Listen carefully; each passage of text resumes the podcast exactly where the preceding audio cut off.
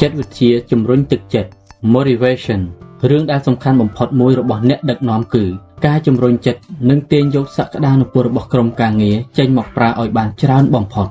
ប្រែសម្រួលរស់សុខលៀមបណ្ណាធិការស៊ូសម្រាប់អារម្មណ៍កថាគ្រប់អង្គភាពទាំងអស់ធនធានដែលត្រូវបានប្រើតិចបំផុតនិងថ្លៃបំផុតគឺបុគ្គលិករបស់អង្គភាពនោះសក្តានុពលខ្ពស់បំផុតនៃការរីកចម្រើន ការបង្កើតផលិតផល ការធ្វើការ ការទទួលបានជោគជ័យ និងការបានទទួលផលកម្រៃគឺសុទ្ធតែបានមកពីជំនាញនិងសមត្ថភាពរបស់មនុស្សធម្មតាទាំងអស់នៅក្នុងសិភើមួយក្បាលនេះអ្នកនឹងបានដឹងពីតួនាទីដ៏សំខាន់បំផុតនៃការគ្រប់គ្រងនិងសមត្ថភាពដើម្បីសាងកម្លាំងជំរុញចិត្តឲ្យអ្នកដទៃដើម្បីបន្ថែមសមត្ថភាពឲ្យខ្ពស់បំផុតនិងដើម្បីធ្វើឲ្យបុគ្គលិករបស់អ្នកអាចសាងស្នាដៃបានពេញទំហឹងរឿងមួយដែលយើងដឹងគឺ អ្នកមិនអាចសាងកម្លាំងជំរុញចិត្តឲ្យអ្នកដទៃបានដោយផ្ទាល់ទេ ប៉ុន្តែអ្នកអាចកម្ចាត់ឧបសគ្គដែលជាកម្លាំងរារាំងកម្លាំងជំរុញចិត្តរបស់ពួកគេបានការសាងកម្លាំងជំរុញចិត្តដែលសំខាន់គឺការសាងកម្លាំងជំរុញចិត្តឲ្យខ្លួនឯងហើយក្នុងនាមជាអ្នកគ្រប់គ្រងអ្នកគួរសាងបរិយាកាសដែលមានផលល្អសម្រាប់ការសាងកម្លាំងជំរុញចិត្តឲ្យខ្លួនឯងហើយកម្លាំងជំរុញចិត្តនេះនឹងបង្ហាញចេញមកទៅតាមធម្មជាតិនិងតាមសញ្ជាតិញាណជាលទ្ធផលនឹងញ៉ាំងឲ្យអ្នកដទៃនៅជំវិញខ្លួនទទួលបានកម្លាំងជំរុញដូចគ្នាដែរ ទិន្នន័យពី Robert Hall Associate បានបង្ហាញថា មនុស្សធម្មតានឹងធ្វើការ50%នៃសមត្ថភាព ចំណែក50%ដែលនៅសល់ត្រូវបានបាត់បង់ទៅដោយការជជែកជាមួយមិត្តរួមការងារក្នុងពេលធ្វើការឬយើងត្រូវខាតពេលវេលាទៅលើអ៊ីនធឺណិតការចូលធ្វើការងារយឺតពេល ការចេញពីធ្វើការមុនម៉ោងពន្យាពេលសម្រាលហូបកាហ្វេនិងអាហារថ្ងៃត្រង់ព្រមទាំងធ្វើរឿងផ្ទាល់ខ្លួន ការខាតពេលគឺជាមូលហេតុមួយដែលធ្វើឲ្យអង្គភាពបាត់បង់ប្រាក់ច្រើនបំផុត ហើយមនុស្សដែលមិនបានទទួលកម្លាំងជំរុញចិត្តនិងមិនបានផ្ដល់ភាពសំខាន់ទៅលើការងាររបស់ខ្លួនឯងនោះគឺជាមនុស្សដែលខ្វះភាពខ្នះខ្នែងនិងគ្មានលំដាប់នៃភាពសំខាន់របស់ការងារដែលនេះគឺជាបញ្ហាប្រឈមដែលអ្នកគ្រប់គ្រងដ៏ល្អអាចដោះស្រាយបានទាញយកផ្នែកដែលមិនបានប្រើ50%ការងាររបស់អ្នកគឺ ទាញយកផ្នែកដែលមិនបានប្រើ50%ដើម្បីឲ្យផលិតការងារបានកាន់តែច្រើននិងកាន់តែល្អប្រសើរឡើងវត្ថុបំណងរបស់ធុរកិច្ចគឺការបានទទួលផលតបស្នងខ្ពស់បំផុតពីដើមទុន ដែលបានវិនិយោគទៅលើក្រុមហ៊ុន ចំណែកគោលដៅរបស់ការគ្រប់គ្រងគឺការទទួលផលតបស្នងខ្ពស់បំផុតពីមនុស្សដែលធ្វើការឲ្យយើងដែលដើមទុនផ្នែកហិរញ្ញវត្ថុត្រូវបានគណនាជាដុល្លារប៉ុន្តែដើមទុនមនុស្សវិញត្រូវគណនាដោយចិត្តអារម្មណ៍និងកម្លាំងរបស់បុគ្គលិកម្នាក់ម្នា ក់ការងាររបស់អ្នកក្នុងនាមជាអ្នកគ្រប់គ្រងគឺប្រើដើមទុនមនុស្សឲ្យបានច្រើនបំផុតនិងផ្ដល់ភាពសំខាន់ទៅលើគោលដៅសំខាន់ឲ្យបានច្រើនបំផុតតាមដែលអាចធ្វើបានដើម្បីអង្គភាពកំចាត់កត្តាដែលកាត់បន្ថយកម្លាំងជំរុញចិត្តមានកត្តាដែលកាត់បន្ថយកម្លាំងជំរុញចិត្តសំខាន់សំខាន់ពីរយ៉ាងនៅក្នុងជីវិតនិងការងារ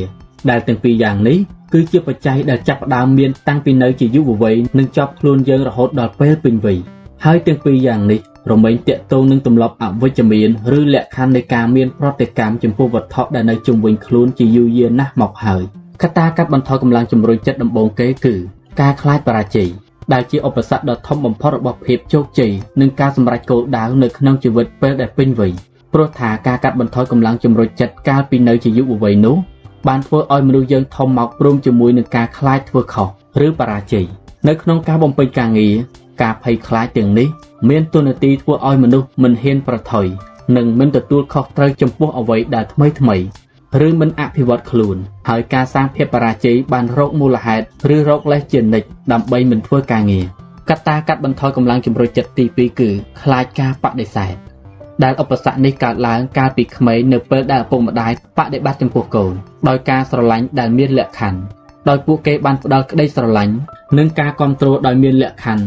និងដោយការប្រៀបធៀបទង្វើរបស់ក្មេងទៅនឹងមាត្រដ្ឋានខ្ពស់បំផុតដូច្នេះហើយទៅពេលដែលក្មេងធំពេញវ័យឆាប់មានអារម្មណ៍ប៉ះពាល់ចំពោះគំនិត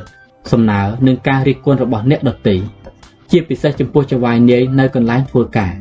ការខ្លាចបដិសេធទីនេះក៏នៅសំដៅផងដែរដល់ការខ្លាចការរិះគន់ការដាក់ទោសឬការតិទៀនផងដែរនោះគឺខ្លាចការធ្វើខុសហើយនឹងត្រូវគេបោះបង់ចោល អ្នកគ្រប់គ្រងដ៏ល្អគឺជាមនុស្សដែលព្រមទទួលដោយគ្មានលក្ខខណ្ឌចំពោះបុគ្គលិកម្នាក់ម្នាក់ព្រមទាំងសាងអារម្មណ៍មានសវត្ថភាពដល់បុគ្គលិកស្ថិរភាពពេលដែលគេនៅជាមួយនឹងចៅហ្វាយនាយ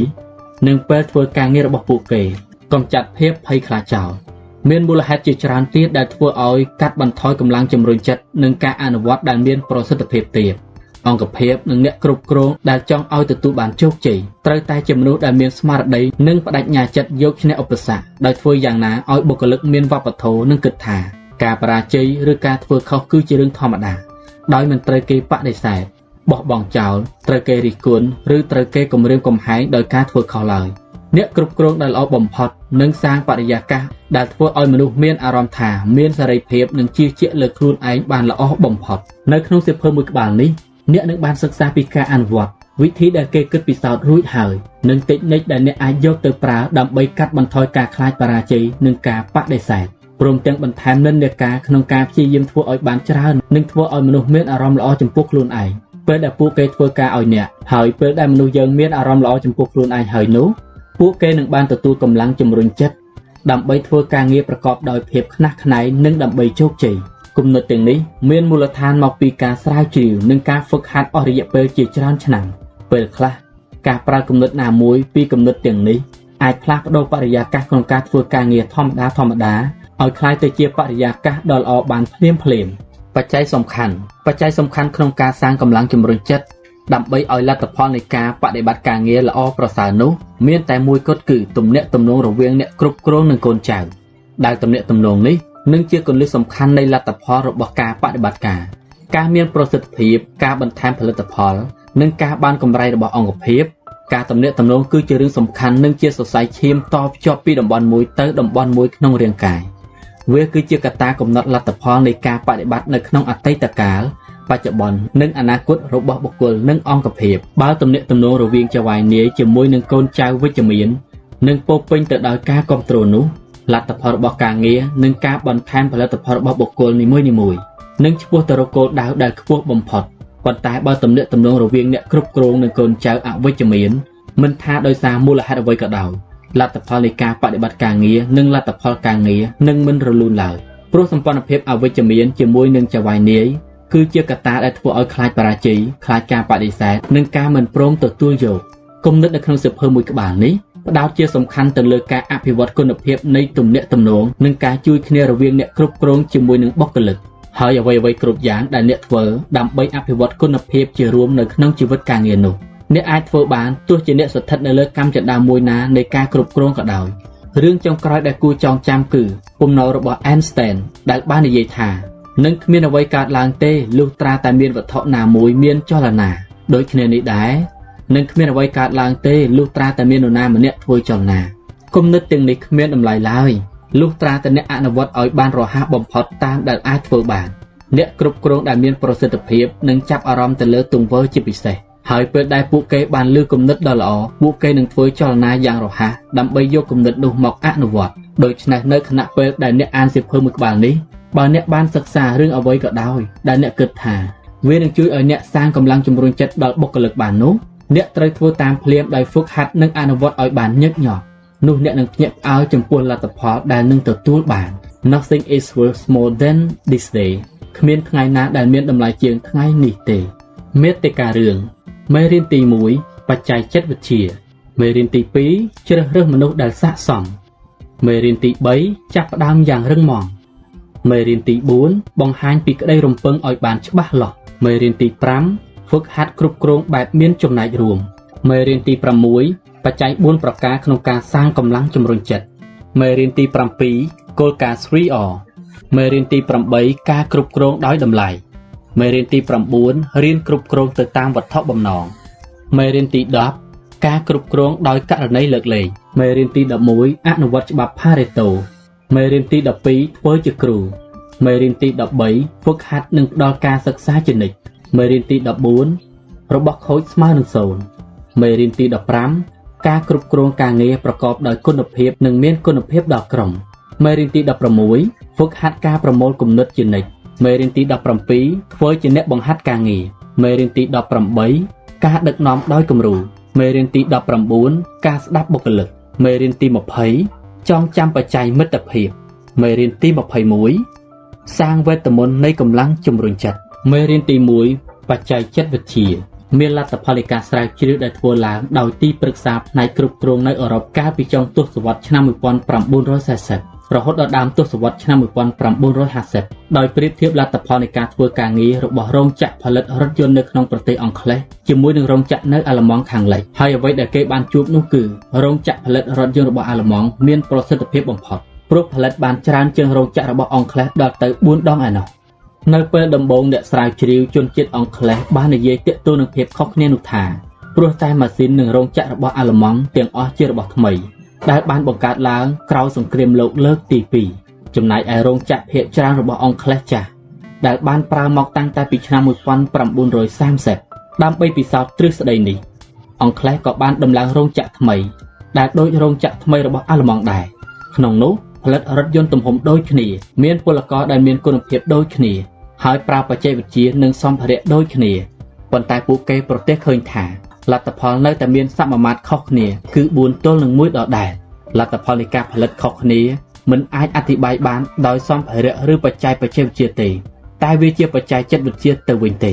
ជាការពិតហើយវិបត្តិសេដ្ឋកិច្ចពិភពលោកនៅឆ្នាំ1930 បានបង្ហាញឲ្យឃើញថាភាពរីកចម្រើននៃការគ្រប់គ្រងស្ទើរតែទាំងអស់គឺជាលទ្ធផលដែលបានមកពីភាពរីកចម្រើនផ្នែកបច្ចេកវិទ្យាវិទ្យាសាស្ត្រនិងដំណើរការផលិតប៉ុន្តែចាប់តាំងពីសង្គ្រាមលោកលើកទី2ឆ្នាំ1939ដល់ឆ្នាំ1945មកភាពរីកចម្រើនដែលអស្ចារ្យបំផុតគឺផ្ដើមចេញពីចិត្តវិទ្យាក្នុងការគ្រប់គ្រងមនុស្សម្យ៉ាងទៀតចិត្តវិទ្យាក្នុងការគ្រប់គ្រងអាចអធិប្បាយបានថា ហេតុអ្វីទើបក្រុមហ៊ុនខ្លះទទួលបានជោគជ័យនិងខ្លះបរាជ័យហេតុអ្វីទើបក្រុមហ៊ុនធំធំគ្រប់ឧស្សាហកម្មមានត្រឹមតែ20%ទទួលបានផលកម្រៃដល់ទៅ80%ហេតុអ្វីទើបមនុស្សដែលមានសមត្ថភាពភាគខ្ពស់ត្រូវអូសទាញឲ្យទៅនៅក្នុងក្រុមហ៊ុនដែលល្អបំផុតទីបញ្ជាការបច្ចេកចិត្តវិទ្យាស្ថិតនៅក្រោមទស្សនៈចំពោះខ្លួនឯង self concept ដែលការរកឃើញទស្សនៈចំពោះខ្លួនឯងនឹងคล้ายទៅជាភាពរីកចម្រើនដែលសំខាន់បំផុតក្នុងការអភិវឌ្ឍសក្តានុពលរបស់មនុស្ស នៅក្នុងសតវត្សទី20និងទី21នេះទស្សនៈចំពោះខ្លួនឯងគឺជារចនាសម្ព័ន្ធរបស់ជំនឿឬប្រព័ន្ធតម្លៃរបស់បុគ្គលដែលកើតឡើងនិងអភិវឌ្ឍតាំងពីបឋមវ័យដែលរួមមានអារម្មណ៍បទពិសោធន៍ការសម្រេចចិត្តការសិក្សា និងហេតុការណ៍ផ្សេងៗដែលកើតឡើងនៅក្នុងជីវិតរហូតដល់បច្ចុប្បន្នទស្សនៈចំពោះខ្លួនឯងគឺជាកត្តាកំណត់ថាតើមនុស្សយើងគិតដូចម្ដេចទាក់ទងនឹងខ្លួនឯងមានអារម្មណ៍ដូចម្ដេចចំពោះខ្លួនឯង តើយល់ថាខ្លួនឯងមានទំនាក់ទំនងដូចម្ដេចជាមួយនឹងពិភពលោកជុំវិញខ្លួនទស្សនៈចំពោះខ្លួនឯងប្រៀបដូចទីបញ្ជាការធំរបស់បុគ្គលិកលក្ខណៈនិងសមត្ថភាពនិងក៏ជាវត្ថុដែលមានឥទ្ធិពលចំពោះសមត្ថភាពរបស់បុគ្គលព្រឹត្តិកម្មនិងស្នាដៃហើយការផ្លាស់ប្ដូរឬការអភិវឌ្ឍរបស់សមត្ថភាពខាងក្រៅនិងព្រឹត្តិកម្មសុទ្ធតែចាប់ផ្ដើមពីទស្សនៈចំពោះខ្លួនឯងទាំងអស់បើនិយាយដោយងាយទៅគឺ ការផ្លាស់ប្ដូរទាំងអស់របស់អ្វីអ្វីដែលនៅក្រៅខ្លួនមនុស្សត្រូវតែចាប់ផ្ដើមពីការផ្លាស់ប្ដូរពីខាងក្នុងមនុស្សជាមុនសិនទស្សនៈចំពោះខ្លួនឯងនិងសមត្ថភាពទស្សនៈចំពោះខ្លួនឯងកើតឡើងពីបច្ច័យ3គឺឧត្តមគតិផ្ទាល់ខ្លួន self idea បុគ្គលិកលក្ខណៈផ្ទាល់ខ្លួន self image និងមោទកភាពចំពោះខ្លួនឯង self instinct យើងមកសិក្សាបច្ច័យនីមួយៗទាំងអស់គ្នាឧត្តមគតិផ្ទាល់ខ្លួនគឺជាលទ្ធផលសរុបរបស់អ្វីដែលមនុស្សម្នាក់នោះប្រាថ្នានៅក្នុងជីវិត ដែលវាត្រូវបានសាងឡើងពីគោលដៅក្តីស្រមៃក្តីសង្ឃឹមនិងឧត្តមគតិដែលមនុស្សយើងមានទំនាក់ទំនងខ្លួនឯងនិងអ្វីដែលអាចទៅរួចសម្រាប់គេនៅពេលអនាគតបច្ច័យទី2នៃទស្សនៈចំពោះខ្លួនឯងគឺបុគ្គលិកលក្ខណៈផ្ទាល់ខ្លួន គឺជាការគិតថាតើខ្លួនឯងនឹងត្រូវអ្នកដទៃមើលក្នុងលក្ខណៈដូចម្ដេចហើយបុគ្គលដែលសម្លឹងមើលខ្លួនឯងគឺជាទីពេញចិត្តជឿជាក់និងមានសមត្ថភាពនោះ នឹងមាននិន្នាការធ្វើការងារបានល្អជាងមនុស្សដែលមើលខ្លួនឯងមិនល្អជាពិសេសក្នុងការធ្វើការងារបុគ្គលិកលក្ខណៈផ្ទាល់ខ្លួនបានទទួលឥទ្ធិពលពីរបៀបដែលបុគ្គលដទៃបានអនុវត្តចំពោះពួកគេជារៀងរាល់ថ្ងៃនៅពេលដែលត្រូវអ្នកដទៃធ្វើហាក់ដូចជាពួកគេមានតម្លៃមានភាពសំខាន់និងមានគេគោរពនោះពួកគេនឹងសម្លឹងមើលខ្លួនឯងក្នុងផ្លូវវិជ្ជមានជាលទ្ធផលធ្វើឲ្យពួកគេធ្វើការងារមានប្រសិទ្ធភាពបច្ច័យទី3នៃទស្សនៈចំពោះខ្លួនឯងគឺ កម្រិតនៃមោទកភាពចំពោះខ្លួនឯងមោទកភាពមានន័យថាតើអ្នកចូលចិត្តខ្លួនឯងកម្រិតណាបើអ្នកកាន់តែចូលចិត្តនិងគោរពខ្លួនឯងប៉ុណ្ណាអ្នកនឹងកាន់តែធ្វើការងារបានល្អឡើងប៉ុណ្ណោះដែរហើយអ្នកនឹងកំណត់គោលដៅដែលធំជាងនិងមានមាត្រដ្ឋានខ្ពស់ជាងនេះសម្រាប់ខ្លួនឯងដើម្បីគុណភាពការងារនិងជីវិតពេលដែលមនុស្សយើងចូលចិត្តខ្លួនឯងហើយនោះនឹងកាន់តែចូលចិត្តអ្នកដទៃនិងអាចធ្វើការជាក្រុមបានយ៉ាងល្អ មោទកភាពចំពោះខ្លួនឯងគឺជាប្រភពធម៌ពលដ៏សំខាន់និងជ្រៅនៃបុគ្គលិកលក្ខណៈរបស់មនុស្សនិងជាកត្តាកំណត់កម្រិតនៃធម៌ពលភាពខ្នះខ្នែងធម៌ពលជីវិតនិងការជឿជាក់លើខ្លួនឯងក្នុងលក្ខណៈទូលាយគន្លឹះសំខាន់ដែលនឹងសាងសមត្ថភាពក្នុងការធ្វើការងារបានខ្ពស់បំផុតនៅក្នុងអង្គភាពគឺការសាងបរិយាកាសនៃមោទកភាពចំពោះខ្លួនឯងដោយកម្ចាត់ការខ្លាចបរាជ័យឬការបដិសេធ ដែលជាកត្តារារាំងសមត្ថភាពរបស់មនុស្សយើងអ្នកគ្រប់គ្រងដែលសាងបរិយាកាសបែបជួយពង្រឹងមោទកភាពចំពោះខ្លួនឯងរមែងបានទទួលលទ្ធផលពីក្រុមដោយការមានសមត្ថភាពក្នុងការធ្វើការងារកាន់តែខ្ពស់អត្រានៃការមិនមកធ្វើការនឹងថយចុះអត្រាលេខឈប់ក៏ថយចុះហើយប្រសិទ្ធភាពក្នុងការធ្វើការងារកាន់តែខ្ពស់ឡើងនិងមានកំហុសកាន់តែតិចតួនាទីរបស់អ្នកគ្រប់គ្រង មានវិធី7យ៉ាងដែលអ្នកគ្រប់គ្រងអាចសាងនិងបន្ថែមទស្សនៈចំពោះខ្លួនឯងក្នុងផ្លូវវិជ្ជមានដល់បុគ្គលម្នាក់ម្នាក់ដោយប្រើកម្លាំងជំរុញចិត្ត7ប្រការគឺ1ការសាកល្បងសមត្ថភាពដោយប្រគល់ការងារដែលធ្វើឲ្យពួកគេមានអារម្មណ៍ពុះកញ្ជ្រោលក្នុងការប្រកួតប្រជែងព្រោះបើកាន់តែប្រកួតប្រជែងនឹងកាន់តែធ្វើឲ្យពួកគេមានបទពិសោធន៍តាក់ទងនឹងការងារច្រើនប៉ុណ្ណាពួកគេនឹងកាន់តែមានទំនាក់ទំនងនិងគិតចំពោះខ្លួនឯងក្នុងផ្លូវវិជ្ជមានច្រើនប៉ុណ្ណោះដែរ 2សេរីភាពផ្ដល់សេរីភាពក្នុងការធ្វើការងារដោយមិនបាច់អង្គុយតាមដានស្អិតពេកទេបើពួកគេកាន់តែមានសេរីភាពក្នុងការធ្វើការងារដោយវិធីរបស់ខ្លួនឯងបានច្រើនប៉ុណ្ណាពួកគេនឹងកាន់តែមានអារម្មណ៍ល្អចំពោះខ្លួនឯងច្រើនប៉ុណ្ណោះដែរ3គ្រប់គ្រងកំណត់ពេលវេលានៃការពិចារណាឡើងវិញផ្ដល់គំនិត និងពិភាក្សាទាក់ទងនឹងការងារជានិច្ចបើបុគ្គលិកកាន់តែទទួលបានគំនិតក្នុងការធ្វើការងារច្រើនប៉ុណ្ណាពួកគេនឹងកាន់តែមានអារម្មណ៍ថា ខ្លួនឯងមានតម្លៃនិងមើលឃើញពីភាពសំខាន់របស់ការងារកាន់តែច្រើនឡើងប៉ុណ្ណោះដែរ4ការគោរពនៅពេលដែលអ្នកសួរយោបល់និងស្ដាប់ពួកគេដោយយកចិត្តទុកដាក់នោះពួកគេនឹងមានអារម្មណ៍ថាខ្លួនឯងមានតម្លៃនិងកាន់តែសំខាន់ឡើងទោះជាអ្នកមានឋានៈជាអ្នកគ្រប់គ្រងក៏ដោយក៏អ្នកមិនត្រូវរារាំងគំនិតរបស់គេដែរអ្នកត្រូវគោរពលក្ខណៈពិសេសរបស់បុគ្គលម្នាក់ម្នាក់5ភាពកក់ក្ដៅ បើបុគ្គលិកឃើញថាអ្នកចូលចិត្តនិងយកចិត្តទុកដាក់ពួកគេគ្រប់គ្នានោះពួកគេនឹងធ្វើការងារបានកាន់តែល្អចូលបដិបត្តិចំពោះពួកគេឲ្យដូចជាពួកគេគឺជាមិត្តរបស់អ្នកនិងបដូរសម្ព័ន្ធភាពពីមិត្តរួមការងារคล้ายទៅជាគ្រួសារព្រោះអ្នកនឹងធ្វើឲ្យពួកគេមានអារម្មណ៍កាន់តែមានសុវត្ថិភាពមានស្ថិរភាពនិងមានអារម្មណ៍ថាកាន់តែសំខាន់ឡើង6បទពិសោធន៍នៃជោគជ័យគន្លឹះឆ្ពោះទៅរកការសាងមោទកភាពចំពោះខ្លួនឯងនិងទស្សនៈចំពោះខ្លួនឯង គឺការប្រគល់ការងារឲ្យអ្នកដែលអាចធ្វើការបានសម្រេចទៅតាមកម្រិតនៃបទពិសោធន៍និងជំនាញរបស់ពួកគេ ហើយពេលដែលពួកគេធ្វើការងារបានសម្រេចហើយពួកគេនឹងដឹងពីភាពសំខាន់ទាំងចំពោះខ្លួនឯងនិងប្រយោជន៍រួមពួកគេនឹងមានអារម្មណ៍ថាគឺជាអ្នកឈ្នះគ្រប់ពេល7ក្តីរំពឹងវិជ្ជមានពេលខ្លះនេះអាចជាកម្លាំងជំរុញចិត្តដ៏មានធម៌ពលបំផុតក្នុងបណ្ដាកម្លាំងជំរុញចិត្តទាំងអស់ក៏ថាបាន ព្រោះគ្មានអ្វីដែលអាចជំរុញមោទកភាពចំពោះខ្លួនឯងនិងអភិវឌ្ឍសមត្ថភាពក្នុងការធ្វើការងារបានច្រើនជាងការដែលមានអារម្មណ៍ថាចវាយនីរបស់ពួកគេជឿថាពួកគេល្អមានភាពប៉ិនប្រសប់និងមានសមត្ថភាពអាចធ្វើការបានល្អឡើងក្រុមហ៊ុនដែលទទួលបានជោគជ័យគឺជាក្រុមហ៊ុនដែលចេះសាងបរិយាកាសធ្វើឲ្យមនុស្សមានអារម្មណ៍ថាខ្លួនឯងអស្ចារ្យហើយការដឹងពីទូនាទីរបស់ទស្សនៈចំពោះខ្លួនឯងគឺជាចំណុចចាប់ផ្ដើមនៃការគ្រប់គ្រងដែលមានប្រសិទ្ធភាពនិងសាងកម្លាំងជំរុញចិត្តដ៏ល្អ លំហាត់អនុវត្ត1មើលថែបុគ្គលិកម្នាក់ៗឲ្យបានល្អដោយធ្វើឲ្យពួកគេមានអារម្មណ៍ថាខ្លួនឯងមានតម្លៃមានភាពសំខាន់ឆ្លាតនិងមានសមត្ថភាពរកមើលគ្រប់ឱកាសដែលនឹងសាងមោទកភាពនិងភាពជឿជាក់លើខ្លួនឯងដល់ពួកគេជារៀងរាល់លើកដែលបានជជែកឬធ្វើការជាមួយគ្នា2ប្រាប់សមាជិកនៅក្នុងក្រុមរបស់អ្នកជានិច្ចថាតើពួកគេធ្វើបានល្អដូចម្តេចខ្លះតើអ្នកពេញចិត្តចំពោះគុណភាពការងាររបស់ពួកគេដូចម្តេចខ្លះនៅពេលដែលអ្នករំពឹងថា ពួកគេនឹងមានភាពជឿជាក់ក្នុងការធ្វើការងារខ្ពស់ហើយនោះពួកគេនឹងមិនធ្វើឲ្យអ្នកខកបំណងឡើយមេរៀនទី2ជ្រើសរើសមនុស្សដែលស័ក្តិសមការជ្រើសរើសមនុស្សឲ្យបានស័ក្តិសមគឺជាចំណុចចាប់ផ្ដើមនៃការគ្រប់គ្រងដ៏ល្អព្រោះថាភាពជោគជ័យរបស់អ្នកគ្រប់គ្រងស្ទើរតែ95%ស្ថិតនៅលើសមត្ថភាពក្នុងការជ្រើសរើសមនុស្សដែលស័ក្តិសមបើអ្នកជួលមនុស្សខុសនោះទោះជាអ្នកធ្វើអ្វី ប្រើតិចនិចអ្វីឬព្យាយាមកម្រិតណាក៏មិនអាចធ្វើឲ្យមានការផ្លាស់ប្ដូរបានច្រើនដែរហើយបញ្ហាស្ទើរតែទាំងអស់របស់អ្នកគ្រប់គ្រងកើតឡើងពីការជ្រើសរើសមនុស្សខុសនេះឯងនៅក្នុងសិភើរឿង Good to Great របស់ Jim Collins បានណែនាំថាការងារដំបូងនៃការគ្រប់គ្រងគឺចាប់មនុស្សឡើងឡានឲ្យបានត្រូវនិងចាប់មនុស្សដែលស័ក្តិសមឲ្យអង្គុយនៅកន្លែងដែលសមរម្យនៅក្នុងឡានក្រុងហើយយកមនុស្សដែលមិនស័ក្តិសមចេញពីឡានពេលដែល Lila Luca ត្រូវបានគេស្នើនឹងអូសទាញឲ្យមកជួយស្ដារ Chrysler Corporation ដែលចិត្តនឹងខ្សែធនក្រោយពីខ្ចីប្រាក់ចំនួន350លានដុល្លារដើម្បីរក្សាការគ្រប់គ្រងរបស់ Chrysler នោះពេលដែលគេចូលមកកាន់តំណែង Lila Luca បានធ្វើតាមគម្រោងគ្រប់គ្រងថ្នាក់ខ្ពស់របស់ Chrysler ដោយគេបដូរប្រធាន35នាក់ក្នុងចំណោម36នាក់ដែលចំណាយពេលអស់ជាង3ឆ្នាំ ហើយគេបានបដូរបុគ្គលិកជាន់ខ្ពស់របស់ Chrysler Corporation ទាំងអស់ហើយទាញយកក្រុមអ្នកគ្រប់គ្រងដ៏ល្អនៃវិស័យការងារដែលទាក់ទងនឹងរថយន្តមកពីទូទាំងអាមេរិកនិងទូទាំងពិភពលោកនៅពេលដែលបានមនុស្សដែលស័ក្តិសមមកធ្វើការនៅកន្លែងដែលសមរម្យហើយនោះ Chrysler ក៏បានបដូរវិបត្តិពីការខាត់ដើមឲ្យคล้ายទៅជាកម្រៃម្ដងទៀតដោយប្រើពេលមិនដល់3ឆ្នាំផង Lila Luca អាចធ្វើឲ្យក្រុមហ៊ុនសងប្រាក់350លានដុល្លាររហូតដល់អស់និងជំរុញឲ្យ Chrysler Corporation ត្រឡប់មកលេចធ្លោសារជាថ្មីម្ដងទៀតបានសម្រេច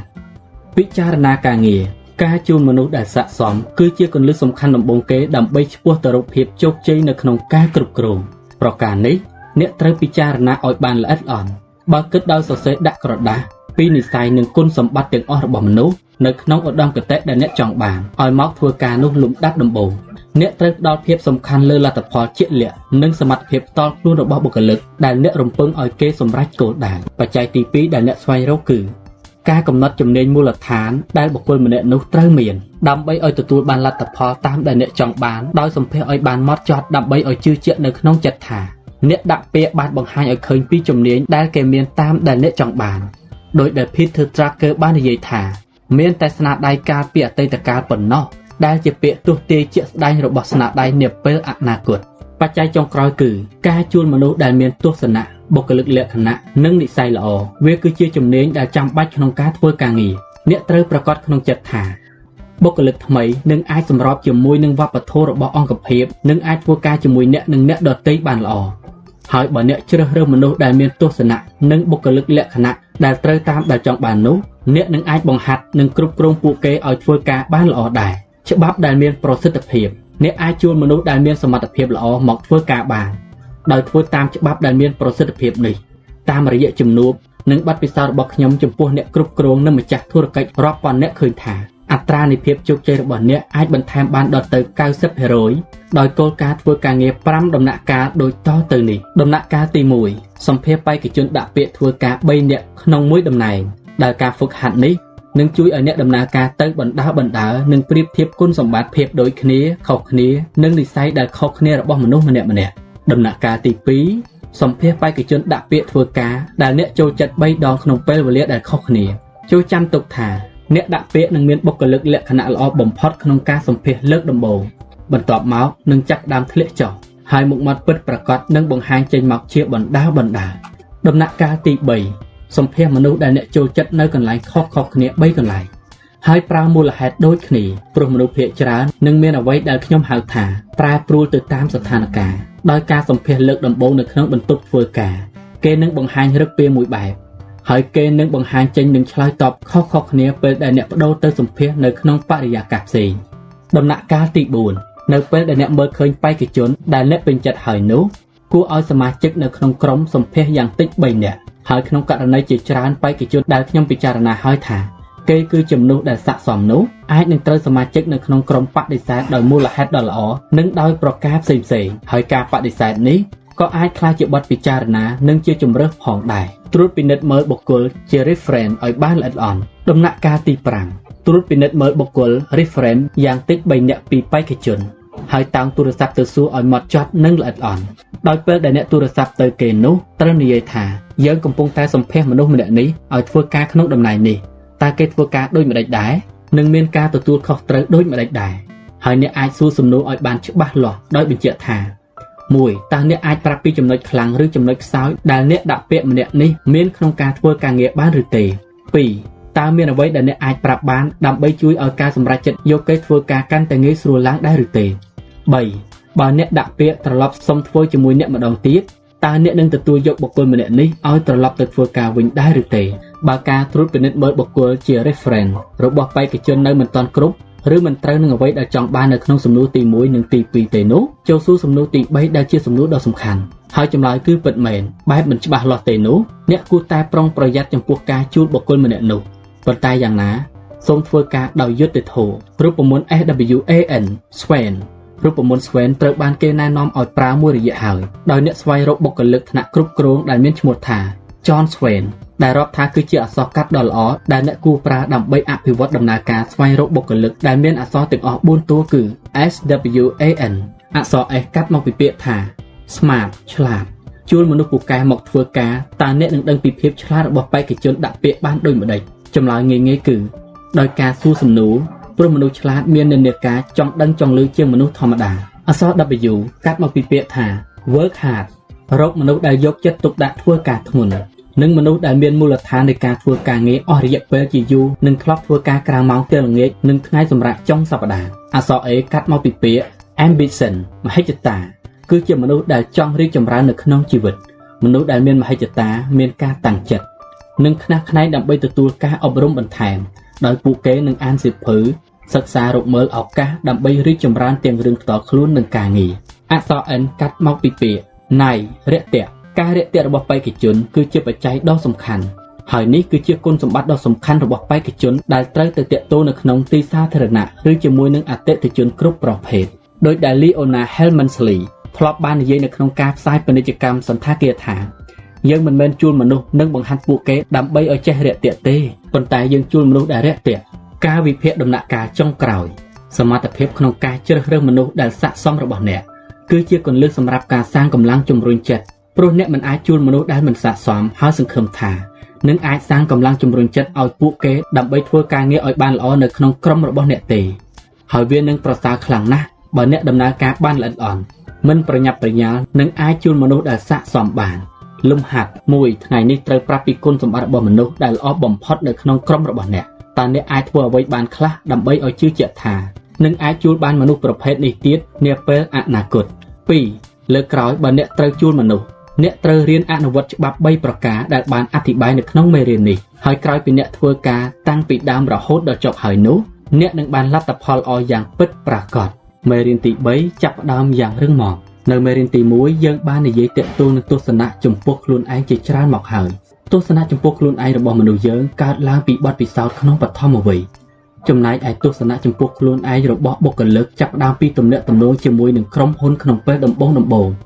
ទាក់ទងជាមួយនឹងសម្ព័ន្ធភាពនិងព្រឹត្តិកម្មក្នុងការធ្វើការងារតាំងពីចាប់ផ្ដើមដំបូងរហូតដល់ការងារមានស្ថិរភាពបុគ្គលិកថ្មីបើបានទទួលឥទ្ធិពលស្ថិរភាពពីការងារហើយ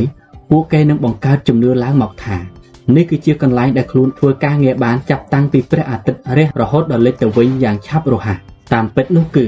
បុគ្គលិកដែលត្រូវគេប្រគល់ការងារឲ្យជាច្រើនចាប់តាំងពីថ្ងៃធ្វើការដំបូងនោះនឹងអភិវឌ្ឍបានល្អព្រមទាំងក្លាយជាមនុស្សដែលខិតខំប្រឹងប្រែង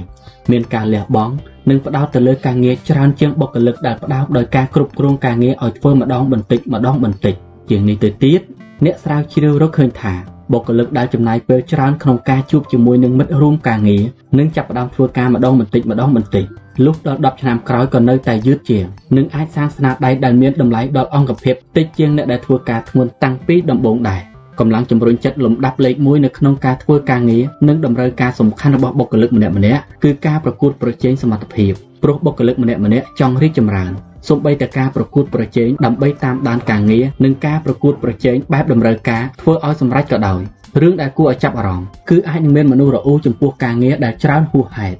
ប៉ុន្តែពេលដែលត្រូវបង្ខំឲ្យធ្វើនោះពួកគេនឹងប្រទះឃើញថាពួកគេគិតពីការងារច្រើនជាងការធុញទ្រាន់ទៅវិញជួយឲ្យបុគ្គលិកថ្មីចាប់ផ្ដើមការងារប្រកបដោយភាពរឹងប៉ឹងនិងជំរុញពួកគេដោយប្រគល់ការងារឲ្យធ្វើតាំងពីថ្ងៃដំបូងឲ្យពួកគេធ្វើការឲ្យបានច្រើនជាងដែលពួកគេគិតថានឹងអាចធ្វើបាន និងឲ្យពួកគេទទួលខុសត្រូវការងារថ្មីថ្មីកាន់តែច្រើនឡើងជាលំដាប់ពេលដែលអ្នកឲ្យបុគ្គលិកចាប់ផ្ដើមដោយការងារធ្ងន់នោះការទទួលខុសត្រូវនិងការបង្ហាញភាពជឿជាក់ចំពោះសមត្ថភាពរបស់ពួកគេដែលមានចំពោះការងារដែលបានប្រគល់ឲ្យចាប់តាំងពីថ្ងៃដំបូងនោះ ពួកគេនឹងបន្ថែមការប្រកួតប្រជែងសមត្ថភាពនិងធ្វើទូនាទីបានយ៉ាងល្អបំផុតក្រៅពីការសាងនិងបង្កលក្ខណៈដល់ការប្រកួតប្រជែងសមត្ថភាពដល់បុគ្គលិកនិងធ្វើឲ្យការងារគួរឲ្យចាប់អារម្មណ៍ហើយនោះគ្មានអ្វីដែលធ្វើឲ្យបុគ្គលិកមានសេចក្តីសុខជាងការបន្ថែមការងារដ៏គួរឲ្យចាប់អារម្មណ៍ដែលធ្វើឲ្យពួកគេចាប់ផ្ដើមការងារដោយភាពខ្នះខ្នែងនិងត្រៀមខ្លួនទទួលយកគំនិតនិងបទពិសោធន៍ថ្មីៗឡើយ។ រៀនគ្រប់គ្រងការប្រគល់ការងារបើគោលដៅរបស់អ្នកគឺការប្រគល់ការងារជាច្រើនឲ្យបុគ្គលិកថ្មីចាប់តាំងពីថ្ងៃដំបូងនោះអ្វីដែលអ្នកត្រូវត្រៀមគឺការផ្ដល់ការគ្រប់គ្រងនិងការបង្វឹកដ៏ល្អដើម្បីឲ្យបុគ្គលិកថ្មីមានឱកាសសិក្សាការងារនៅកន្លែងធ្វើការថ្មីចូលចាំថាទោះជាបុគ្គលិកម្នាក់នោះមានបទពិសោធន៍កាលពីអតីតកាលច្រើនយ៉ាងណាក៏ដោយក៏ការងារថ្មីនឹងត្រូវចាប់ផ្ដើមពីលេខ0មកវិញដែរព្រោះបុគ្គលិកថ្មីនៅមិនទាន់មានគំនិតដែលច្បាស់លាស់ថាត្រូវធ្វើអ្វីឬត្រូវធ្វើដូចម្តេចទេ ដូច្នេះអ្នកត្រូវមើលថែបុគ្គលិកថ្មីដោយផ្ដល់ការគ្រប់គ្រងយ៉ាងពេញទំហឹងនិងណែនាំទៅតាមដំណាក់កាលមិនមែនបណ្ដោយទៅតាមយថាកម្មឬបណ្ដោយឲ្យគេសាកល្បងដោយគ្មានគោលដៅឡើយសូមប្រាប់ទៅចុះថានោះមិនមែនជាវិធីដ៏ត្រឹមត្រូវសម្រាប់ការចាប់ផ្ដើមជាមួយបុគ្គលិកថ្មីទេបើអ្នកគ្មានពេលទេនោះអ្នកត្រូវប្រគល់ឲ្យអ្នកដទៃទទួលខុសត្រូវបុគ្គលិកថ្មីដើម្បីឲ្យជឿជាក់ក្នុងចិត្តថា ពួកគេនឹងដឹងពីវិធីដែលក្រុមហ៊ុនធ្វើហើយជាពិសេសដឹងថាការងារណាដែលតាក់ទងនឹងត្រូវធ្វើឲ្យបានសម្រេចដូចម្តេចខ្លះប្រព័ន្ធមិត្តភ័ក្តិគឺជាវិធីដែលល្អបំផុតដែលធ្វើឲ្យយើងជឿជាក់ថាបុគ្គលិកថ្មីចាប់ផ្ដើមមានអារម្មណ៍ជឿជាក់និងមានអារម្មណ៍ថាមិនត្រូវក្រុមហ៊ុនបោះបង់ចោលក្រៅមូលដ្ឋានគ្រឹះដែលមានស្ថិរភាពពេលដែលបុគ្គលិកចាប់ផ្ដើមការងារថ្មីដោយយឺតយឺតនោះពួកគេនឹងទទួលយកជំនឿថាល្បឿនក្នុងការធ្វើការក្នុងកម្រិតនេះជារឿងដែលអង្គភាពអាចទទួលយកបានប្រកាសណាស់ថា ការដែលជំរុញឲ្យពួកគេធ្វើការឲ្យរហ័សនោះវាមិនងាយស្រួលទេព្រោះថាមាត្រដ្ឋានត្រូវបានកំណត់ឡើងរួចទៅហើយហើយមានលទ្ធភាពអាចទៅរួចខ្ពស់ខ្លាំងណាស់ដែលបុគ្គលិកទាំងនោះអាចធ្វើការបានក្នុងកម្រិតដដែលរហូតចាំទុកថាតួអក្សរទី2របស់រូបមន្តស្វែនមេរៀនទី2គឺធ្វើការធ្ងន់ដូច្នេះចូលប្រតិបត្តិតាមគឺជំរុញឲ្យពួកគេធ្វើការធ្ងន់ដើម្បីឲ្យប្រកាសក្នុងចិត្តថាបុគ្គលិកធ្វើការធ្ងន់តាំងពីពេលដែលពួកគេចូលមកក្នុងអង្គភាពរហូតដល់ថ្ងៃដែលពួកគេដើរចេញទៅវិញ តាមរយៈវិធីនេះ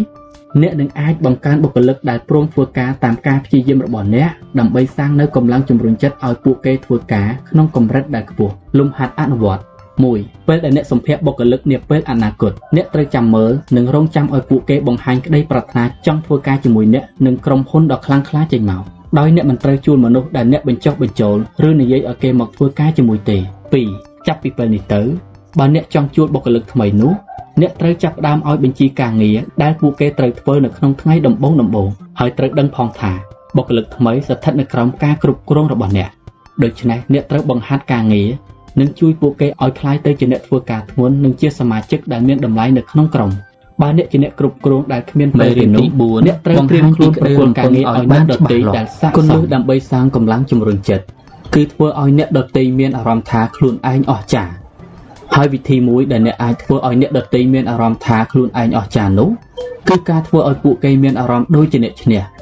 ព្រោះមនុស្សគ្រប់គ្នាសុទ្ធតែចង់បានសេចក្តីសុខក្នុងការខ្លាយជាអ្នកឈ្នះហើយពួកគេក៏ត្រូវការអារម្មណ៍ដែលមានសមត្ថភាពទទួលបានជោគជ័យនិងត្រូវបានអ្នកដទៃគោរពរាប់អានដែរក្នុងការប្រកួតផ្សេងផ្សេងថាតើមនុស្សយើងនឹងអាចយកឈ្នះបានដូចម្តេចទៅមិនពិបាកឆ្លើយទេគឺពួកគេគ្រាន់តែទៅឲ្យដល់ទីមុនគេប៉ុណ្ណោះឯងនៅក្នុងវិស័យការងារ តើមនុស្សយើងនឹងអាចយកឈ្នះបានដូចម្តេចទៅ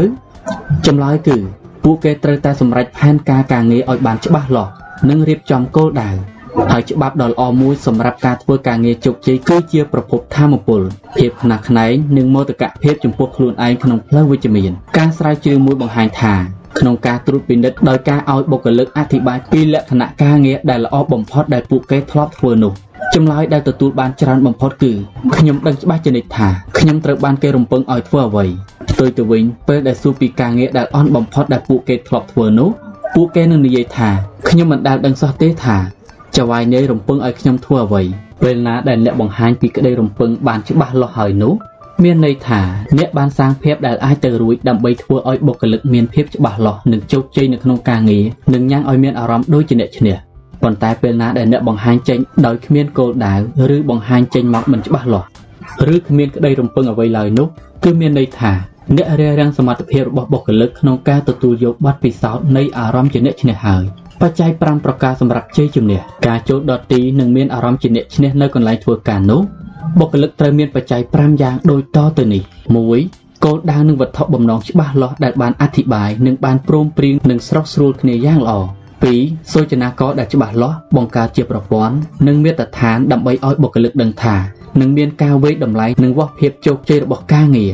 3កំណត់ថ្ងៃប្រគល់ការងារឲ្យបានច្បាស់លាស់ដើម្បីឲ្យបុគ្គលិកដឹងថា តើការងារត្រូវធ្វើឲ្យរួចក្នុងពេលណា4ទទួលបានការងារមានន័យថាបុគ្គលិកត្រូវធ្វើការឲ្យរួចតាមពេលវេលានិងថវិកាដែលបានកំណត់និងមានគុណភាពតាមមាត្រដ្ឋានដែលបានព្រមព្រៀងគ្នា5អ្វីអ្វីទាំងអស់គឺស្ថិតនៅលើការសាមគ្គីគ្នាបុគ្គលិកទាំងអស់ត្រូវធ្វើការរួមគ្នារួមគ្នាគិតរួមគ្នាធ្វើរួមគ្នាសម្រេចចិត្តនិងរួមគ្នាទទួលខុសត្រូវអ្នកអាចនឹងធ្លាប់ឮពាក្យសម្ដីដែលថាអ្នកមិនអាចវាយគោលដៅដែលអ្នកមើលមិនឃើញបានទេ ប៉ុន្តែសម្រាប់មនុស្សដែលមានអារម្មណ៍ជាអ្នកឈ្នះពួកគេត្រូវតែមានគោលដៅដើម្បីវត្ថុបំណងដែលច្បាស់លាស់ហើយគោលដៅដែលច្បាស់លាស់ជាងនិងវត្ថុបំណងដែលច្បាស់លាស់ជាងនឹងធ្វើឲ្យគេទទួលបានជោគជ័យកាន់តែងាយជាងដែរហើយបើពួកគេទទួលបានជោគជ័យច្រើនប៉ុណ្ណាពួកគេនឹងមានអារម្មណ៍ដូចជាអ្នកឈ្នះច្រើនប៉ុណ្ណោះដែរហើយពេលដែលពួកគេមានអារម្មណ៍ជាអ្នកឈ្នះច្រើនប៉ុណ្ណា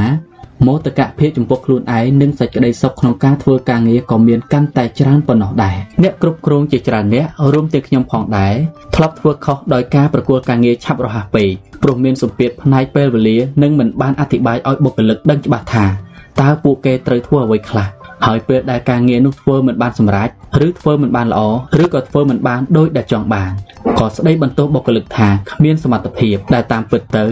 អ្នកដែលខុសពិតប្រាកដនោះគឺអ្នកគ្រប់គ្រងនោះឯងកំណត់ប្រសិទ្ធភាពការងារដែលល្អឥតខ្ចោះមនុស្សយើងចាំបាច់ត្រូវដឹងថាតើបច្ច័យអ្វីខ្លះដែលមានចំណែកសាងប្រសិទ្ធភាពដ៏ល្អឥតខ្ចោះរបស់ការងារមុននឹងអ្នកចូលទៅរកបុគ្គលិកត្រូវសួរខ្លួនឯងជាមុនសិនថា បើការងារមួយនេះធ្វើបានល្អឥតខ្ចោះ ថាតើលទ្ធផលនឹងទៅជាយ៉ាងណាតើខ្ញុំនឹងអធិប្បាយពីភាពល្អឥតខ្ចោះរបស់ការងារនេះបានដូចម្តេចពេលដែលអ្នកប្រគល់ការងារឲ្យអ្នកដទៃធ្វើត្រូវប្រាប់គេថាបើចង់ឲ្យការងារនេះធ្វើបានល្អឥតខ្ចោះនោះត្រូវធ្វើឲ្យរួចតាមពេលវេលាដែលបានកំណត់និងមានគុណភាពតាមដែលត្រូវការបន្ទាប់មកត្រូវប្រកាសក្នុងចិត្តថា អ្នកបានត្រួតពិនិត្យនៅអ្វីដែលអ្នកបានរំពឹងរួចហើយហើយបើការងារដែលបានប្រគល់ឲ្យគេធ្វើនោះកាន់តែសំខាន់អ្នកត្រូវតាមដាននិងត្រួតពិនិត្យដំណើរការក្នុងការធ្វើការងាររបស់គេជានិច្ចនិងជាប្រចាំរាល់ថ្ងៃមនុស្សយើងនឹងដឹងថា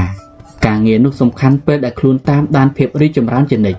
វាប្រសើរជាងការដែលអ្នកប្រគល់ការងារឲ្យគេធ្វើហើយដេករងចាំការពិនិត្យជានិច្ចគឺជាការបង្ហាញឲ្យឃើញភាពសំខាន់ទាំងចំពោះការងារនិងអ្នកដែលធ្វើការងារនោះហើយការត្រួតពិនិត្យការធ្វើការជានិច្ច នឹងជួយសាងអារម្មណ៍ល្អនិងមានតម្លៃរបស់មនុស្សហើយខ្លួននឹងមានមោទកភាពចំពោះខ្លួនឯងខ្ពស់ក្នុងនាមជាអ្នកគ្រប់គ្រងការទទួលខុសត្រូវដែលសំខាន់បំផុតមួយគឺប្រកាសថា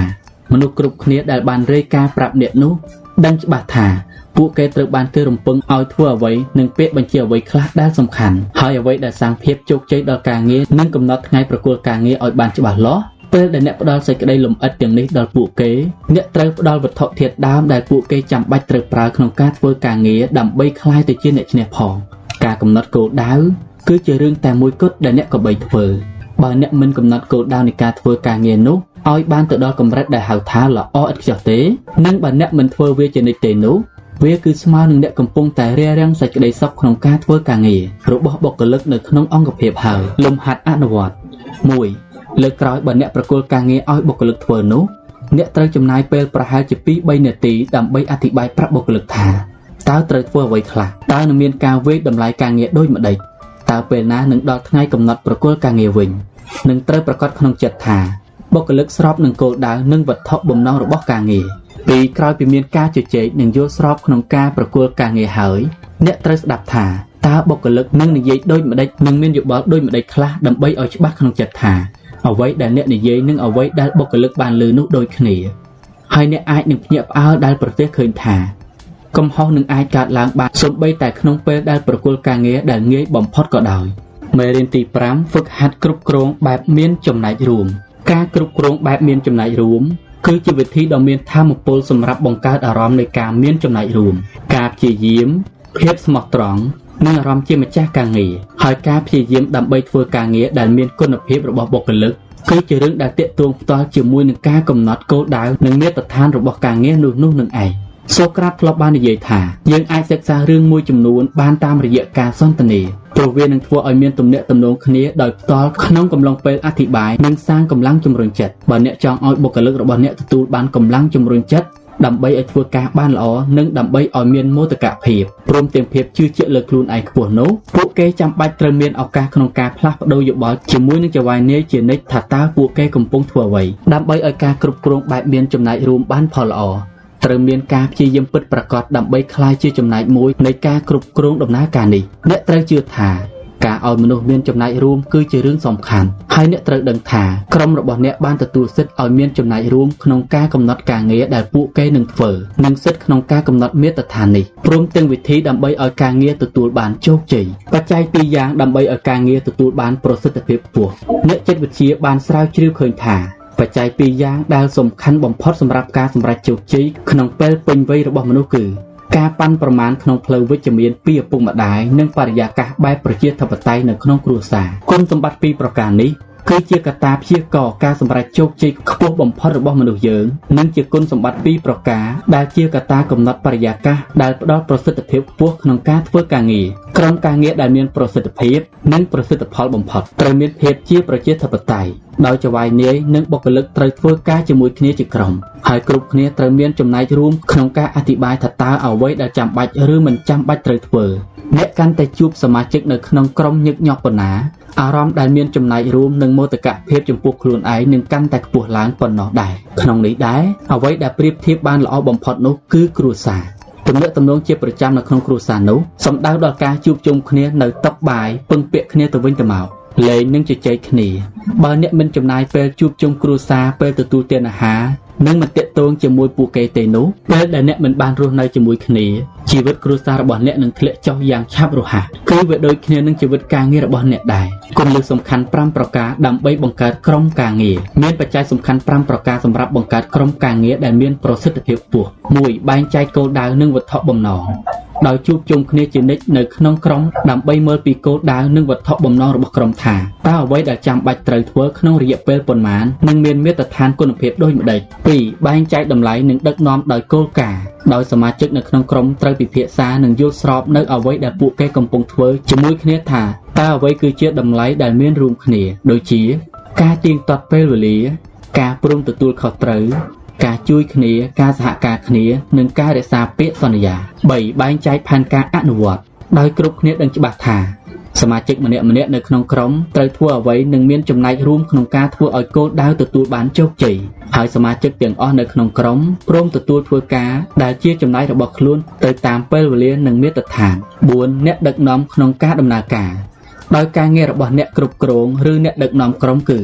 ការសាងភាពជឿជាក់ថាអ្នកដទៃមានអ្វីដែលពួកគេចាំបាច់ត្រូវមានដើម្បីឲ្យការងារទទួលបានជោគជ័យនិងល្អហើយការងាររបស់អ្នកគ្រប់គ្រងគឺការរើដំអិតឬវត្ថុដែលរារាំងចេញពីវិថីរបស់សមាជិកនៅក្នុងក្រុមដើម្បីឲ្យការងាររបស់ពួកគេទទួលបានជោគជ័យតាមពេលវេលាដែលបានកំណត់5ពិចារណានិងរិះគន់ជានិច្ចត្រូវជួបជុំគ្នាជានិច្ចដើម្បីសួរថាតើពួកយើងកំពុងធ្វើអ្វី ដែលជាទំនាក់ទំនងវិជ្ជមាននិងបើកឱកាសឲ្យអធិប្បាយដោយផ្ដោតទៅលើការអភិវឌ្ឍសមត្ថភាពរបស់ក្រុមការងារដើម្បីឲ្យទទួលបានលទ្ធផលដ៏ល្អក្នុងការគ្រប់គ្រងបែបមានចំណែករួមអ្នកគ្រប់គ្រងមានតួនាទីជាគ្រូបង្វឹកឬដៃគូក្នុងការធ្វើការងារការងាររបស់អ្នកគ្រប់គ្រងគឺប្រាប់ឲ្យបុគ្គលិកធ្វើការដូចម្តេចនិងផ្ដល់ពាក្យណែនាំព្រមទាំងសាងភាពក្លាហានដល់ក្រុមការគ្រប់គ្រងបែបមានចំណែករួមគឺ អ្នកគ្រប់គ្រងត្រូវប្រគល់ការងារជជែកតាក់ទងនឹងភាពរីកចម្រើនតាក់ទងនឹងការធ្វើការងារនិងធ្វើឲ្យជឿជាក់ថាគ្រប់គ្នាដឹងថាពួកគេកំពុងធ្វើអ្វីមនុស្សយើងនឹងស៊ីគ្នានិងភ្ញាក់ផ្អើលចំពោះការងារដែលធ្វើលុះត្រាតែពួកគេមានចំណែករួមក្នុងការបញ្ចេញគំនិតនិងយោបល់បានជានិច្ចបើអ្នកកាន់តែមានការពិភាក្សារឿងការងាររឿងដែលចាំបាច់ត្រូវធ្វើនិងវិធីដែលល្អបំផុតដើម្បីធ្វើឲ្យទទួលបានជោគជ័យច្រើនប៉ុណ្ណា អ្នកនឹងកាន់តែសាងអារម្មណ៍មានចំណែករួមនិងភាពខ្នះខ្នែងដល់បុគ្គលិកម្នាក់ម្នាក់បានកាន់តែច្រើនប៉ុណ្ណោះដែរប្រាប់ទិន្នន័យឲ្យបានដឹងទាំងអស់គ្នាការសាងកម្លាំងជំរុញចិត្តដែលមានឥទ្ធិពលបំផុតគឺធ្វើយ៉ាងណាឲ្យបុគ្គលិកទទួលដឹងនិងមានអារម្មណ៍ថាខ្លួនមានចំណេះដឹងពេញពោះដោយបង្កលក្ខណៈយ៉ាងណាធ្វើឲ្យពួកគេមានអារម្មណ៍ជាក់លាក់ថាបានទទួលទិន្នន័យតាក់ទងនឹងការងាររបស់ពួកគេនិងអ្វីអ្វីគ្រប់បែបយ៉ាងដែលតាក់ទងនឹងការងារដែលពួកគេធ្វើ ធ្វើឲ្យពួកគេមានអារម្មណ៍ហាក់ដូចជាពួកគេគឺជាសមាជិករបស់អង្គភាពធំ ដែលបានទទួលនៅការគោរពមានចំណែករួមក្នុងភាពជោគជ័យរបស់គោលដៅនិងវត្ថុបំណងរបស់ក្រុមហ៊ុនទាំងមូលវិធីមួយដែលទីប្រឹក្សាផ្នែកគ្រប់គ្រងប្រើដើម្បីស្ទង់បរិយាកាសនៅក្នុងក្រុមហ៊ុនគឺសង្កេតមើលសព្វនាមដែលបុគ្គលិកប្រើណែនាំខ្លួនឯងនៅកន្លែងធ្វើការនិងអង្គភាពនៅក្នុងអង្គភាពដែលល្អបំផុតយើងនឹងបានលើកពាក្យថាខ្ញុំនិងរបស់ខ្ញុំ ចំណែកឯនៅក្នុងអង្គភាពដែលមិនសូវមានប្រសិទ្ធភាពបុគ្គលិកនឹងប្រើពាក្យថាពួកគេរបស់ពួកគេនិងរបស់ក្រុមហ៊ុនបច្ច័យដែលសំខាន់បំផុតមួយប្រការដើម្បីសាងកម្លាំងជំរុញចិត្តឲ្យមនុស្សមានអារម្មណ៍ថាជាម្ចាស់នោះគឺក្នុងពេលដំបូងក្រុមហ៊ុន និងអ្នកគ្រប់គ្រងត្រូវមានភាពជាម្ចាស់និងទទួលខុសត្រូវលើការកំណត់គោលដៅនិងការធ្វើឲ្យបានសម្រេចហើយបើបុគ្គលិកមានអារម្មណ៍រួមជាមួយនោះពួកគេនឹងជួយឲ្យចៅហ្វាយនាយធ្វើការបានសម្រេចតាមគោលដៅនោះដែរបង្កើតភាពជាម្ចាស់អ្នកមានចំណាយពិភាក្សាទាក់ទងនឹងការងារដែលត្រូវធ្វើឲ្យបានសម្រេចនិងជួយស្វែងរកវិធីដែលល្អបំផុតក្នុងការធ្វើការងារជាមួយបុគ្គលិកបានច្រើនប៉ុណ្ណាបុគ្គលិកនឹងកាន់តែមានអារម្មណ៍ជាម្ចាស់របស់ការងារនោះកាន់តែខ្លាំងឡើងប៉ុណ្ណោះដែរ ហើយទីបំផុតនឹងឃើញថាការងារនោះគឺជារបស់ពួកគេពេលដែលកើតមានអារម្មណ៍ជាម្ចាស់នោះបុគ្គលិកនឹងមានកម្លាំងជំរុញចិត្តយកចិត្តទុកដាក់ធ្វើការនិងធ្វើការទៀងទាត់ពេលវេលាព្រោះមានអារម្មណ៍ថាពេលនេះការងារគឺជារបស់ពួកគេដោយស្វ័យប្រវត្តិនិងជាការបង្ហាញសមត្ថភាពរបស់ពួកគេចេញមកដោយផ្ទាល់ផងដែរ ពេលដែលបុគ្គលិកធ្វើការងារដែលជារបស់ខ្លួនឯងរួចរាល់ហើយនោះពួកគេនឹងមានការពេញចិត្តកាន់តែខ្លាំងឡើងហើយអារម្មណ៍ជាអ្នកឈ្នះនិងមោទកភាពចំពោះខ្លួនឯងនឹងកើនឡើងព្រមទាំងមានភាពខ្នះខ្នែងក្នុងការទទួលយកការងារនិងការទទួលខុសត្រូវផ្សេងៗបន្ថែមទៀត 1 ចំណាយពេលធ្វើការជាមួយបុគ្គលិកប្រកបដោយភាពខ្នះខ្នែងដោយការចែករំលែកផ្លាស់ប្ដូរគំនិតនិងគ្រប់គ្រងឲ្យបុគ្គលិកម្នាក់ម្នាក់មានចំណែករួមជាមួយអ្នកក្នុងការកំណត់វិធីដែលល្អបំផុតសម្រាប់ការធ្វើការងារឬដើម្បីសម្រេចគោលដៅ 2 រកគ្រប់វិធីដើម្បីឲ្យបុគ្គលិកព្រមទទួលភាពជាម្ចាស់ដោយការបង្កើតសំណួរផ្ដល់ភាពក្លាហានដល់ពួកគេ និងស្ដាប់ពួកគេពេលដែលពួកគេនិយាយ។ ហើយបើពួកគេពិភាក្សារឿងការងារជាមួយអ្នកកាន់តែច្រើនប៉ុណ្ណាពួកគេកាន់តែទទួលខុសត្រូវការងារនិងធ្វើការបានកាន់តែល្អប៉ុណ្ណោះដែរមេរៀនទី6បច្ច័យ4ប្រការក្នុងការសាងកម្លាំងជំរុញចិត្តយើងមកចាប់ផ្ដើមពីបច្ច័យ4ប្រការដែលជាមូលដ្ឋានគ្រឹះរបស់គ្រប់អង្គភាពដែលបច្ច័យទាំង4ប្រការនោះគឺ1លក្ខណៈរបស់អ្នកដឹកនាំ2ប្រព័ន្ធនៃការផ្ដល់រង្វាន់3បរិយាកាសនៅក្នុងអង្គភាព4រចនាសម្ព័ន្ធនៃការធ្វើការងារ លក្ខណៈរបស់អ្នកដឹកនាំបច្ច័យសំខាន់សម្រាប់កំណត់ថាតើបុគ្គលិកមានអារម្មណ៍ដូចម្តេចចំពោះអង្គភាពហើយថាតើពួកគេបានទទួលកម្លាំងជំរុញចិត្តដូចម្តេចនោះគឺជាញឹកញាប់គ្រាន់តែបដូរអ្នកដឹកនាំថ្មីប៉ុណ្ណោះក៏អាចបដូរបរិយាកាសរបស់ក្រុមហ៊ុននិងលទ្ធផលនៃការធ្វើការងាររបស់បុគ្គលិកនៅក្នុងអង្គភាពបែបពីបាតដៃជាខ្នងដៃបានដែរលក្ខណៈនៃការគ្រប់គ្រងនៅក្នុងក្រុម SWAT ឬក្រុមពន្លត់អគិភ័យគឺ អ្នកដែលមានតួនាទីចេញបញ្ជាត្រូវរហ័សរហួនចំពោះរឿងតូចតាចដែលតាក់ទងនឹងអារម្មណ៍របស់មនុស្សហើយត្រូវចេះគ្រប់គ្រងនិងដាច់ខាតអង្គភាពជាច្រើនត្រូវខិតខំប្រឹងប្រែងជាខ្លាំងដើម្បីឲ្យក្រុមហ៊ុនអាចឈរជើងបានប៉ុន្តែក្នុងករណីជាច្រើនបង្ហាញថាលក្ខណៈរបស់អ្នកដឹកនាំដែលមានច្រើនដំណាក់និងតំណែងពីថ្នាក់លើចុះមកក្រោមដូចនេះជាកត្តារារាំងទៅវិញបុគ្គលិកសម័យបច្ចុប្បន្ននេះលែងទទួលយកបានហើយព្រោះមុនពេលចូលមកធ្វើការងារពួកគេរំពឹងថា ខ្លួននឹងអាចបង្ហាញគំនិតឲ្យអ្នកដទៃបានស្ដាប់និងបានទទួលបញ្ជាដែលច្បាស់លាស់និងរហ័សក្នុងពេលធ្វើការលក្ខណៈរបស់អ្នកដឹកនាំដែលល្អគឺរួមគ្នាគិតរួមគ្នាសម្រេចចិត្តរួមគ្នាធ្វើ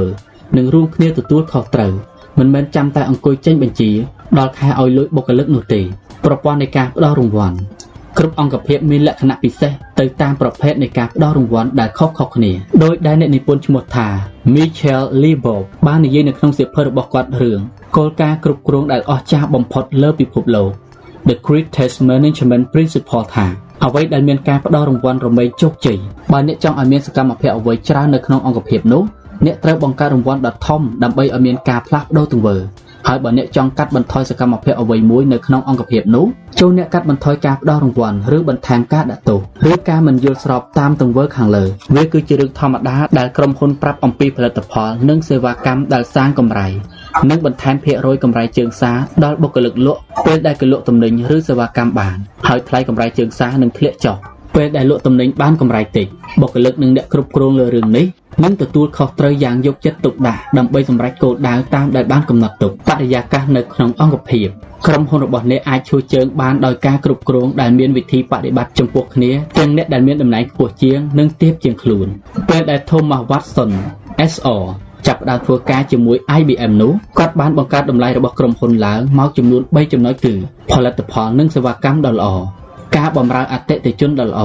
និងការគោរពអ្នកដទៃតម្លៃទាំងនេះគឺជាកត្តាកំណត់អនាគតរបស់ IBM ឲ្យក្លាយជាក្រុមហ៊ុនកុំព្យូទ័រដែលធំបំផុតនិងត្រូវបានគេទទួលស្គាល់ច្រើនបំផុតក្នុងពិភពលោកគោលការណ៍នៃការគោរពអ្នកដទៃត្រូវបានយកទៅប្រើគ្រប់អង្គភាពទាំងថ្នាក់ជាតិនិងអន្តរជាតិបើបុគ្គលិកធ្វើកំហុសអ្វីដែល IBM មិនអាចផ្ដល់ការគោរពដូចជាការបន្ទាបកិត្តិយស ការមើលងាយអ្នកដទៃទាំងនៅក្នុងនិងក្រៅអង្គភាពការធ្វើមិនល្អចំពោះអ្នកដទៃនោះក្រុមហ៊ុននឹងបណ្ដេញអ្នកនោះចោលបានទោះជាអ្នកធ្វើការនៅក្នុងក្រុមហ៊ុននោះយូរប៉ុណ្ណាក៏ដោយលទ្ធផលនៃបរិយាកាសនៅក្នុងអង្គភាពវាមិនត្រឹមតែធ្វើឲ្យមនុស្សប្រកួតប្រជែងគ្នាដើម្បីឲ្យបានចូលមកធ្វើការនៅក្នុង IBM ប៉ុណ្ណោះទេពួកគេនឹងក្លាយទៅជាអ្នកដែលមានសេចក្តីសុខបំផុតធ្វើការងារបានច្រើនបំផុតនិងជាមនុស្សដែលមានគំនិតច្នៃប្រឌិតមិនថានៅក្នុងក្រុមហ៊ុនឬនៅក្នុងឧស្សាហកម្មណាក៏ដោយ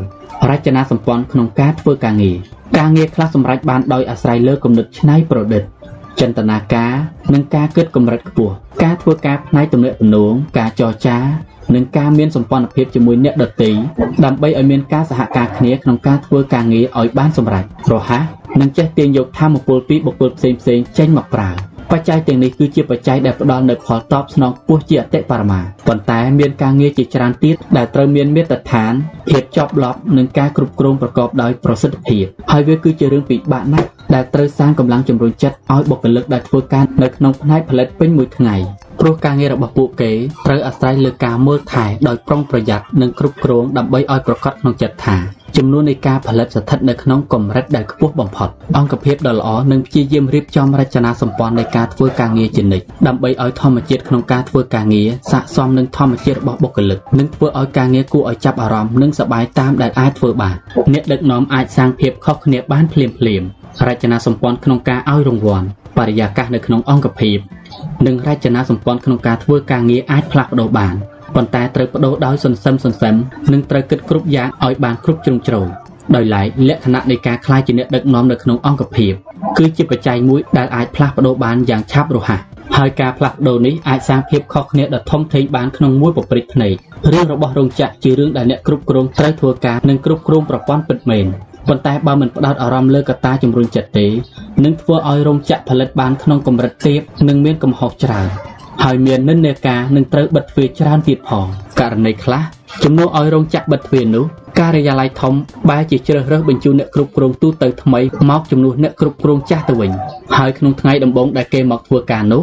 អ្នកគ្រប់គ្រងទូទៅបានរងចាំកម្មករដែលធ្វើការវេនព្រឹកមកដល់ហើយឃើញគេចតយានយន្តរបស់ពួកគេនៅកន្លែងចតយានយន្តដែលមិនបានចាក់បេតុងហើយដើរលួចភក់រហូតមកដល់ផ្លូវចូលរោងចក្រពេលដែលបុគ្គលិកមកជុំគ្នាអស់ហើយ អ្នកគ្រប់គ្រងទូទៅថ្មីក៏បានណែនាំខ្លួនឯងនៅចំពោះមុខគ្រប់គ្នាហើយបានដើរទៅកន្លែងចតយានយន្តសម្រាប់អ្នកគ្រប់គ្រងជំនួសការបានហុចថ្នាំលាបផ្ទះមួយកំប៉ុងឲ្យទៅអ្នកគ្រប់គ្រងថ្មីហើយគេបានដើរទៅកាន់ជញ្ជាំងបន្ទាប់មកយកថ្នាំលុបឈ្មោះអ្នកគ្រប់គ្រងចេញពីជញ្ជាំងនោះហើយប្រាប់កម្មករថាចាប់ពីពេលនេះទៅអ្នកណាដែលមកដល់មុនអាចចតយាននៅកន្លែងដែលល្អបំផុតបាន ត្រឹមតែ6ខែប៉ុណ្ណោះរោងចក្រដែលធ្លាប់យឺតយ៉ាវបានបដូរទៅជាល្អប្រសើរឡើងនិងអាចផលិតទំនិញបានច្រើនបំផុតនៅក្នុងប្រវត្តិសាស្ត្រហើយបានក្លាយជារោងចក្រមួយដែលមានផលិតផលនិងរកកម្រៃបានខ្ពស់បំផុតរបស់អង្គភាពអ្នកដឹកនាំដែលមានកម្លាំងជំរុញចិត្តខ្ពស់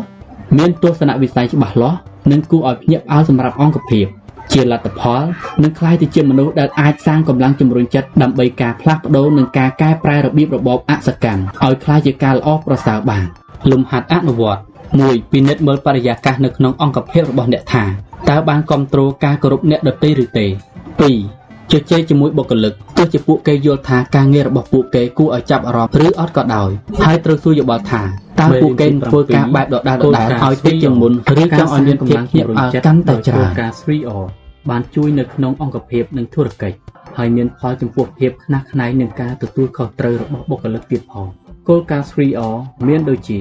រង្វាន់ reverse ការផ្ដល់ភាពសំខាន់ reconnection និងការគ្រប់គ្រង reinforcement រង្វាន់ព្រោះរង្វាន់គឺជាវត្ថុដែលអាចអូសទាញនិងជំរុញមនុស្សបានប៉ុន្តែការឲ្យរង្វាន់ត្រូវអាស្រ័យលើលទ្ធផលនៃការធ្វើការងារបានសម្រេចនិងជារឿងដែលជួយអង្គភាពនិងជំរុញឲ្យអង្គភាពឈានទៅមុខដើម្បីអាចសម្រេចគោលដៅក្នុងការផលិតនិងរកផលកម្រៃបានផងដែរចាំទុកថា ការឲ្យរង្វាន់ត្រូវស្របទៅនឹងលទ្ធផលការងារដែលធ្វើប៉ុណ្ណោះដោយមិនបាច់ពិចារណាឲ្យរង្វាន់ពីបច្ច័យផ្សេងដូចជាភាពចាស់ទុំការសិក្សា សម្ព័ន្ធភាពតខ្លួនឡើយមានតែវិធីមួយប៉ុណ្ណោះសម្រាប់ការឲ្យរង្វាន់ក្នុងការធ្វើការងារដើម្បីឲ្យក្រុមហ៊ុនទទួលបានជោគជ័យគឺ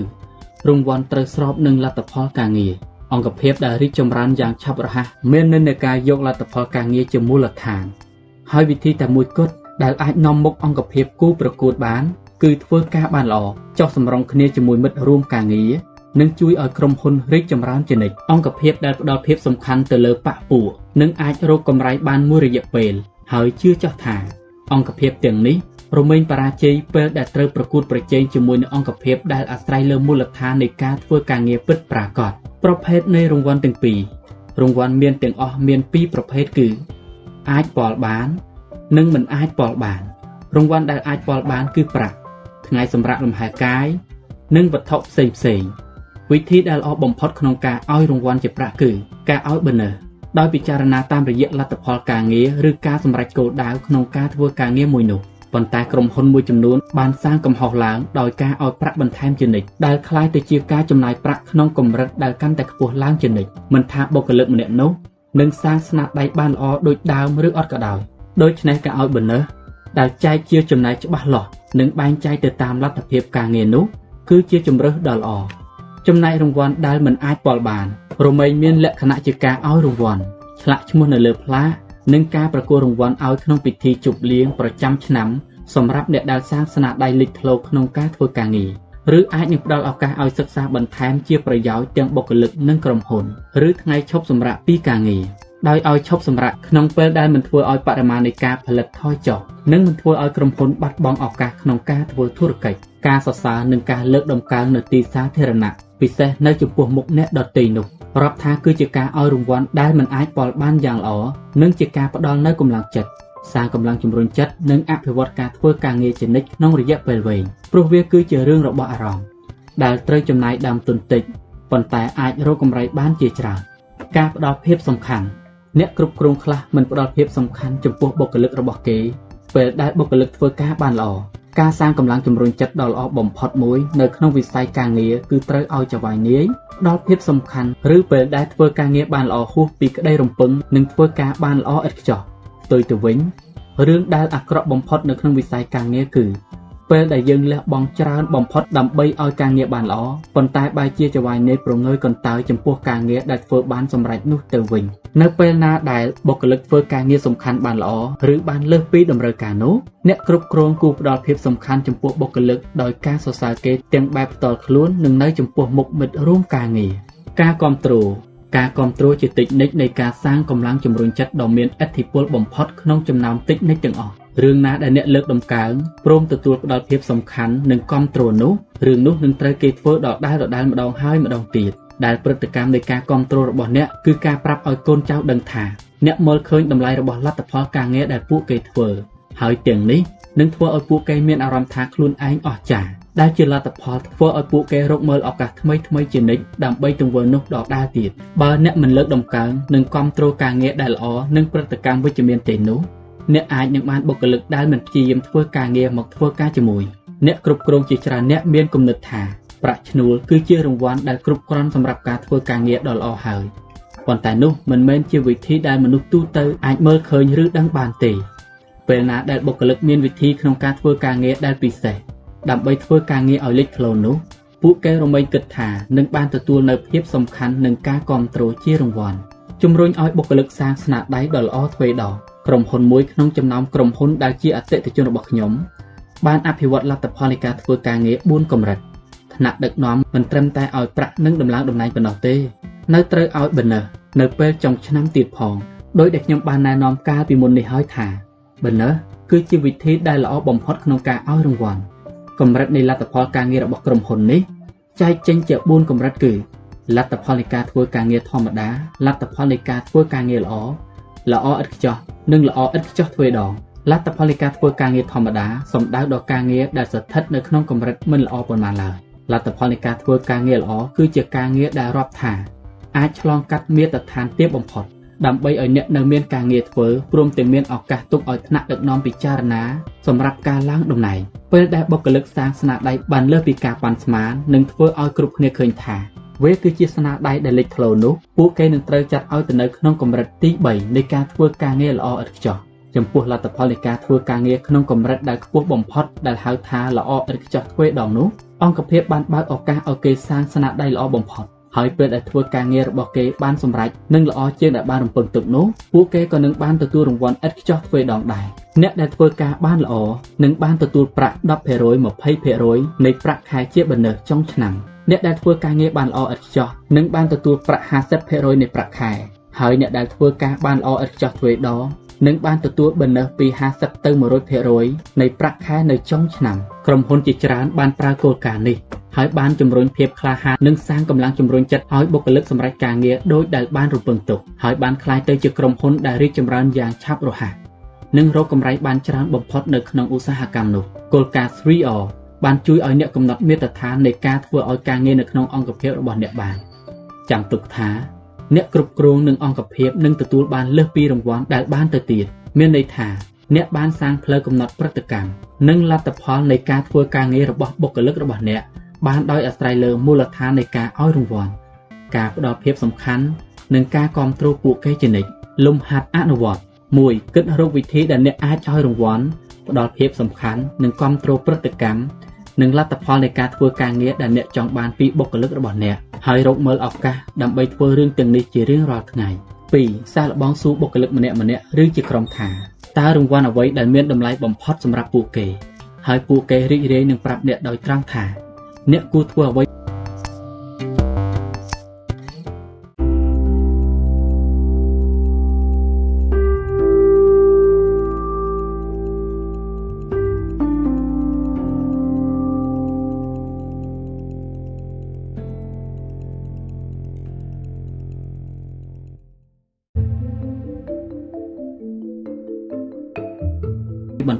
ដើម្បីជំរុញការធ្វើការងាររបស់បុគ្គលិកម្នាក់ៗឲ្យបានល្អបំផុតមេរៀនទី8ការគ្រប់គ្រងដោយតម្លៃយើងម្នាក់ម្នាក់សុទ្ធតែមានជីវិតដែលរំលេចចេញនិងឆ្លោះបញ្ចាំងពីតម្លៃខាងក្នុងហើយគោលការណ៍សំខាន់នៃការមានជីវិតរស់នៅត្រូវបានបង្កើតឡើងពីការជឿជាក់និងតម្លៃរបស់ខ្លួនយើងតម្លៃជាកត្តាកំណត់និស័យនិងបុគ្គលិកលក្ខណៈរបស់យើងដោយវាកំណត់ថាតើយើងប្រកាន់គោលជំហរអ្វីខ្លះនៅក្នុងជីវិតហើយអ្វីដែលធ្វើឲ្យមនុស្សម្នាក់ខុសពីអ្នកដទៃ នោះគឺការដែលពួកគេមានតម្លៃដែលច្បាស់លាស់ហើយពួកគេប្រកាន់យកវាយ៉ាងម៉មតំមិនថាមានរឿងអ្វីកើតឡើងក៏ដោយអ្នកនឹងមានអារម្មណ៍ថាមានសេចក្តីសុខពិតប្រាកដពេលដែលអ្នករស់នៅប្រកបដោយតម្លៃនៅក្នុងខ្លួនហើយអ្នកនឹងធ្វើរឿងផ្សេងផ្សេងបានល្អបំផុតពេលដែលប្រតិកម្មរបស់អ្នកស្របនឹងអ្វីដែលអ្នកជឿថាវាគឺជារឿងដែលមានតម្លៃបំផុតផ្ទុយទៅវិញភាពតបប្រមល់នឹងកើនឡើងពេលដែលអ្វីអ្នកកំពុងបង្ហាញចេញនោះមិនស្របនឹងអ្វីដែលអ្នកជឿជាក់ ក្រុមហ៊ុនដែលល្អបំផុតរមែងពិចារណាថាមនុស្សយើងមិនអាចទទួលការសាងកម្លាំងជំរុញចិត្តក្នុងការធ្វើការងារបានទេបើអង្គភាពមានតម្លៃមិនស្របនឹងពួកគេទេនោះរចនាសម្ព័ន្ធរបស់បុគ្គលិកលក្ខណៈបុគ្គលិកលក្ខណៈរបស់អ្នកសាងឡើងពីតម្លៃដែលអ្នកបានកំណត់តម្លៃរបស់អ្នកនឹងកំណត់ជំនឿតាក់ទងនឹងខ្លួនអ្នកនិងតាក់ទងនឹងការពិតហើយអ្នកនឹងមើលឃើញពិភពលោកតាមរយៈផ្ទាំងជំនឿទោះបីជាវាមានមូលហេតុឬគ្មានមូលហេតុមានព្រំដែនឬគ្មានព្រំដែនក៏ដោយ និយាយក្នុងន័យម្យ៉ាងទៀតគឺអ្នកមើលឃើញពិភពលោកតាមដែលអ្នកចង់បានដោយដែល William James នៃមហាវិទ្យាល័យ Harvard បាននិយាយថាជំនឿសាងការពិតកម្រិតទី3របស់បុគ្គលិកលក្ខណៈគឺក្តីរំពឹងដោយតម្លៃរបស់អ្នកនឹងកំណត់ជំនឿរបស់អ្នក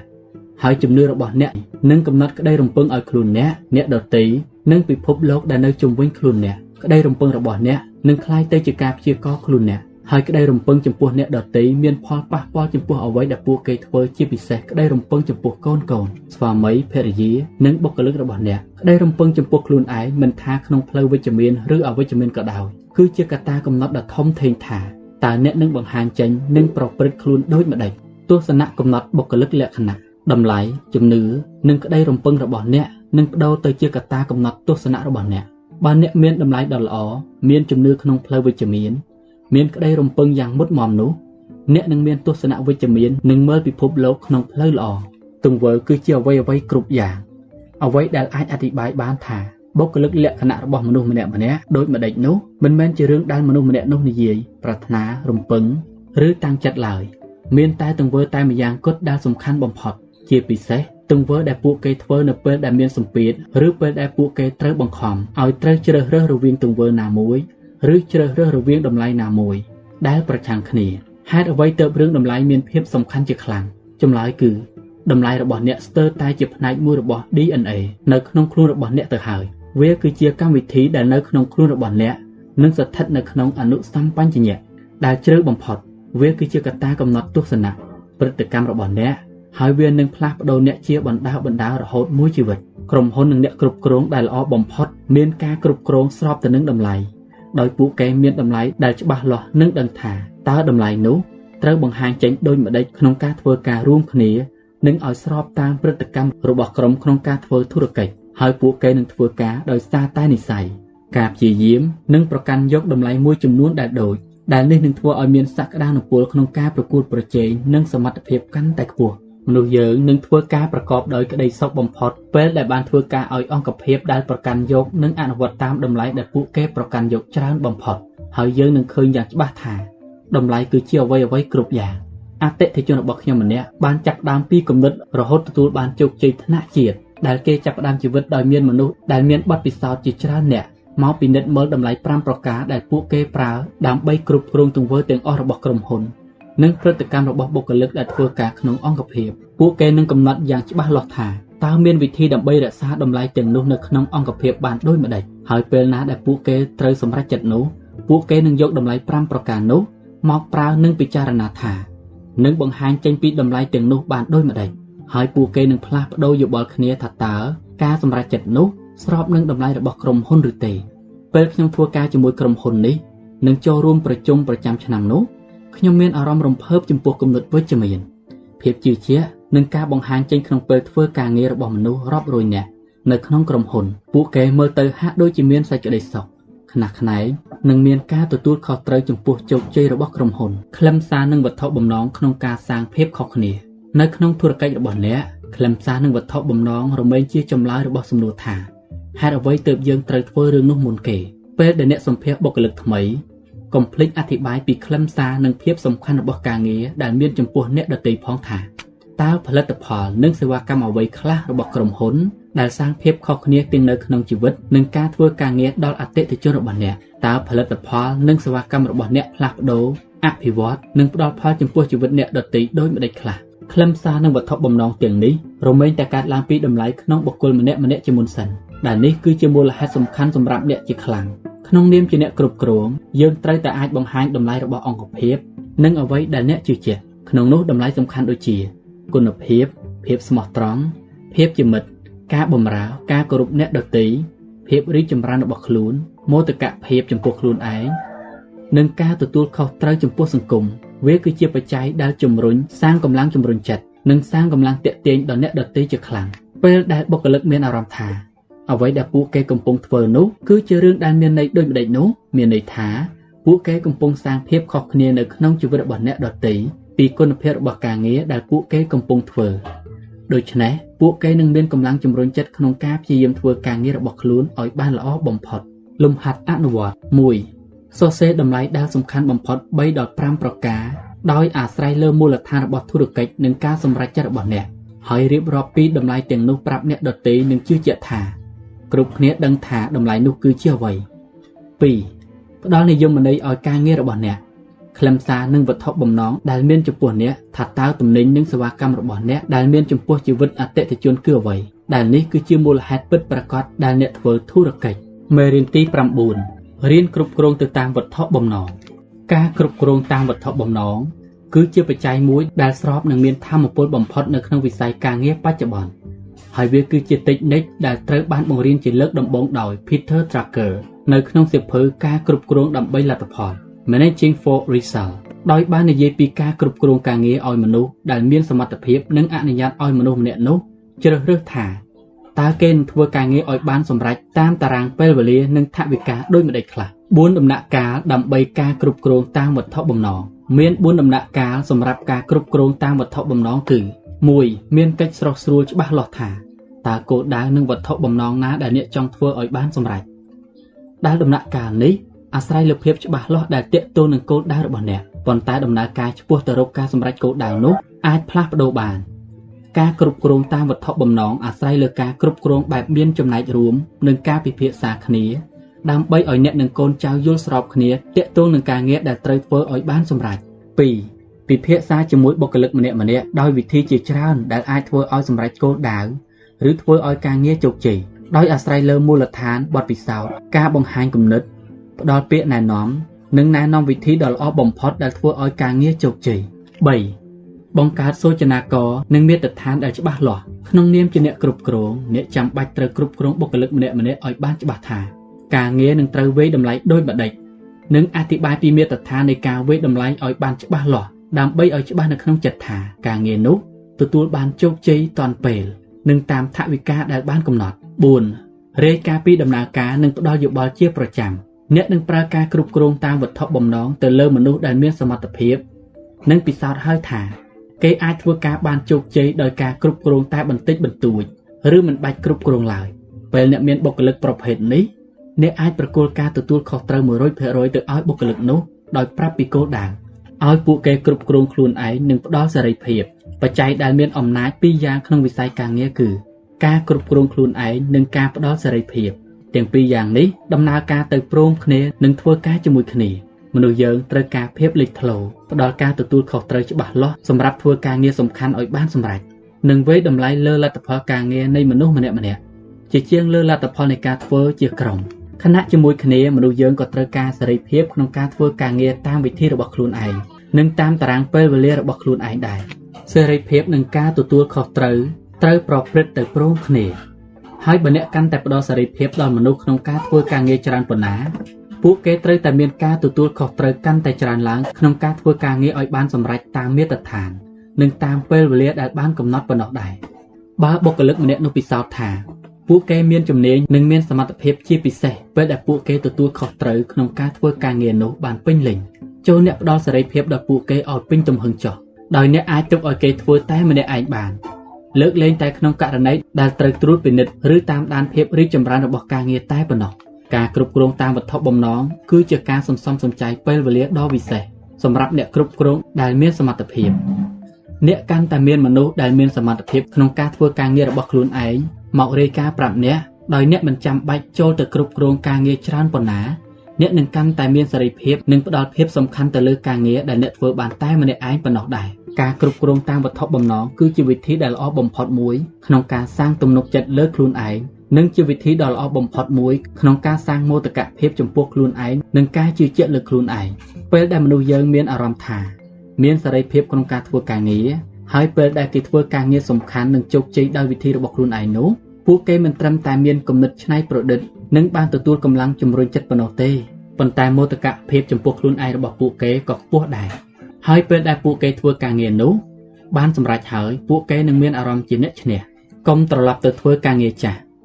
អ្នកជាអ្នកគ្រប់គ្រងដូច្នេះតែងតែមានបុគ្គលមករាយការណ៍ពីការងារផ្សេងៗដល់អ្នកព្រោះអ្នកធ្លាប់បង្ហាញឲ្យឃើញថា អ្នកមានសមត្ថភាពក្នុងការធ្វើការងារបានជាច្រើនប៉ុន្តែបច្ចុប្បន្នអ្នកលែងធ្វើការងារនោះហើយហើយបានប្រគល់ឲ្យអ្នកដទៃធ្វើជំនួសហើយនៅពេលខ្លះដោយសារតែអ្នកបង្ហាញសមត្ថភាពដែលលេចធ្លោក្នុងការធ្វើការងារដូចនេះបើអ្នកមិនប្រុងប្រយ័ត្នឲ្យបានល្អទេនោះអ្នកអាចនឹងភ្លេចខ្លួនទៅធ្វើការងារដែលអ្នកបានប្រគល់ឲ្យអ្នកដទៃទៅហើយដែលចំណុចខ្សោយភាកច្រើនរបស់អ្នកគ្រប់គ្រងច្រើនតែដូចនេះឯងគឺក្រោយពីបានឡើងតំណែងហើយ ពួកគេរមែងត្រឡប់ទៅធ្វើការងារចាស់ដែលធ្លាប់ធ្វើពីមុនមកសូម្បីតែការងារទាំងនោះគួរតែប្រគល់ឲ្យអ្នកដទៃធ្វើដើម្បីឲ្យខ្លួនឯងមានពេលទំនេរទទួលខុសត្រូវតំណែងថ្មីឬការងារថ្មីក៏ដោយក្នុងនាមជាអ្នកគ្រប់គ្រងអ្នកអាចនឹងភ្លេចខ្លួនដោយយកការងារចាស់ត្រឡប់មកធ្វើគឺការចូលទៅជួយបុគ្គលិកដែលអ្នកបានប្រគល់ការងារនោះឲ្យគេទៅហើយហើយរឿងនេះអាចនឹងកើតឡើងបានបើអ្នកនៅតែផ្ដល់ពាក្យណែនាំជានិច្ចឬចេញបញ្ជា ដែលផ្សេងពីការព្រមព្រៀងគ្នាក្នុងពេលដំបូង ហើយពេលដែលមានបញ្ហាកើតឡើងកូនចៅនឹងមានអារម្មណ៍ថាអ្នកមិនច្បាស់លាស់ក្នុងការប្រគល់ការងារធ្វើឲ្យពួកគេត្រូវឈប់ធ្វើការងារនោះដើម្បីរងចាំឲ្យអ្នកណែនាំឬសម្រេចចិត្តវិធីដែលខ្ញុំប្រើដើម្បីដោះស្រាយស្ថានភាពលក្ខណៈនេះមិនពិបាកទេគឺពេលដែលបុគ្គលិកចូលមករកខ្ញុំព្រមជាមួយនឹងសំណួរឬរឿងដែលតាក់ទងនឹងការងារនោះខ្ញុំនឹងសួរគេថាតើអ្នកគិតថាយើងគួរធ្វើដូចម្តេចខ្ញុំបង្ខំឲ្យពួកគេគិតដើម្បីដោះស្រាយបញ្ហាឬឧបសគ្គនោះហើយមិនយូរប៉ុន្មាន បុគ្គលិកម្នាក់នោះនឹងត្រឡប់មកវិញព្រមជាមួយនឹងពាក្យណែនាំឬគំនិតថាតើយើងនឹងយកឈ្នះឧបសគ្គនោះដោយវិធីណាហើយពេលដែលដល់ចំណុចនេះយើងគ្រាន់តែនិយាយថានោះគឺជាគំនិតដ៏ល្អគឺគ្រប់គ្រាន់ហើយបន្ទាប់មកខ្ញុំនៅតែគ្រប់គ្រងឲ្យពួកគេហ៊ានធ្វើការងារដោយប្រើគំនិតថ្មីថ្មីដើម្បីដោះស្រាយរាល់បញ្ហាខ្ញុំតែងបន្ថែមគំនិតឬពាក្យណែនាំថាពួកគេអាចនឹងប្រើគំនិតថ្មីថ្មីរបស់ខ្លួនឯងឲ្យមានប្រសិទ្ធភាព ប៉ុន្តែខ្ញុំនឹងមលូកដៃទៅកកោកកាយសមត្ថភាពក្នុងការធ្វើការងាររបស់ពួកគេនិងភាពជាម្ចាស់ការងារក្នុងការធ្វើការងារនោះឲ្យសម្រេចឡើយពេលដែលបុគ្គលិកបង្ហាញឲ្យឃើញពីសមត្ថភាពថាគេអាចធ្វើការងារនោះបានអ្នកនឹងអាចប្រើការគ្រប់គ្រងតាមវត្ថុបំណងបានកុំភ្លេចថាគោលដៅរបស់អ្នកគឺការជំរុញឲ្យកូនចៅមានការសម្រេចចិត្តនិងអនុវត្តដោយខ្លួនឯងឲ្យបានច្រើនបំផុតតាមដែលអាចធ្វើបានហើយតាមរយៈវិធីនេះ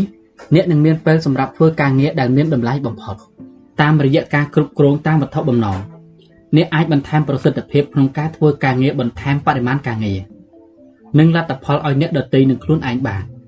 អ្នកនឹងសាងកម្លាំងជំរុញចិត្តកម្រិតខ្ពស់ដល់សមាជិកនៅក្នុងក្រុមរបស់អ្នកដោយការផ្ដល់ឱកាសឲ្យគេធ្វើការដែលប្រកួតប្រជែងសមត្ថភាពនិងគួរឲ្យចាប់អារម្មណ៍ព្រោះអ្នកហ៊ានបើកឱកាសឲ្យពួកគេបានទទួលខុសត្រូវការងារនិងធ្វើការឲ្យបានជោគជ័យដោយខ្លួនឯងលំហាត់1 ពិចារណាការងារដែលអ្នកបានចំណាយពេលទៅលើវាច្រើននិងគិតថាតើអ្នកនឹងអាចប្រគល់ការងារនេះឲ្យអ្នកដទៃបានដូចម្តេចដោយការជួយសាងភាពជឿជាក់និងបន្ថែមកម្រិតសមត្ថភាពដល់ពួកគេ បន្ទាប់មកអ្នកនឹងមានពេលទំនេរសម្រាប់ខ្លួនឯងកាន់តែច្រើនឡើង2បង្កើតកម្មវិធីសម្រាប់ត្រួតពិនិត្យតាមពាក្យណែនាំនៅក្នុងមេរៀននេះហើយប្រើវាពេលដែលអ្នកត្រូវការប្រគល់ការងារឲ្យអ្នកដទៃអ្នកកាន់តែមានសមត្ថភាពក្នុងការគ្រប់គ្រងតាមវត្ថុបំណងច្រើនប៉ុណ្ណា អ្នកនឹងកាន់តែផ្ដល់សេរីភាពនិងប្រគល់ការងារឲ្យអ្នកដទៃបានច្រើនប៉ុណ្ណោះដែរហើយអ្នកនឹងកាន់តែផ្ដល់សេរីភាពនិងប្រគល់ការងារឲ្យអ្នកដទៃបានច្រើនឡើងច្រើនឡើងនិងរឿយរឿយមេរៀនទី10ប្រកាសណាស់គ្រប់គ្រងដោយករណីសម្រាប់ខ្លួនឯងកាន់តែច្រើនឡើងក្នុងនាមជាអ្នកគ្រប់គ្រងគឺការចេះទាញយកនៅប្រសិទ្ធភាពក្នុងការធ្វើការងារ50%ទៀតដែលនៅក្នុងខ្លួនរបស់កូនចៅចេញមកឲ្យបានដែលអ្នកអាចសម្រេចគោលដៅនេះបានដោយការសាងកម្លាំងជំរុញចិត្តឲ្យពួកគេដើម្បីឲ្យធ្វើការបានកាន់តែល្អឡើង ដោយសារតែពួកគេចង់ធ្វើ មិនមែនដោយសារតែពួកគេត្រូវតែធ្វើនោះទេ ចាំទុកថាអ្នកមិនអាចសាងកម្លាំងជំរុញចិត្តឲ្យអ្នកណាពីខាងក្រៅបានទេប៉ុន្តែអ្វីដែលអ្នកអាចធ្វើបានគឺបង្កើតបរិយាកាសដែលសាងកម្លាំងជំរុញចិត្តពីខាងក្នុង ដើម្បីអាចធ្វើការបានកាន់តែច្រើននិងប្រសើរជាងមុនការគ្រប់គ្រងដោយករណីលើកលែង Management by Exception MBE គឺជាវិធីសម្រាប់ការគ្រប់គ្រងដែលអាចយកទៅប្រើបានគ្រប់ឱកាស ហើយវាក៏ជាវិធីសាងកម្លាំងជំរុញចិត្តឲ្យបុគ្គលិកដែរព្រោះវាគឺជាការធ្វើឲ្យមនុស្សមានការជឿជាក់និងបន្ថែមសមត្ថភាពឲ្យកាន់តែខ្ពស់ឡើងម្យ៉ាងទៀតវិធីនេះនៅជួយឲ្យអ្នកធ្វើការងារបានកាន់តែច្រើនឡើងបន្ថែមជំនាញនិងកម្រិតសមត្ថភាពក្នុងនាមជាអ្នកគ្រប់គ្រងនិងអាចគ្រប់គ្រងមនុស្សគ្រប់គ្នានិងគ្រប់គ្រងការងារផ្សេងផ្សេងបានកាន់តែល្អប្រសើរឡើងទៀតផងទុកឲ្យពួកគេធ្វើការ នៅពេលដែលអ្នកប្រគល់ការងារឲ្យអ្នកដទៃបានច្បាស់លាស់និងល្អិតល្អន់ហើយអ្នកនិងកូនចៅត្រូវមានការពិភាក្សាគ្នាថា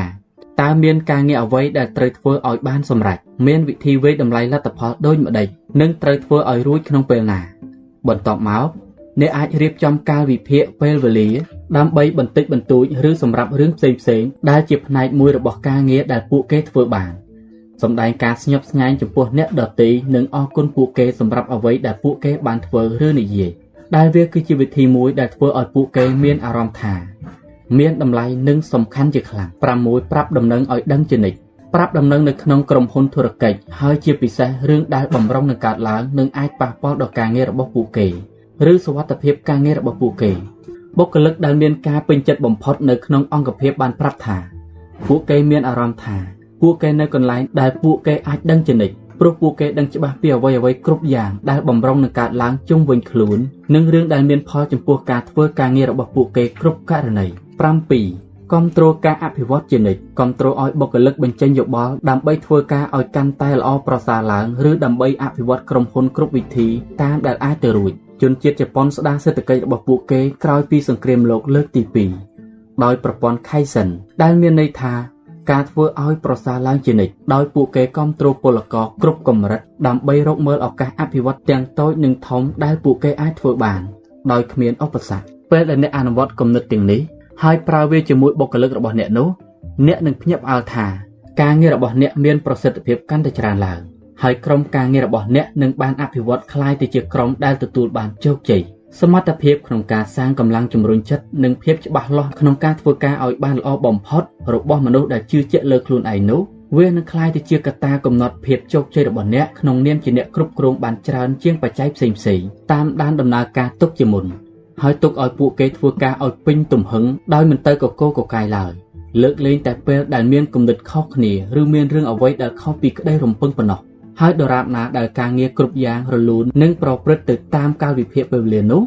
មិនចាំបាច់ត្រូវរាយការណ៍អ្វីទេដោយបុគ្គលិកនឹងរាយការណ៍ដល់អ្នកចំពោះតែក្នុងករណីដែលខុសពីគម្រោងប៉ុណ្ណោះហើយបើអ្នកមិនបានទទួលនៅការរាយការណ៍អ្វីទេនោះអ្នកអាចទុកចិត្តបានថា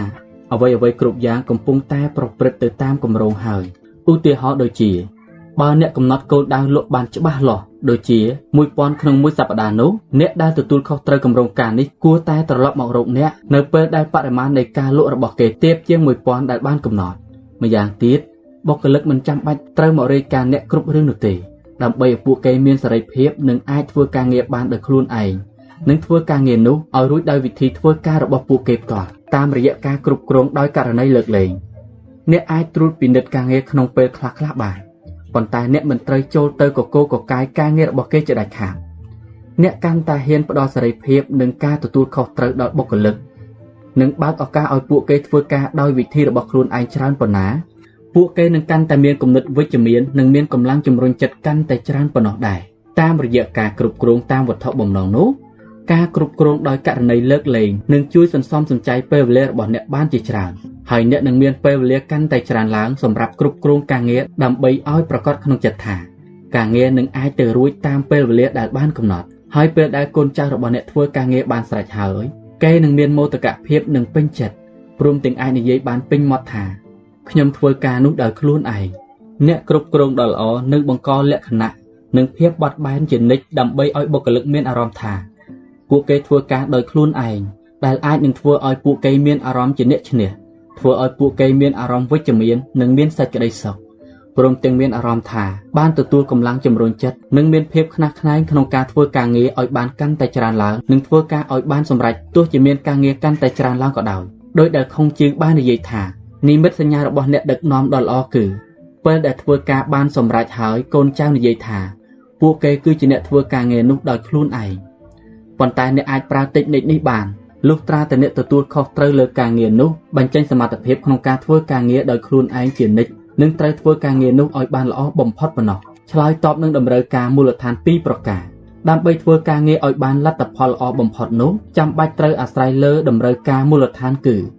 ត្រូវការការពឹងពាក់ព្រោះមនុស្សយើងត្រូវការអារម្មណ៍ថាពួកគេគឺជាផ្នែកមួយរបស់ផ្នែកដែលធំជាងខ្លួនឯងដោយគេត្រូវការធ្វើជាផ្នែកមួយរបស់ក្រុម ដែលអ្នកចិត្តវិទ្យា Abraham Maslow បានហៅរឿងនេះថាត្រូវការពឹងពាក់ទំនាក់ទំនងគ្នា affiliation need ដែលមានន័យថាការចង់ដឹងនិងត្រូវការឲ្យគេទទួលស្គាល់ថា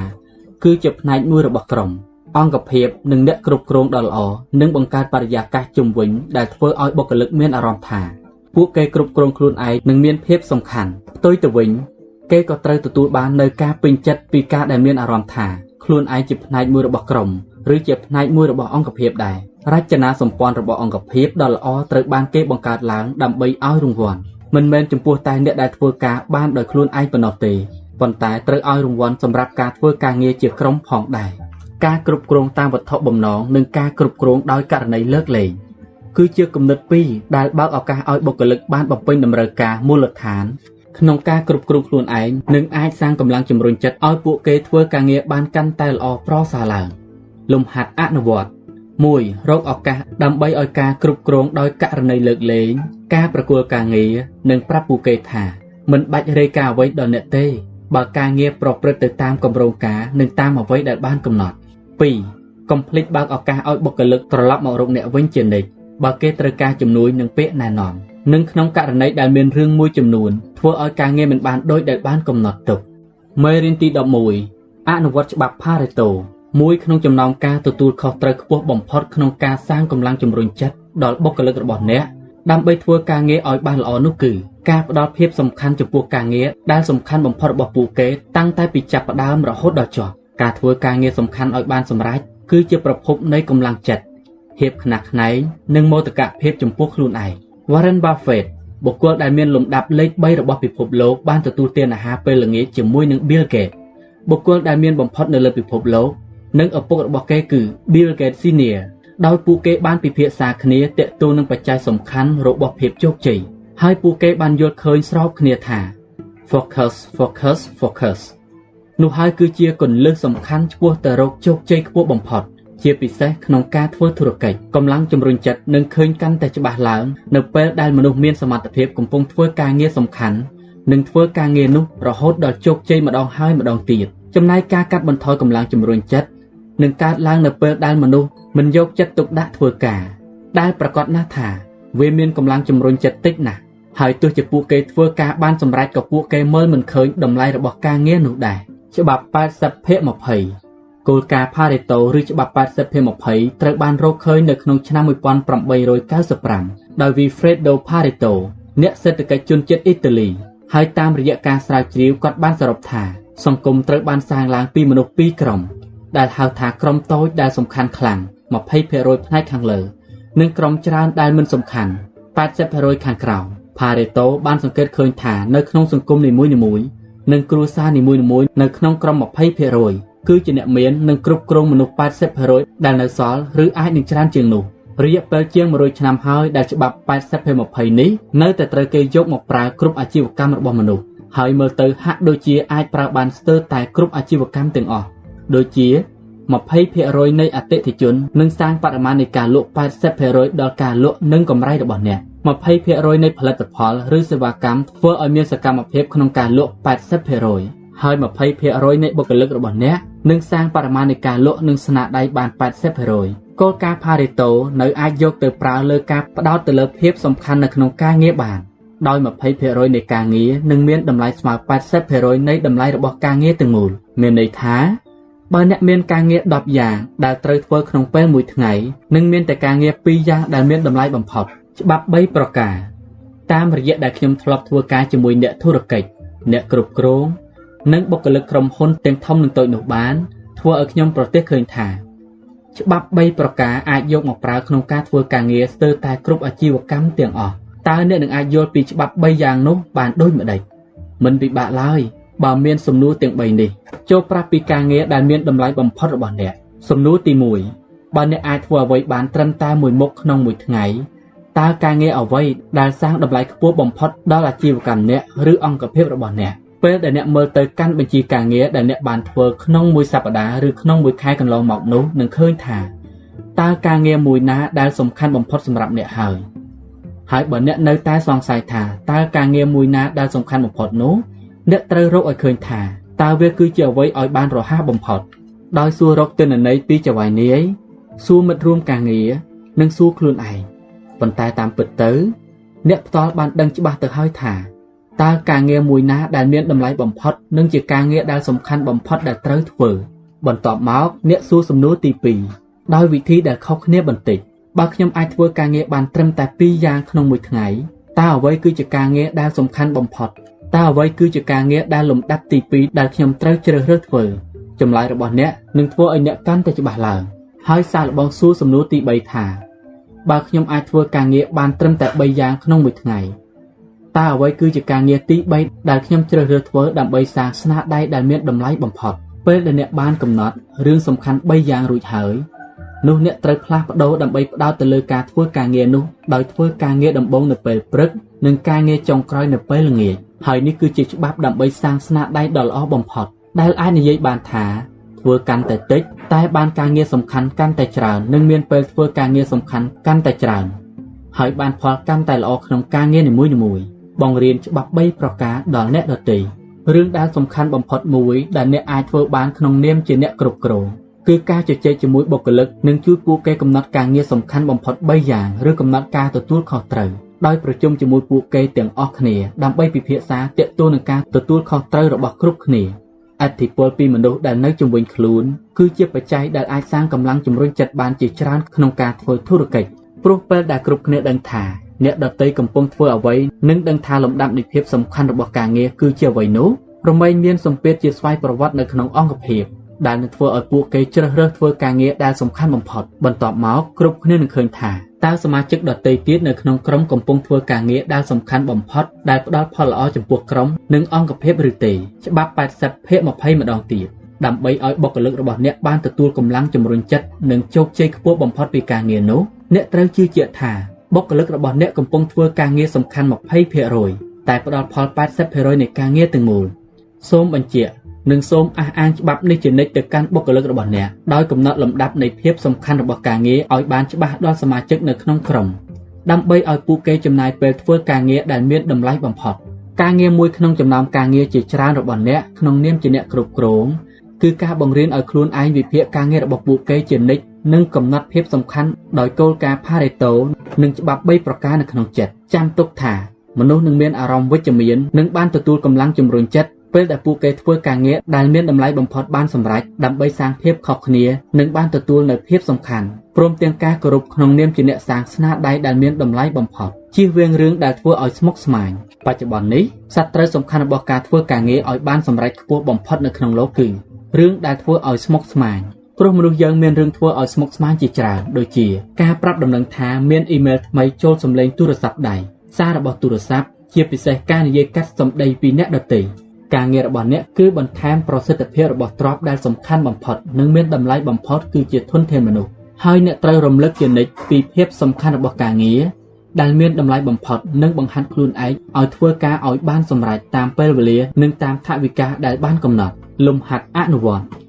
1 សរសេរបញ្ជីការងារដែលអ្នកត្រូវធ្វើក្នុងមួយខែនិងសួរសំណួរពិសេស3សំណួរទៅកាន់ខ្លួនឯងទាក់ទងនឹងការងារនិងសកម្មភាពរបស់អ្នក ហើយអ្នកគួរផ្ដល់ភាពច្បាស់លាស់ទាក់ទងនឹងរឿងដែលសំខាន់បំផុត3យ៉ាងដែលអ្នកត្រូវធ្វើដោយទុកពេលឲ្យមួយថ្ងៃមួយសប្តាហ៍ឬមួយខែ2ឲ្យបុគ្គលិកគ្រប់គ្នាមកប្រជុំគ្នានិងយកបញ្ជីការងាររបស់ពួកគេមកចូលរួមប្រជុំផងអ្នកត្រូវជួយពួកគេម្នាក់ម្នាក់កំណត់ភាពច្បាស់លាស់របស់ការងារដែលសំខាន់បំផុត3យ៉ាងដែលគេត្រូវធ្វើដើម្បីសាងស្នាដៃរបស់អង្គភាពបន្ទាប់មកគ្រប់គ្រងឲ្យពួកគេហ៊ានចាប់ផ្ដើមធ្វើការងារសំខាន់ឲ្យជោគជ័យមុននឹងពួកគេធ្វើការងារផ្សេង មេរៀនទី12ធ្វើជាគ្រូនៅក្នុងសិក្ខាសាលាខ្ញុំតែងតែចាប់ផ្ដើមដោយការសួរសំណួរដែលបង្កប់អត្ថន័យថាតើអ្វីគឺជាទ្រព្យសកម្មដែលមានតម្លៃបំផុតរបស់អ្នកបន្ទាប់មកសម្រាប់មួយស្របក់ដើម្បីឲ្យអ្នកស្ដាប់បានពិចារណានៅសំណួរហើយខ្ញុំបានប្រាប់ពួកគេថាទ្រព្យសកម្មដែលមានតម្លៃបំផុតគឺសមត្ថភាពក្នុងការរកចំណូលរបស់អ្នកព្រោះវាគឺជាសមត្ថភាពដែលមានលទ្ធផលជាក់ស្ដែងក្នុងចំណោមទ្រព្យទាំងអស់នៅក្នុងក្រុមហ៊ុន មនុស្សគឺជាធនធានដែលមានតម្លៃបំផុត ចំណែកឯទ្រព្យនិងធនធានដទៃទៀតនឹងធ្លាក់តម្លៃចុះទៅតាមពេលវេលាពេលអ្នកចំណាយពេលធ្វើឲ្យមនុស្សរីកចម្រើននោះមានន័យថាអ្នកបានបន្ថែមតម្លៃដល់ពួកគេក្នុងផ្នែកចំណូលនិងសមត្ថភាពក្នុងការសាងស្នាដៃនិងបន្ថែមតម្លៃរបស់ពួកគេដែលមានចំពោះអង្គភាពតួនាទីសំខាន់បំផុតក្នុងនាមជាអ្នកគ្រប់គ្រងគឺការបង្ហាត់ការងារនិងបង្កើតវិធីធ្វើការដែលត្រឹមត្រូវដល់ក្រុមការងាររបស់អ្នក តើធ្វើដូចម្តេចដើម្បីឲ្យការធ្វើការបានកាន់តែប្រសើរឡើងក្នុងតួនាទីជាគ្រូ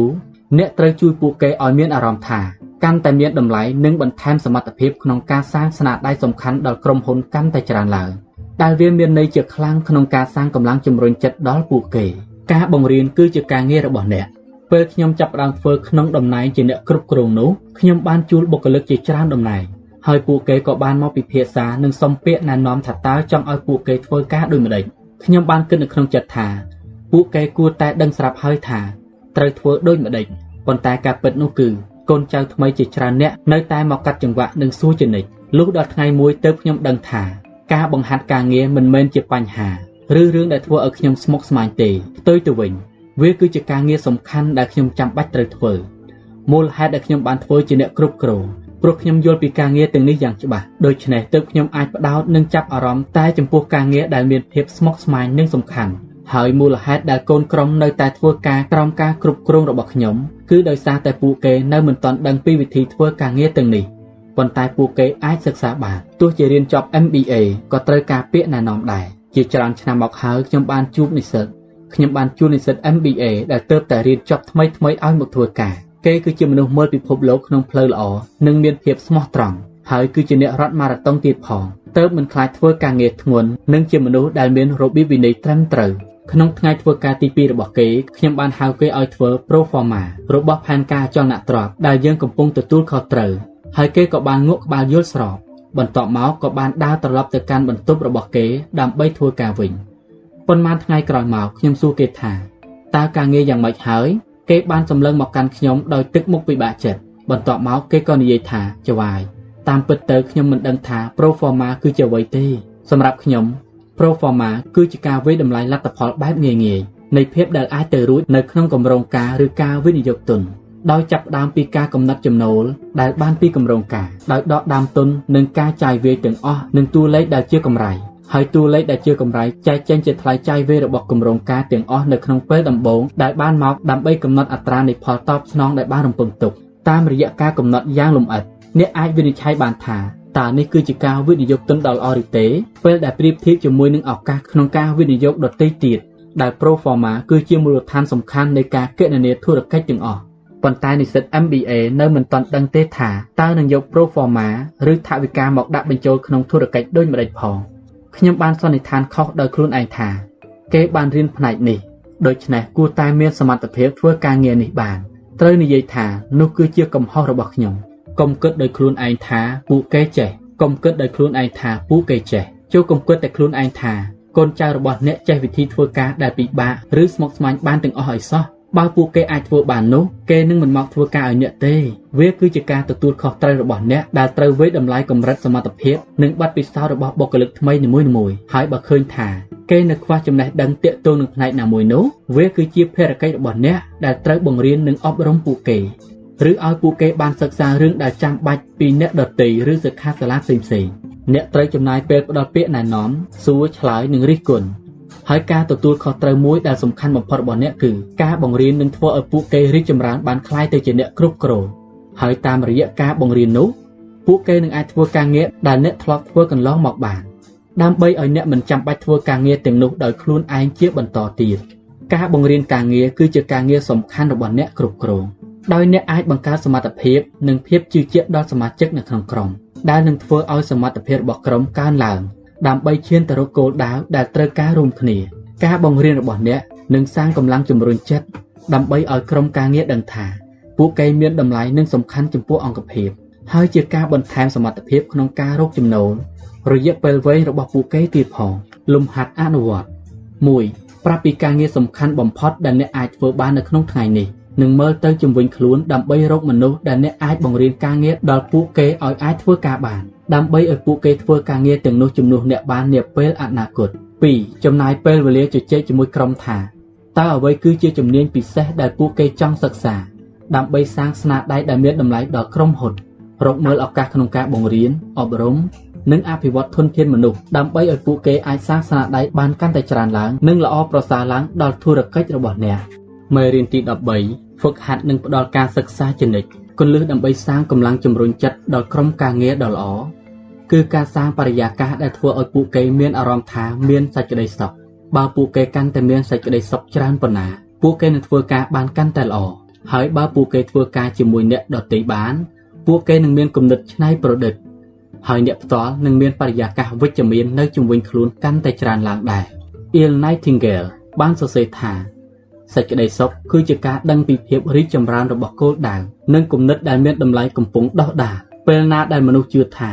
ពួកគេកាន់តែរីកចម្រើន និងពូកែឡើងជារឿយៗតាមដែលពួកគេអាចធ្វើបាននោះពួកគេនឹងមានសេចក្តីសុខនិងមានកម្លាំងជំរុញចិត្តហើយអ្វីដែលសាងកម្លាំងជំរុញចិត្តទាំងនេះបានច្រើនជាងការលះបង់របស់អ្នកក្នុងនាមជាអ្នកគ្រប់គ្រងដើម្បីអប់រំដល់ចំណេះដឹងនិងអភិវឌ្ឍធនធានមនុស្សរបស់អ្នកជានិច្ចនោះទេការសិក្សាជានិច្ចជាគន្លឹះសំខាន់ធ្វើឲ្យកើតឡើងនូវលទ្ធផលការងារកើតឡើងនូវកម្លាំងជំរុញចិត្ត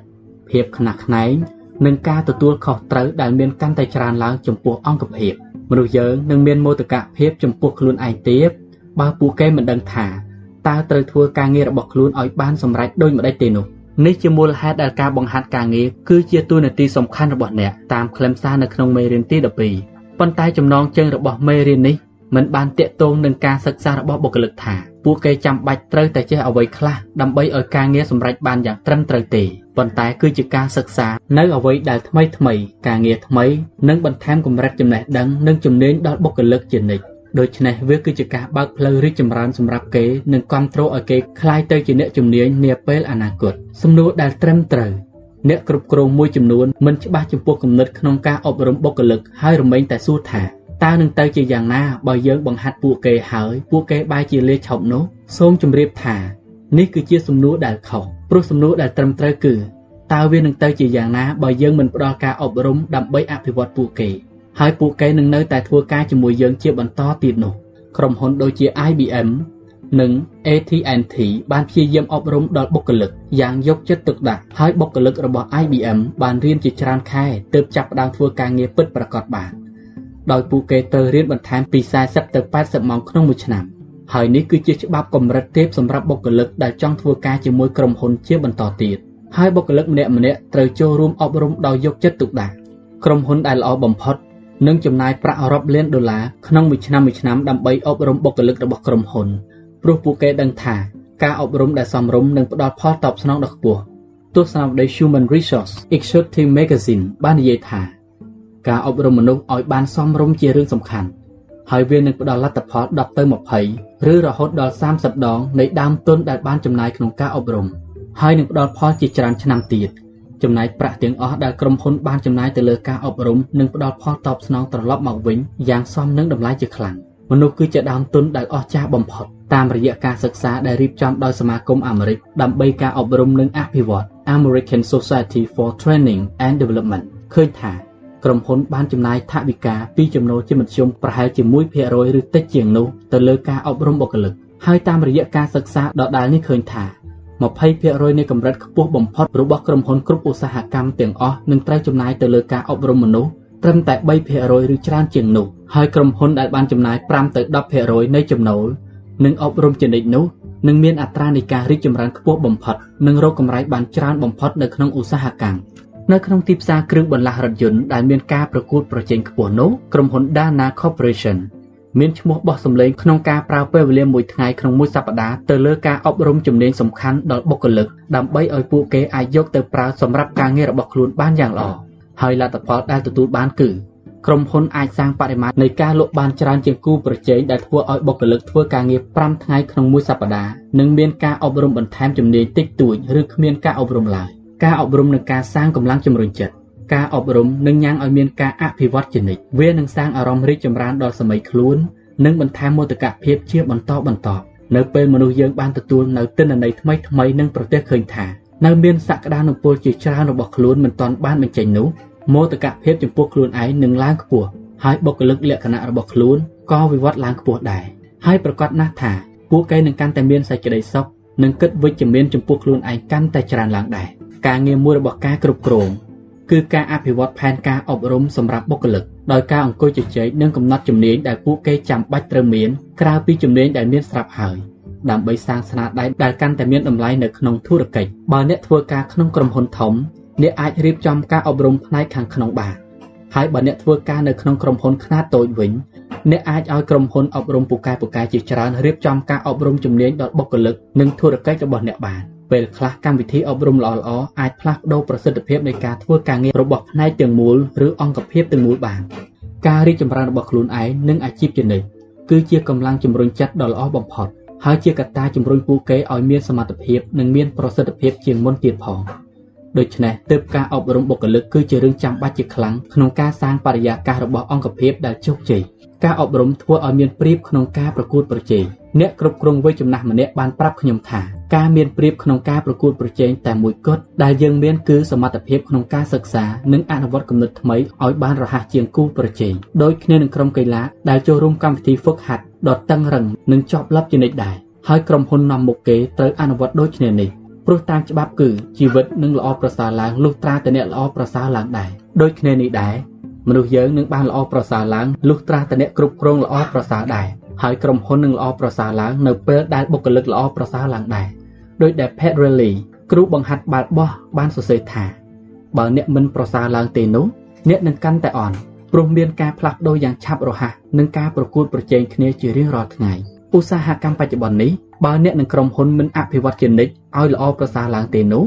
ពួកគេនឹងធ្លាក់ចុះជារឿយៗរហូតដល់តាមពីក្រោយក្រុមហ៊ុនដទៃទៀតដែលមានការអប់រំបុគ្គលិកឲ្យពូកែឡើងជាបន្តបន្ទាប់ការអប់រំនិងការអភិវឌ្ឍជានិច្ចគឺជារឿងដែលចាំបាច់និងជាការងារមូលដ្ឋានសម្រាប់ដំណើរការធុរកិច្ចនាពេលបច្ចុប្បន្ននិងអនាគតលំហាត់អនុវត្ត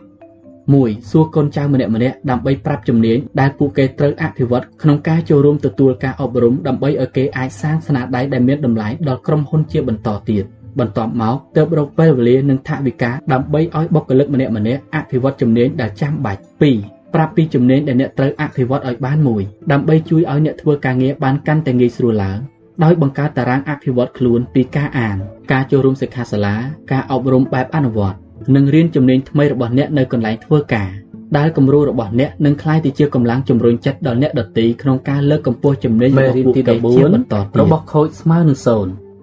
90%នៃភាពជោគជ័យនៅក្នុងការធ្វើធុរកិច្ចនឹងត្រូវកំណត់ដោយសមត្ថភាពក្នុងការផលិតទំនិញនិងសេវាកម្មដ៏ល្អជាលំដាប់ដំបូងគេហើយតាមការសិក្សា PIMS ផលតបស្នងចំពោះតម្លៃរបស់យុទ្ធសាស្ត្រទីផ្សារដែលធ្វើដោយមហាវិទ្យាល័យ Harvard អស់រយៈពេលជាយូរនឹងត្រូវបានក្រុមហ៊ុនរាប់រយទទួលស្គាល់បានបង្ហាញឲ្យឃើញថា វាមានទំនាក់ទំនងផ្ទាល់រវាងគុណសម្បត្តិរបស់ផលិតផល និងសេវាកម្មដែលអ្នកផលិតជាមួយនឹងសមត្ថភាពក្នុងការកសាងកម្រៃឲ្យអង្គភាពក្រុមហ៊ុនដែលរកកម្រៃបានច្រើនបំផុតគឺជាក្រុមហ៊ុនដែលកំណត់តម្លៃខ្លួនឯងខ្ពស់បំផុតហើយជាក្រុមហ៊ុនដែលត្រូវបានគេទទួលស្គាល់ថាវាគឺជាក្រុមហ៊ុនផលិតដែលមានគុណភាពខ្ពស់ជានិច្ចនៅក្នុងវិស័យធុរកិច្ចនោះដូចគ្នានេះដែរ បើអ្នកចង់ឲ្យអ្នកដទៃមានអារម្មណ៍ជាអ្នកឈ្នះនោះអ្នកត្រូវបង្កើតបរិយាកាសឲ្យពួកគេហ៊ានយកឈ្នះនៅក្នុងពិភពការងារដែលធំទូលាយមានន័យថាការធ្វើការដែលមានគុណភាពល្អនិងមានអារម្មណ៍ថាខ្លួនឯងសំខាន់ក្នុងការធ្វើការងារនោះគុណភាពជារឿងដែលអាចធ្វើបានដោយមិនចាំបាច់ចំណាយបន្ថែម Philip Crosby បាននិយាយថាគុណភាពសំដៅដល់ផលិតផលឬសេវាកម្មដែលអ្នកបានលក់ចេញ ហើយអាចធ្វើបានដូចអ្វីដែលអ្នកបានអួតប្រាប់អតិថិជននិងដូចអ្វីដែលអ្នកបានអួតជានិច្ចតាមរយៈគោលការណ៍របស់ Coach ស្មើនឹង0នោះមានន័យថាអ្នកបានគ្រប់គ្រងឲ្យអ្នកគ្រប់គ្នាមានសមាធិចំពោះការងារឲ្យមានគុណភាពហើយផលិតទំនិញនិងសេវាកម្មឲ្យមានគុណភាពខ្ពស់ផងដែរបើអ្នកគឺជាអ្នកដឹកនាំនៅក្នុងក្រុមហ៊ុននោះរឿងនេះនឹងនាំអង្គភាពឆ្ពោះទៅរកឧត្តមភាពព្រោះអ្នកមានបុគ្គលិកដែលគិតថាត្រូវធ្វើការឲ្យបានល្អបំផុតកំណត់មាត្រដ្ឋានឲ្យបានខ្ពស់ តាមរយៈការប្រើទស្សនៈរបស់ខូចស្មើនឹង0អ្នកត្រូវកំណត់មាត្រដ្ឋានគុណភាពឲ្យបាន100%ដែលមានន័យថានឹងគ្មានកំហុសអ្វីទាំងអស់ហើយអ្នកត្រូវដោះស្រាយឲ្យការងាររបស់បុគ្គលិកម្នាក់ៗមានគុណភាពត្រូវបានគេទទួលស្គាល់បានទទួលរង្វាន់គិតពីភាពសំខាន់និងមានគុណភាពល្អ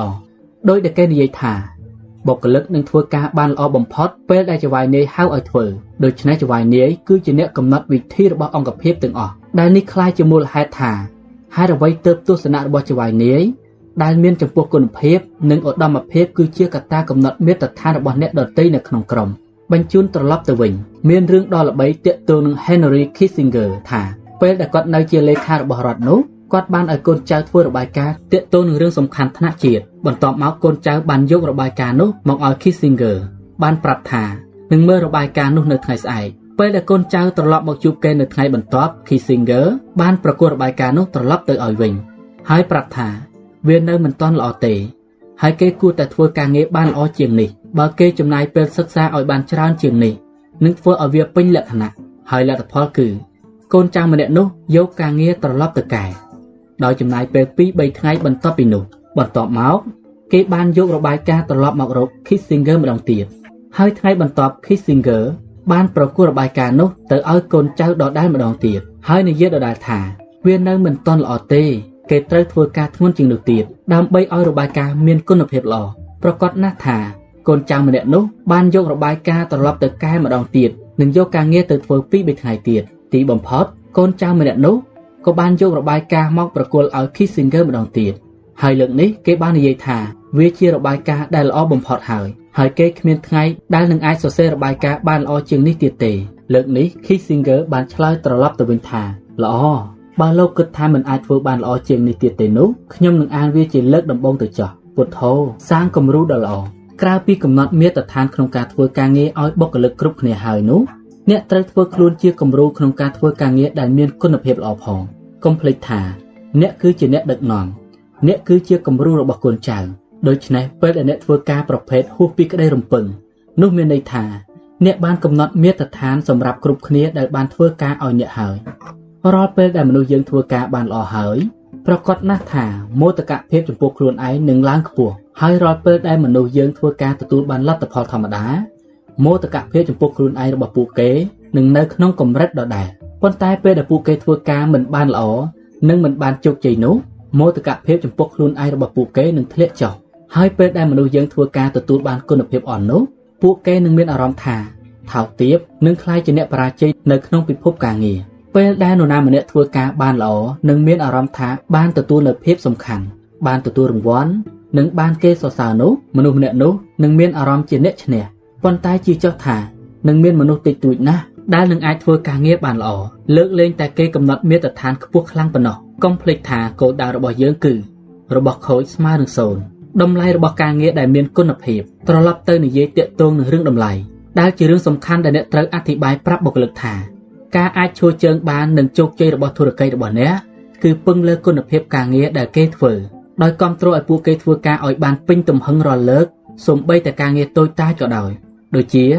ការសរសេរសម្បត្តិអ៊ីមែលឬការផ្សព្វផ្សាយពាណិជ្ជកម្មនិងរឿងតូចតាចដោយបញ្ជាក់ថា រាល់ការឆ្លើយតបសម្បត្តិឬទំនាក់ទំនងរបស់ក្រុមហ៊ុនត្រូវឆ្លងកាត់ការត្រួតពិនិត្យនិងកែប្រែឲ្យបានល្អិតល្អន់ដើម្បីកុំឲ្យមានកំហុសនិងកំណត់មាត្រដ្ឋាននៃឧត្តមភាពឲ្យជ្រួតជ្រាបនិងសុខសាយពេញអង្គភាពភាពត្រឹមត្រូវភាពទៀងទាត់និងភាពពេញលេញគឺជាកត្តាដ៏សំខាន់ពេលដែលអ្នករៀបចំធ្វើសំណើសម្រាប់អតិថិជនឬសរសេរសំណុំបែបបទនៃការបញ្ជាទិញឬការលក់ហើយពេលដែលអ្នកដទៃបានទទួលឯកសារផ្សេងៗពីអង្គភាពរបស់អ្នកនោះ ពួកគេនឹងវិនិច្ឆ័យលើគុណភាពទាំងអស់ព្រមទាំងផលិតផល សេវាកម្មនិងសមាជិកនៅក្នុងអង្គភាពតាមរយៈភាពត្រឹមត្រូវនិងភាពពេញលេញនៃទំនាក់ទំនងនេះនៅពេលដែលបុគ្គលិកណាម្នាក់ធ្វើការងារដែលមានគុណភាពលើសពីធម្មតានោះអ្នកត្រូវជួយគេឲ្យពេញទំហឹងចូលចាំទុកថា អ្នកកាន់តែគិតពីរឿងសំខាន់រង្វាន់និងគាំទ្រច្រើនប៉ុណ្ណា អ្នកនឹងកាន់តែទទួលបានច្រើនប៉ុណ្ណោះដែរពេលដែលអ្នកព្យាយាមធ្វើឲ្យមនុស្សមើលឃើញពីភាពសំខាន់របស់គុណភាពក្នុងការធ្វើការនោះ មានន័យថា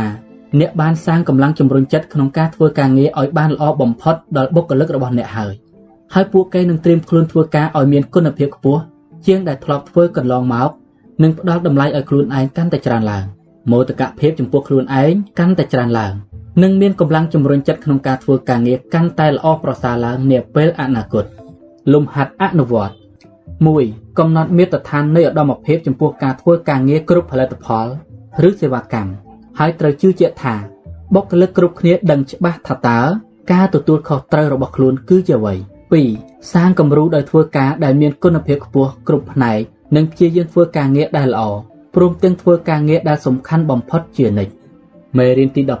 15ការប្រគល់ការងារប្រកបដោយគុណភាព និងមានគុណភាពដល់ក្រុម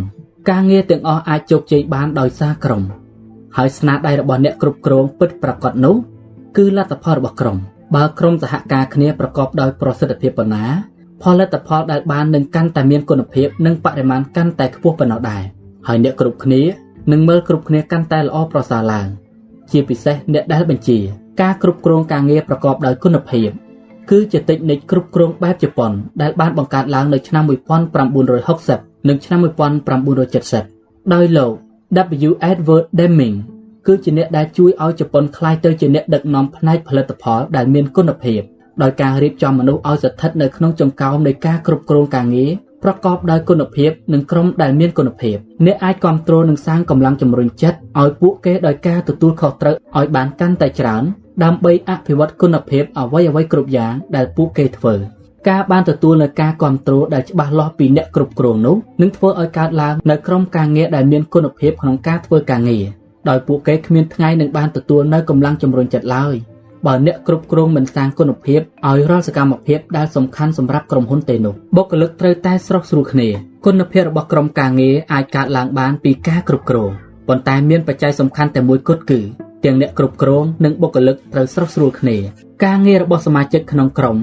គឺជាការប្រជុំមួយសប្តាហ៍ម្ដងដើម្បីជជែកពីវិធីដែលពួកគេអាចអភិវឌ្ឍគុណភាពការធ្វើការងារនិងវិធីដំណើរការផ្នែកដែលពួកគេទទួលខុសត្រូវក្រុមហ៊ុនដែលមានគុណភាពគួរបានទទួលនៅការគ្រប់គ្រងឲ្យមានការប្រជុំគ្នាក្នុងម៉ោងធ្វើការធម្មតាដើម្បីជួយគ្នាសួរសំណួរនិងនិយាយពីបញ្ហាផ្សេងផ្សេងដើម្បីរកដំណោះស្រាយនិងចម្លើយដែលច្បាស់លាស់ទាំងអស់គ្នា ក្រុមការងារដែលមានគុណភាពគួរមានការជជែកគ្នារវាងផ្នែកនិងផ្នែកដើម្បីប្រមូលគំនិតថាតើនឹងអភិវឌ្ឍគុណភាពទំនិញ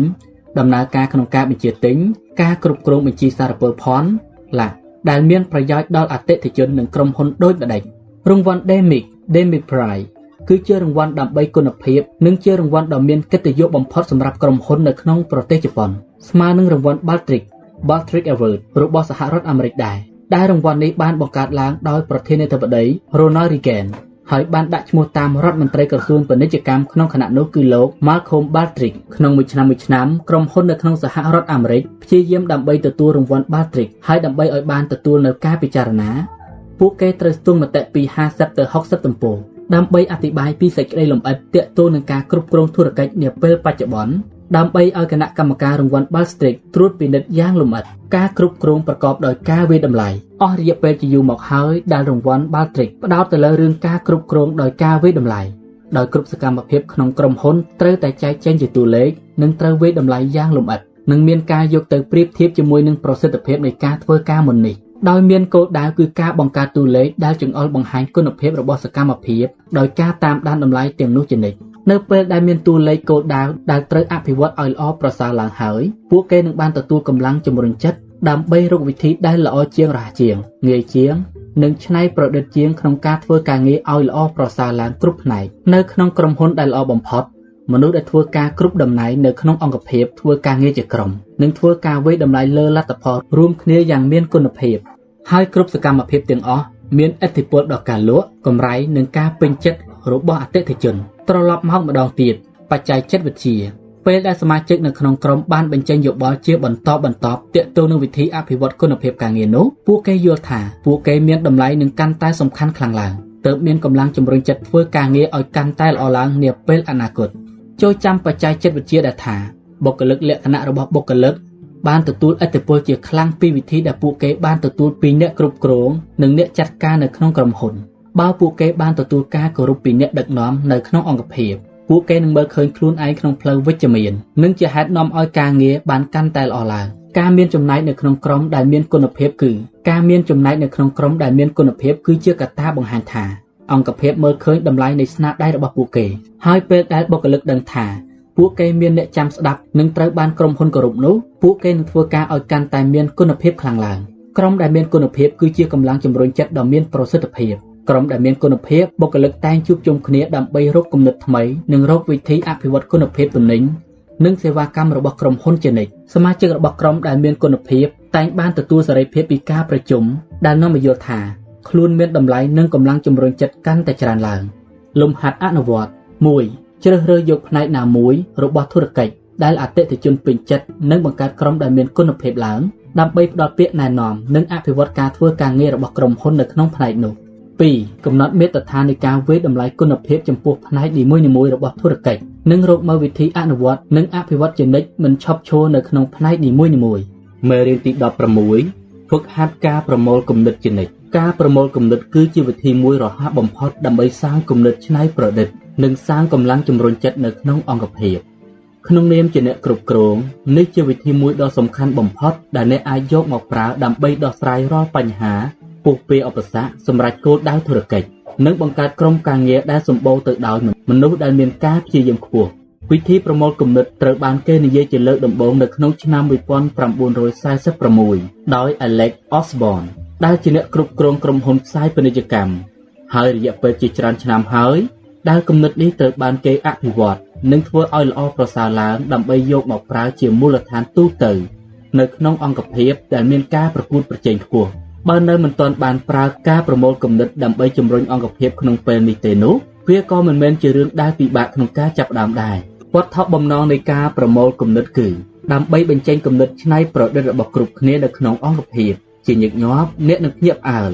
ព្រោះពេលខ្លះបុគ្គលិកដែលមិនសូវមានចំណែកក្នុងការបញ្ចេញយោបល់ឬនិយាយតិចអាចនឹងមានគំនិតដ៏ល្អដែលអាចធ្វើឲ្យមានផលជាខ្លាំងដល់ធុរកិច្ចរបស់អ្នកបានហ្វឹកហាត់ការប្រមូលគំនិត ជាច្រើនឆ្នាំកន្លងមក IBM បានស្នើឲ្យខ្ញុំបើកសិក្ខាសាលាបង្រៀនការដោះស្រាយបញ្ហា និងការសម្រេចចិត្តជាទ្រង់ទ្រាយធំទូទាំងប្រទេសដែលខ្ញុំបានធ្វើក្នុងឆ្នាំបន្ទាប់ដោយកម្មវិធីសិក្ខាសាលាក្នុងមួយថ្ងៃមួយថ្ងៃនឹងមានវិធីមួយគឺការបង្រៀនវិធីប្រមូលគំនិតរបស់អ្នកដែលចូលរួមសិក្ខាសាលាពី6ទៅ7នាក់ដោយឲ្យពួកគេអង្គុយនៅជុំវិញតុមូលបន្ទាប់មកខ្ញុំបានឲ្យពួកគេធ្វើចំណោទដែលត្រូវអាស្រ័យលើការសហការគ្នានៅក្នុងក្រុម។ ក្នុងការហ្វឹកហាត់ប្រមូលគំនិតអ្នកដែលចូលរួមត្រូវបញ្ចេញគំនិតដែលអាចទៅរួចដើម្បីដោះស្រាយបញ្ហាទាំងអស់គ្នាអ្នកចូលរួមសិក្ខាសាលាមានពេល20នាទីក្នុងការបញ្ចេញគំនិតឲ្យបានច្រើនបំផុតដោយពួកគេប្រកួតជាមួយតុផ្សេងដើម្បីរកគំនិតឲ្យបានច្រើនបំផុតឬចម្លើយដែលពួកគេអាចធ្វើបានខ្ញុំបានធ្វើដំណើរទូទាំងប្រទេសដើម្បីបើកសិក្ខាសាលាឲ្យ IBM ហើយចម្លើយជាមធ្យមដែលទទួលបានក្នុងមួយតុមួយតុនៅក្នុងការហ្វឹកហាត់ប្រមូលគំនិតគឺ70ទៅ80គំនិតវាគឺជាគំនិតយ៉ាងច្រើនចំណុចសំខាន់គឺអ្នកមិនត្រូវមើលងាយសមត្ថភាពរបស់បុគ្គលិកទេព្រោះថាពេលខ្លះមនុស្សម្នាក់អាចនឹងមានគំនិតឬប្រាជ្ញាដែលអាចកែប្រែទិសដៅធុរកិច្ចបានដរាបណាដែលអ្នកនៅគ្រប់គ្រងសមត្ថភាពដ៏ល្អរបស់បុគ្គលនោះដំណើរការប្រមូលគំនិត7ដំណាក់កាល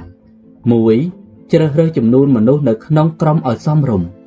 ដោយចំនួនដែលសមរម្យក្នុងការប្រមូលគំនិតគឺ4ទៅ7នាក់ហើយចំនួនមនុស្សដែលគិតជាង4ឬច្រើនជាង7នោះមិនស័ក្តិសមក្នុងការប្រមូលគំនិតទេឬថាបើច្រើនពេកនោះ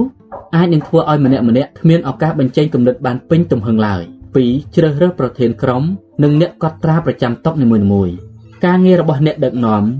គឺធ្វើឲ្យគ្រប់គ្នាមានឱកាសបញ្ចេញគំនិតស្មើស្មើគ្នា ដោយគ្មានអ្នកណាអាចលេចធ្លោជាងអ្នកណាឡើយ ហើយការងាររបស់អ្នកកត់ត្រា គឺចាំកត់ត្រាគំនិតដែលពួកគេគិតឲ្យបានរហ័សបំផុត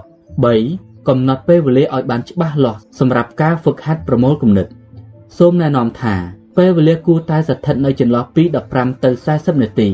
ដោយចាប់ដើមនិងចប់ឲ្យត្រូវទៅតាមពេលវេលាដែលបានកំណត់ពេលដែលមានពេលវេលាកំណត់ពួកគេនឹងមាននិន្នាការផ្ដល់ភាពសំខាន់ក្នុងការបញ្ចេញគំនិតល្អៗបានយ៉ាងឆាប់រហ័សនិងច្រើនទៀតផង4កំណត់បញ្ហាឲ្យជាក់លាក់ ឬសំណួរដែលត្រូវការឆ្លើយបែបបប្រតិបត្តិថាតើយើងនឹងបន្ថែមពេលវេលាដើម្បីឆ្លើយតបនឹងតម្រូវការរបស់អតិថិជនដូចម្តេចជាសំណួរដែលច្បាស់លាស់ជាងសួរថាតើយើងនឹងធ្វើឲ្យអតិថិជនមានសេចក្តីសុខដូចម្តេចសំណួរកាន់តែជាលក្ខណៈកាន់តែបានទទួលចម្លើយដែលមានតម្លៃប៉ុណ្ណោះដែរ5ផ្ដោតទៅលើបរិមាណរបស់គំនិតជាជាងគុណភាពរបស់គំនិតដែលធ្វើឲ្យคล้ายទៅជាហ្គេមឬការប្រកួតគ្នាបញ្ចេញគំនិតឲ្យបានច្រើនបំផុត តាមដែលអាចធ្វើទៅបានក្នុងរយៈពេលដែលបានកំណត់6បញ្ឈប់ការសម្រេចចិត្តទាំងអស់ហើយផ្ដោតសមាធិទៅលើការបញ្ចេញគំនិតនិងពេលវេលាកុំវាយតម្លៃគំនិតរបស់គេហើយក្នុងកំឡុងពេលប្រមូលគំនិតអ្នកត្រូវគ្រប់គ្រងគំនិតដែលប្លែកប្លែកគួរឲ្យអស់សំណើចនិងគិតនៅអ្វីដែលថ្មីថ្មី សាងគំនិតឲ្យអ្នកដទៃបន្ថែមគំនិតឲ្យអ្នកដទៃនិងប្រមូលគំនិតឲ្យបានច្រើនបំផុត បើអ្នកដែលចូលរួមមិនសើចឬគ្មានអារម្មណ៍សប្បាយក្នុងពេលដែលហ្វឹកហាត់ប្រមូលគំនិតទេនោះបង្ហាញថាមានអ្វីដែលខុសធម្មតាហើយ7ប្រមូលគំនិតទាំងអស់ទុកសម្រាប់វេកតម្លៃនាពេលក្រោយតើការប្រមូលគំនិតដំណើរការដូចម្ដេចតុនីមួយៗបញ្ចេញគំនិតបានពី50ទៅ80គំនិតបន្ទាប់មកឲ្យគេសម្រាកហើយក្រោយពីសម្រាកឲ្យអ្នកកត់ត្រារបស់ក្រុមនីមួយៗប្រគល់គំនិតនោះទៅឲ្យប្រធានក្រុមរបស់តុផ្សេងបន្ទាប់មក ទើបអ្នកដឹកនាំចាប់ផ្ដើមពិភាក្សាដើម្បីវាយតម្លៃគុណភាពរបស់គំនិតនីមួយៗនៅក្នុងស្ថានភាពដូចនេះមិនត្រូវមានអារម្មណ៍តល់ខ្លួនចូលមកពាក់ព័ន្ធនិងលាយឡំជាមួយឡើយបន្ទាប់មកគំនិតដែលល្អបំផុតនឹងត្រូវជ្រើសរើសដោយការបោះឆ្នោតហើយទើបយកទៅបង្ហាញដល់មនុស្សទាំងអស់គ្នាម្ដងមួយតបម្ដងមួយតបខ្ញុំប្រើវិធីនេះពេលដែលមានអ្នកចូលរួមហ្វឹកហាត់ប្រមូលគំនិតចំនួន8នាក់ឬច្រើនជាងនោះអ្នកអាចចែកមនុស្សទាំងនេះចេញជាពីរក្រុមឬច្រើនជាងនោះ បន្ទាប់មកឲ្យក្រុមនីមួយៗវេកតម្លៃគំនិតរបស់ក្រុមដទៃប្រយោជន៍នៃការប្រមូលគំនិតមានជាច្រើនដូចជា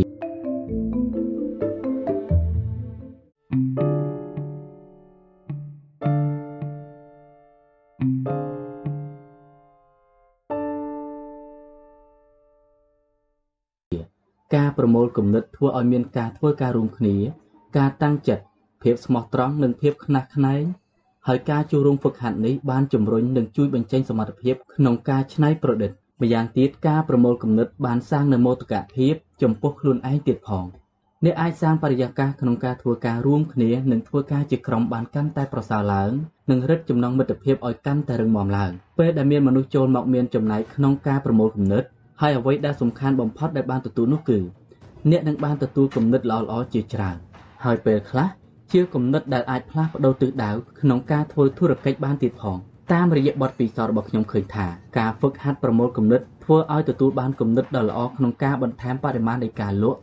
និងកម្រៃរបស់អង្គភាពនេះគឺជាការទទួលខុសត្រូវលំដាប់ដំបូងគេរបស់អ្នកគ្រប់គ្រងក្នុងការរៀបចំហ្វឹកហាត់ប្រមូលគំនិតជាប្រចាំបើអ្នកមិនធ្វើភ្លាមទេនោះ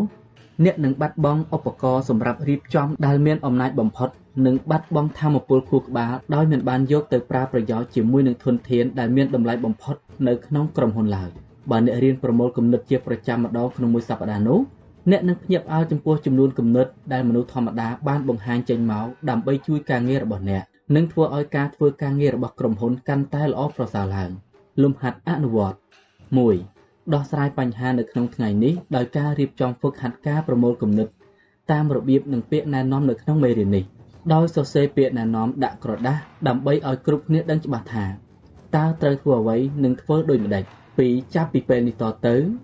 បើអ្នកមានសំណួរឬមានបញ្ហាទាក់ទងនឹងធុរកិច្ចរបស់អ្នកនោះអ្នកត្រូវបង្កើតជាក្រុមដើម្បីប្រមូលគំនិតឲ្យបានឆាប់រហ័សក្នុងរយៈពេលពី15ទៅ40នាទីដើម្បីផ្ដោតទៅលើភាពសំខាន់និងផ្ដោតសមាធិចំពោះការបង្កើតគំនិតឲ្យបានច្រើនបំផុតតាមដែលអាចធ្វើទៅបានដើម្បីដោះស្រាយបញ្ហា ហើយអ្នកនឹងភ្ជាប់អើលចំពោះលទ្ធផលដែលនឹងបានទទួលមេរៀនទី17ធ្វើជាអ្នកបង្ហាត់ការងារគ្មានអ្នកណាអាចធ្វើអ្វីបានតែម្នាក់ឯងទេ ហើយអ្នកដែលជោគជ័យនៅក្នុងថ្ងៃនេះគឺជាលទ្ធផលពីការទទួលបានជោគជ័យផ្នែកគំនិតការបញ្ចូលទិន្នន័យប្រាជ្ញានិងការនាំផ្លូវរបស់មនុស្សដែលគេបាននៅក្នុងអាជីពរបស់ពួកគេពេលខ្លះការបង្ហាត់ការងារត្រូវបង្ហាត់ក្នុងលក្ខណៈប្រយោលគឺការចេះទាញយកធនធានមកពីបុគ្គលដែលមានវ័យច្រើនជាង មានប្រាជ្ញា និងបទពិសោធន៍ច្រើនជាង ការរៀនដោយការសង្កេតមើលថាតើពួកគេធ្វើការនិងដោះស្រាយចំពោះការទទួលខុសត្រូវរបស់គេដូចម្តេចអ្នកបង្ហាត់ការងារដែលល្អបំផុតដែលខ្ញុំធ្លាប់ធ្វើការជាមួយគឺ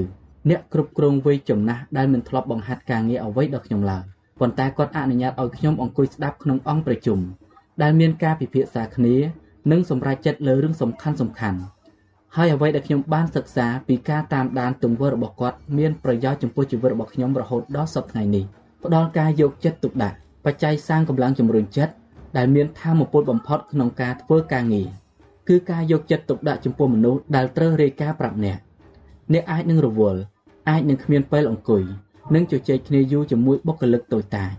ប៉ុន្តែអ្នកអាចបង្ហាត់ការងារក្នុងរយៈពេលខ្លីៗត្រឹមតែ2-3នាទី ដោយផ្ដល់ពាក្យណែនាំបន្តិចបន្តួចនិងបង្ហាញផ្លូវដែលត្រឹមត្រូវដល់ពួកគេបានបើអ្នកមានការលំបាកក្នុងការបង្ហាត់ការងារនោះចូលជ្រើសរើសយកមនុស្សម្នាក់ឬពីរនាក់នៅក្នុងក្រុមហ៊ុនមកហើយឲ្យគេជួយណែនាំបង្ហាត់និងធ្វើជាទីប្រឹក្សាដល់ពួកគេដោយអ្នកទាំងនោះគឺជាមនុស្សដែលស្ថិតនៅក្រោមការគ្រប់គ្រងរបស់អ្នកឬមនុស្សចំណិតឬក៏បុគ្គលិកដែលនៅផ្នែកផ្សេងក៏បានព្រោះទូនាទីដ៏សំខាន់មួយរបស់អ្នកគ្រប់គ្រងដែលមានអាយុច្រើនគឺ នាំមនុស្សអាយុតិចដែលមានសមត្ថភាពនិងមានមហិច្ឆតាឆ្ពោះទៅខាងមុខដោយជួយនឹងនាំផ្លូវនៅក្នុងអាជីពដល់ពួកគេរឿងដែលល្អបំផុតសម្រាប់ការធ្វើជាអ្នកបង្ហាត់ការងារគឺនឹងបានទទួលការយកចិត្តទុកដាក់ពីមនុស្សជុំវិញខ្លួន សាងភាពជឿជាក់ដល់បុគ្គលក្រោមអវាទប្រការនេះនឹងធ្វើឲ្យមានអារម្មណ៍ថាខ្លួនជាមនុស្សសំខាន់និងមានតម្លៃកាន់តែខ្លាំងឡើងដែលនឹងធ្វើឲ្យរីកចម្រើនលះបង់និងយកចិត្តទុកដាក់ធ្វើការការយកចិត្តទុកដាក់ពីមនុស្សនៅជុំវិញខ្លួន នៅក្នុងក្រុមហ៊ុនរាប់ថាគឺជាកម្លាំងជំរុញចិត្តដ៏សំខាន់ក្នុងការធ្វើឲ្យរីកចម្រើននិងការធ្វើការងាររបស់បុគ្គលិកចំនួនក្រោយបានយ៉ាងល្អការយកចិត្តទុកដាក់គឺជាការផ្ដល់តម្លៃមានច្បាប់មូលដ្ឋានមួយលើកឡើងថាពេលណាដែលយើងយកចិត្តទុកដាក់លើនរណាម្នាក់នោះមានន័យថាយើងកំពុងផ្ដល់តម្លៃឲ្យមនុស្សម្នាក់នោះដែរយើងកំពុងជួយឲ្យមនុស្សម្នាក់នោះមានមោទកភាពចំពោះខ្លួនឯងខ្ពស់និងធ្វើឲ្យគេមានអារម្មណ៍ថាសំខាន់ ហើយបើអ្នកផ្ដល់ភាពសំខាន់ចំពោះជីវិតនិងអនាគតរបស់ពួកគេជាខ្លាំងនោះប្រកាសណាស់ថាពួកគេនឹងធ្វើការបានកាន់តែល្អដែររឿងដែលអស្ចារ្យមួយសម្រាប់ភាពជោគជ័យនៅក្នុងនាមជាអ្នកគ្រប់គ្រងគឺចំនួនមនុស្សដែលប្រាប់ថាអ្នកគឺជាមនុស្សដែលធ្វើឲ្យពួកគេមានថ្ងៃនេះហើយអ្នកគ្រប់គ្រងវ័យចំណាស់ជាច្រើនអ្នកប្រទេសឃើញថាពួកគេពេញចិត្តបំផុតនៅក្នុងជីវិតពេលដែលឃើញមនុស្សដែលគេបង្ហាត់ការងារកាលពីច្រើនឆ្នាំមុនលើកដំកើងពួកគេដោយពេញចិត្តនិងដោយគោរពដូច្នេះ ការពិចារណាដ៏សំខាន់ក្នុងការបង្ហាត់ការងារប៉ុន្តែការបង្ហាត់ការងារមិនងាយដូចដែលគិតទេហើយការពិចារណាជាដំបូងក្នុងការបង្ហាត់ការងារគឺត្រូវផ្ដោតលើការចុះសម្រុងគ្នាបានល្អសម្ព័ន្ធភាពរវាងអ្នកបង្ហាត់និងអ្នកហាត់ការងារត្រូវមានភាពធូរស្បើយនិងងាយស្រួលទាំងអស់គ្នាកាលពីមុនខ្ញុំធ្លាប់ស្វែងរកអ្នកបង្ហាត់ការងារហើយក្នុងការជួបជាលើកដំបូងខ្ញុំដឹងថា យើងមិនស័ក្តិសមនឹងគ្នាទេព្រោះមនុស្សម្នាក់នោះ ជាមួយនឹងខ្ញុំមិនចុះសម្រុងនឹងគ្នាឡើយវាបានបង្ហាញកាន់តែច្បាស់ឡើងម្ដងបន្តិចម្ដងបន្តិចថាសម្ព័ន្ធភាពរបស់គេនិងខ្ញុំក្នុងនាមជាអ្នកបង្ហាត់និងអ្នកហាត់ការងារមិនល្អឡើយទីបំផុតយើងក៏មិនអាចធ្វើការជាមួយគ្នាបានកាលពីមុនមានមនុស្សមកសុំឲ្យខ្ញុំធ្វើជាអ្នកបង្ហាត់ការងារឲ្យពួកគេហើយពេលខ្លះខ្ញុំក៏បានបង្ហាត់ការងារដល់អ្នកទាំងនោះរាប់ខែឬរាប់ឆ្នាំហើយពេលខ្លះទៀតក្រោយពីជួបគ្នាលើកដំបូងហើយនឹងឃើញថាមិនអាចចុះសម្រុងនឹងគ្នាបានឡើយ ហើយក៏មិនអាចធ្វើការជាមួយគ្នាបានប្រើពេលវេលារបស់អ្នកបើអ្នកកំពុងស្វែងរកវិធីចងសម្ព័ន្ធភាពរវាងអ្នកបង្ហាត់និងអ្នកហាត់ការងារពីមនុស្សដែលមានតំណែងខ្ពស់ជាងអ្នកនោះអ្នកត្រូវចាប់ផ្ដើមពីកាហ្វេមួយកែវហើយអធិប្បាយប្រាប់មនុស្សម្នាក់នោះថាអ្នកស្ញប់ស្ញែងចំពោះឱកាសដែលបានទទួលនៅពាក្យណែនាំទាក់ទងនឹងអាជីពរបស់អ្នកដូចម្តេចខ្លះ បើអ្នកបង្ហាត់ការងារបើកចិត្តទទួលគំនិតនេះហើយទាំងអ្នកបង្ហាត់និងអ្នកហាត់ការងារចុះសម្រុងនឹងគ្នាបាននោះត្រូវដឹងឲ្យជាក់ថាអ្នកមិនត្រូវប្រើពេលវេលាយូរទេដោយអ្នកត្រូវចំណាយពេលត្រឹមតែ10នាទីប៉ុណ្ណោះគឺល្មមហើយពេលដែលអ្នកទៅជួបនឹងអ្នកបង្ហាត់ការងាររបស់អ្នកចូលអ្នកយកបញ្ជីសំណួរឬលក្ខខណ្ឌដែលអ្នកត្រូវពិភាក្សាទៅជាមួយផងហើយកុំភ្លេចចម្លងឲ្យអ្នកបង្ហាត់ការងាររបស់អ្នកមួយឈុតដែរនៅពេលអ្នកបង្ហាត់ការងារដល់អ្នកផ្ដល់ពាក្យណែនាំមិនថាជាការអានសៀវភៅ ឬវគ្គសិក្សាដែលត្រូវចូលរៀនក៏ដោយអ្នកត្រូវធ្វើតាមពាក្យណែនាំនោះភ្លាម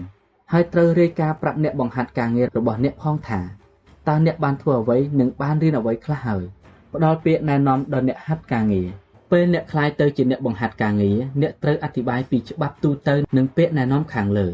ដើម្បីឲ្យការបង្ហាត់ការងារមានប្រសិទ្ធភាពដោយអ្នកហាត់ការងារត្រូវមករកអ្នក ព្រមជាមួយនឹងបញ្ជីសំណួរដែលបានត្រៀមទុកឬរៀបចំការប្រជុំដែលប្រើពេល10នាទីឬច្រើនជាងនោះបើអ្នកមានពេលហើយត្រូវមានពេលចាប់ផ្ដើមនិងបញ្ចប់ច្បាស់លាស់ម្យ៉ាងទៀតត្រូវចាប់ផ្ដើមប្រជុំឲ្យទៀងទាត់ពេលវេលានិងបញ្ចប់ការប្រជុំតាមពេលវេលាដែលបានកំណត់ក្នុងនាមជាអ្នកផ្ដល់ពាក្យពិភាក្សាអ្នកនឹងអាចក្លាយទៅជាមនុស្សដែលមានបទពិសោធន៍ដ៏ធំធេងនៅក្នុងជីវិតបានហើយអ្នកនឹងមានឥទ្ធិពលលើពួកគេអាចនឹងមិនអស់មួយជីវិតទេប៉ុន្តែអាចជាច្រើនឆ្នាំ លំហាត់អនុវត្ត1ជ្រើសរើសមនុស្សក្នុងក្រុមដែលបង្ហាញឲ្យឃើញពីសក្តានុពលពិសេសនិងរកពេលជួបជាមួយគេជាការផ្ទាល់ខ្លួនប្រហែលជា10នាទីយ៉ាងហោចណាស់មួយសប្តាហ៍ម្ដង ដោយស្នើជំនួយគ្រប់វិធីតាមដែលអាចធ្វើបាន2សម្លឹងមើលទៅជំវិញ ហើយជ្រើសរើសយកមនុស្សម្នាក់ដែលអ្នកចូលចិត្តនិងកោតសរសើរជាមនុស្សដែលមានចំណេះដឹងនិងមាននៅបទពិសោធន៍ច្រើនជាងអ្នកដោយណាត់គេផឹកកាហ្វេនិងសួរថា តើអ្នកអាចទូរស័ព្ទមករកគេដើម្បីសុំពាក្យណែនាំមួយខែម្ដងឬពីរដងបានដែរឬទេការធ្វើដូច្នេះអាចការទៅជាចំណុចចម្រើននៃការទទួលខុសត្រូវដ៏ធំធេងបំផុតមួយនៃការគ្រប់គ្រងគឺការដឹកនាំដោយគំរូនិងធ្វើជាគំរូសម្រាប់បុគ្គលិកការដឹកនាំដោយគំរូគឺជារឿងដែលចាំបាច់សម្រាប់ការក្លាយទៅជាអ្នកដឹកនាំហើយបុគ្គលិកដែលជាកូនចៅឬមានតំណែងទាបជាងអ្នករមែងរកមើលគំរូពីចៅហ្វាយនាយមើលព្រឹត្តិកម្មនិងមើលមាត្រដ្ឋានដើម្បីប្រកាន់យកធ្វើជាវិធី ពាក្យសម្ដីនិងទង្វើរបស់អ្នកគ្រប់គ្រងរមែងកំណត់បរិយាកាសនៅក្នុងការធ្វើការងារទាំងអស់របស់ផ្នែកមិនថាក្នុងផ្លូវវិជ្ជមានឬអវិជ្ជមានក៏ដោយសំណួរដ៏ល្អបំផុតដែលអ្នកត្រូវសួរគឺតើក្រុមហ៊ុនរបស់យើងនឹងទៅជាយ៉ាងណាបើមនុស្សគ្រប់គ្នានៅក្នុងក្រុមហ៊ុនដូចខ្ញុំនោះក្នុងការធ្វើធុរកិច្ចត្រូវព្រមទទួលស្គាល់ថាបុគ្គលិកនឹងបដិបត្តិចំពោះអតិថិជនដោយប្រើវិធីតែមួយដែលគេបានទទួលការបដិបត្តិពីអ្នកគ្រប់គ្រងបើពេលណាបុគ្គលិកបម្រើអតិថិជនបានល្អនោះ អ្នកនឹងអាចដឹងភ្លាមថាពួកគេមានអ្នកគ្រប់គ្រងដ៏ល្អនៅពីក្រោយនិងមើលថែមនុស្សរបស់គេបានយ៉ាងល្អផ្ទុយទៅវិញបើពេលណាបុគ្គលិកបម្រើអតិថិជនមិនបានល្អនោះអ្នកក៏អាចដឹងបានដែរថាមនុស្សទាំងនោះត្រូវបានគ្រប់គ្រងដោយអ្នកគ្រប់គ្រងមិនល្អហើយដោយសារតែពួកគេមិនអាចប្រឆាំងអ្វីជាមួយចៅហ្វាយនាយបានទើបពួកគេបញ្ចេញអារម្មណ៍ទៅលើអតិថិជន អ្នកនឹងឃើញព្រឹត្តិកម្មទាំងនេះបានគ្រប់ពេល នៅកន្លែងធ្វើការ អ្នកគ្រប់គ្រងចៅហ្វាយនាយ និងអ្វីអ្វីគ្រប់យ៉ាងដែលអ្នកគ្រប់គ្រងនិងចៅហ្វាយនាយធ្វើមានឥទ្ធិពលជាខ្លាំងចំពោះគំនិតអារម្មណ៍ទស្សនៈនិងទង្វើរបស់បុគ្គលិកហើយពាក្យសម្ដីវិជ្ជមានឬពាក្យសម្ដីដែលផ្ដល់ការគ្រប់គ្រងពីចៅហ្វាយនាយអាចធ្វើឲ្យមនុស្សមានអារម្មណ៍ថា មានសេចក្តីសុខនិងធ្វើការបានកាន់តែច្រើនឡើងក្នុងមួយថ្ងៃមួយថ្ងៃផ្ទុយទៅវិញពាក្យរិះគន់ក្នុងផ្លូវអវិជ្ជមានឬការធ្វើមុខក្រញើរបស់ចៅហ្វាយនាយអាចជាមូលហេតុធ្វើឲ្យគេខ្លាចជាមនុស្សពូកែភ័យ មានអារម្មណ៍គ្មានសុវត្ថិភាព និងការងារធ្លាក់ចុះបានអ្វីដែលនិយាយក្នុងនាមជាអ្នកគ្រប់គ្រងមានផលចំពោះអ្នកដទៃជានិច្ចគ្រប់គ្នាកំពុងសម្លឹងមើលចវាយនាយគ្រប់គ្នាសម្លឹងមើលចវាយនាយគ្រប់ពេលគ្រប់គ្នាចោលកន្ទុយភ្នែកមកអ្នកទោះជាអ្នកនិយាយអ្វីក៏ដោយវានឹងបង្ហាញទៅកាន់អ្នកដទៃយ៉ាងឆាប់រហ័សហើយគ្រប់គ្នានឹងដឹងគ្រប់យ៉ាងព្រោះគ្មានអាចកំបាំងនៅក្នុងធុរកិច្ចឬអង្គភាពទេបើសិនអ្នករិះគន់នរណាម្នាក់ក្នុងផ្លូវវិជ្ជមានឬអវិជ្ជមាននោះ វានឹងលើទៅដល់ត្រចៀករបស់មនុស្សម្នាក់នោះឆាប់រហ័សជាងដែលអ្នកបានគិតទុកទៅទៀតហើយវារមែងខុសពីអ្វីដែលអ្នកនិយាយហើយខណៈដែលអ្នកកំពុងប្រជុំនោះគ្រប់គ្នានឹងសម្លឹងមកកាន់អ្នកហើយពួកគេនឹងពិចារណាពីអ្វីដែលអ្នកធ្វើឬនិយាយឬរឿងដែលអ្នកមិនធ្វើឬមិននិយាយវិធីដែលល្អបំផុតមួយទាក់ទងនឹងការដឹកនាំដោយគំរូគឺគិតក្នុងផ្លូវវិជ្ជមាននិងនិយាយក្នុងផ្លូវវិជ្ជមានជានិច្ចព្រមទាំងលើកកម្ពស់ទឹកចិត្តបុគ្គលិកជានិច្ចហើយពេលណាដែលអ្នកសរសើរអ្នកដទៃពីក្រោយខ្នងនោះ វានឹងលឺទៅដល់ត្រចៀករបស់ពួកគេយ៉ាងឆាប់រហ័សនិងធ្វើឲ្យពួកគេមានមោទកភាពចំពោះខ្លួនឯងថែមទាំងធ្វើឲ្យពួកគេមានការជឿជាក់កាន់តែខ្លាំងឡើងទៀតផងពេលវេលាដែលសំខាន់បំផុតសម្រាប់អ្នកគឺការធ្វើជាគំរូពេលដែលមានកំហុសដោយពេលដែលអ្នកស្ថិតនៅក្រោមសម្ពាធពេលដែលមានបញ្ហាធំស្ថានភាពប្រែប្រួលឬបរាជ័យនៅក្នុងអង្គភាពនោះគេហៅរឿងទាំងនេះថា ពេលវេលាពិសោធន៍ហើយពេលណាដែលអ្នកបង្ហាញអ្វីចេញមកក្នុងពេលនេះមានន័យថា អ្នកបានបង្ហាញឲ្យគ្រប់គ្នាឃើញពីអ្វីដែលនៅខាងក្នុងខ្លួនរបស់អ្នកឆ្នាំ2010ខ្ញុំត្រូវបានគេវិនិច្ឆ័យថាកើតមហារីកបំពង់សម្លេងហើយសម្រាប់មនុស្សដែលសាងធុរកិច្ច20ឆ្នាំពីការធ្វើជាអ្នកនិយាយសិក្ខាសាលានិងថតសម្លេងនោះការប្រទះឃើញថាកើតមហារីកបំពង់សម្លេងនោះគឺជារឿងដែលគួរឲ្យខ្លាចខ្លាំងណាស់ខណៈជាមួយគ្នាខ្ញុំបាននឹកឃើញថាបុគ្គលិកទាំងអស់នឹងទទួលផលប៉ះពាល់ពីជំងឺរបស់ខ្ញុំ ជាពិសេសការសង្ស័យថា តើការងាររបស់ពួកគេមានសុវត្ថិភាពនិងមានស្ថិរភាពឬទេព្រោះមនុស្សយើងគិតពីចំណូលជានិច្ចសំណាងល្អដែលខ្ញុំមានគ្រូពេទ្យដែលពូកែចំណែកជំងឺមហារីកស្ថិតនៅក្នុងដំណាក់កាលដំបូងនៅឡើយអាចជាបាលបានព្រោះគ្រូពេទ្យរបស់ខ្ញុំបានពិនិត្យឃើញវាខណៈដែលវានៅក្នុងដំណាក់កាលដំបូងហើយខ្ញុំត្រូវព្យាបាលដោយគីមី ដោយការវះកាត់និងបាញ់កាំរស្មីដើម្បីព្យាបាលទីបំផុតខ្ញុំអាចរួចជីវិតពីជំងឺមហារីកបានពេលខ្ញុំយល់ពីស្ថានភាព ឬអ្វីដែលបានបាត់បង់ទៅហើយនោះអ្វីដែលខ្ញុំធ្វើគឺទៅធ្វើការតាមធម្មតាជជែកជាមួយកូនចៅរៀងរាល់សប្តាហ៍គិតវិជ្ជមាន មានក្តីសង្ឃឹមនិងរីករាយជានិច្ចហើយខ្ញុំបានប្រាប់ពីដំណើររឿងតាក់ទងនឹងការព្យាបាលដោយបើកចំហលទ្ធផលគឺទោះជាគ្រប់គ្នាអាចនឹងនៅព្រួយបារម្ភប៉ុន្តែពួកគេនៅតែគិតក្នុងផ្លូវវិជ្ជមានជានិច្ចនិងធ្វើធុរកិច្ចរបស់ក្រុមហ៊ុនដូចជាអ្វីៗគ្រប់យ៉ាងប្រព្រឹត្តទៅតាមធម្មតាឱកាសបង្ហាញពីនិស្ស័យ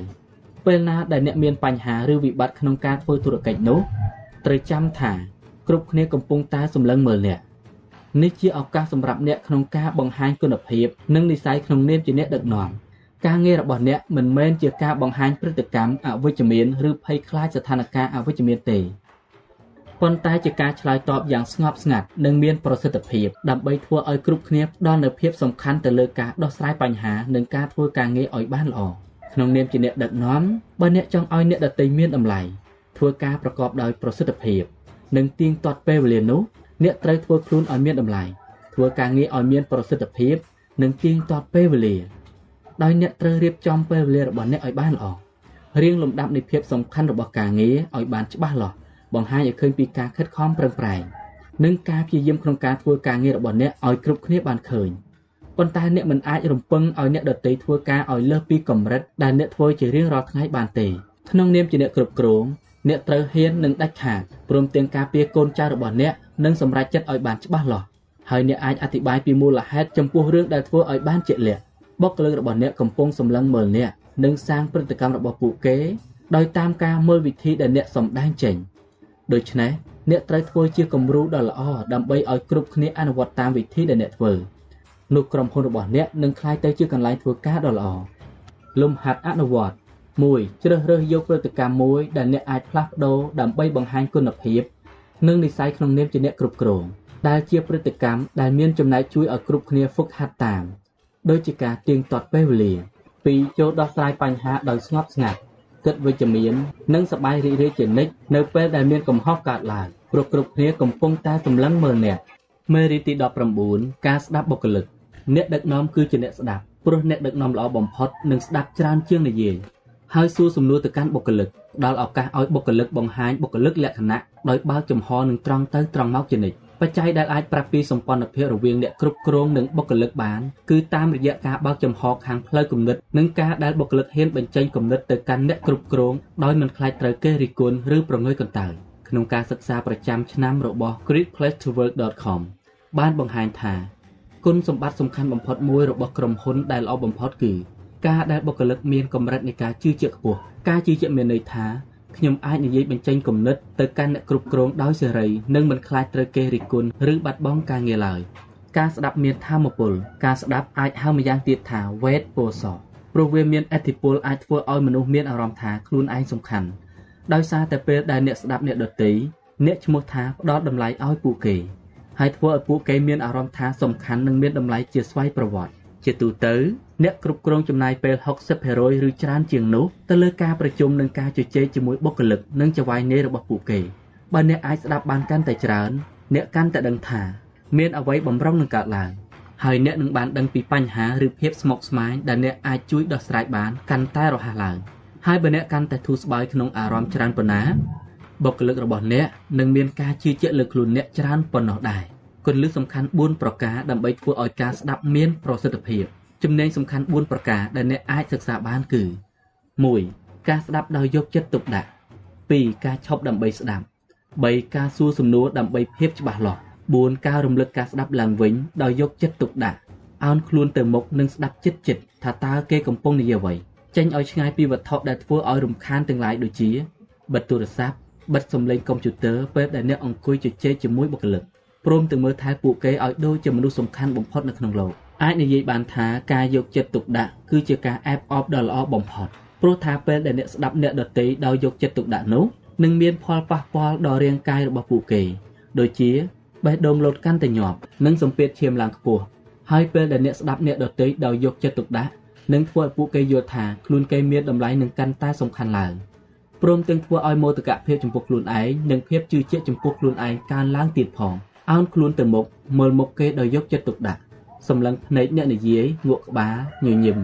និងស្ដាប់ដោយយកចិត្តទុកដាក់ព្រមទាំងធ្វើឲ្យអ្នកនិយាយដឹងថាអ្វីដែលគេកំពុងនិយាយនោះសំខាន់ចំពោះអ្នកហើយអ្នកកំពុងចាប់អារម្មណ៍រឿងនោះជាខ្លាំងហើយអ្វីដែលសំខាន់បំផុតនោះគឺមិនចំទាស់ឬព្យាយាមកាត់ចង្វាក់ព្រោះមនុស្សភាគច្រើនគិតតែពីបញ្ចេញយោបល់និងមិនព្រមស្ដាប់អ្នកដទៃឡើយឈប់សម្រាកសិនមុននឹងផ្ដល់ចម្លើយ ពេលដែលអ្នកដទៃឈប់និយាយអ្នកក៏មិនត្រូវនិយាយភ្លាមដែរគួរនៅឲ្យស្ងៀមមួយស្របក់សិនការនៅស្ងៀមមួយស្របក់កុំឲ្យលើសពី3ទៅ5វិនាទីនឹងផ្ដល់ប្រយោជន៍3ប្រការដូចតទៅនេះ1ពេលដែលអ្នកសម្រាកឈប់ចាំស្ដាប់អ្នកដទៃមានន័យថាអ្នកកំពុងប្រាប់អ្នកដទៃថាអ្នកពិចារណារឿងដែលគេនិយាយដោយយកចិត្តទុកដាក់ដែលនឹងធ្វើឲ្យពួកគេមានអារម្មណ៍ថាមានតម្លៃនិងបានទទួលនូវការគោរពកាន់តែច្រើនឡើង2ពេលដែលអ្នកសម្រាកមានន័យថា អ្នកជៀសវាងពីការនិយាយកាត់ពាក្យសម្ដីអ្នកដទៃពេលដែលពួកគេអាចនឹងកំពុងរៀបរៀងគំនិតសារជាថ្មីមុននឹងនិយាយជាបន្តកថាបាន3ពេលដែលអ្នកសម្រាកមានន័យថា អ្នកនឹងបានលឺរឿងដែលនៅក្នុងចិត្តអ្នកដទៃពិតប្រាកដចាំទុកថាមិនត្រឹមតែរឿងដែលគេនិយាយប៉ុណ្ណោះទេរឿងដែលគេមិនបាននិយាយចេញមកក៏សំខាន់ចំពោះអ្វីដែលពួកគេកំពុងបង្ហាញចេញមកដែរសំណួរដើម្បីភាពជាក់លាក់ មិនត្រូវគិតតែម្នាក់ឯងថាពួកគេមានន័យតាមដែលពួកគេកំពុងនិយាយទេ ហើយបើនៅមិនទាន់ច្បាស់លាស់ទេនោះអ្នកអាចសួរថា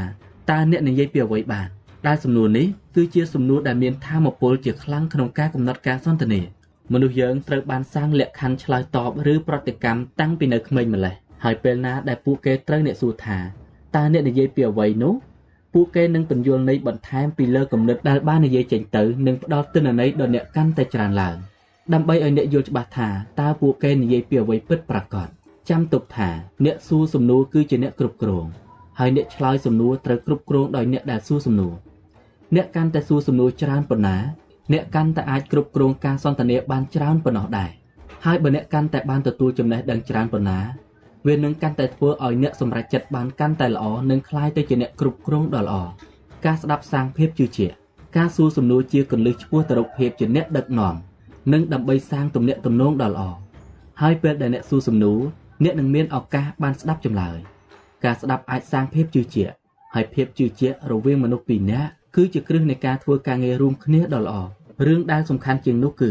ការស្ដាប់សាងទម្លាប់ព្រោះថាបើអ្នកព្យាយាមស្ដាប់ពិតប្រាកដនិងផ្ដល់ភាពសំខាន់ទៅលើការស្ដាប់កាន់តែច្រើនអ្នកនឹងអាចអភិវឌ្ឍខ្លួនបានកាន់តែច្រើនឡើងដោយការស្ដាប់យ៉ាងយកចិត្តទុកដាក់និងគ្មានការកាត់ចង្វាក់ រៀនស្ដាប់ដោយវិធីអត់ធ្មត់មិនប្រញាប់ប្រញាល់និងបន្ធូរអារម្មណ៍ហើយស្ដាប់ឲ្យដូចជាអ្នកមានពេលហូហៀដើម្បីឲ្យយល់ពីអ្វីដែលអ្នកដទៃនិយាយពេលបុគ្គលិកមានអារម្មណ៍ថាពួកគេអាចនិយាយបានដោយបើកចំហនិងស្មោះត្រង់ចំពោះមុខចៅហ្វាយនាយហើយចៅហ្វាយនាយរបស់ពួកគេផ្ដល់ភាពសំខាន់ដោយការព្យាយាមយល់នៅអ្វីដែលពួកគេកំពុងនិយាយនោះមានន័យថាចៅហ្វាយនាយទាំងនោះកំពុងបង្ហាញឲ្យបុគ្គលិកឃើញដោយការឲ្យតម្លៃពួកគេយកចិត្តទុកដាក់លើពួកគេ និងឃើញពួកគេជាមនុស្សសំខាន់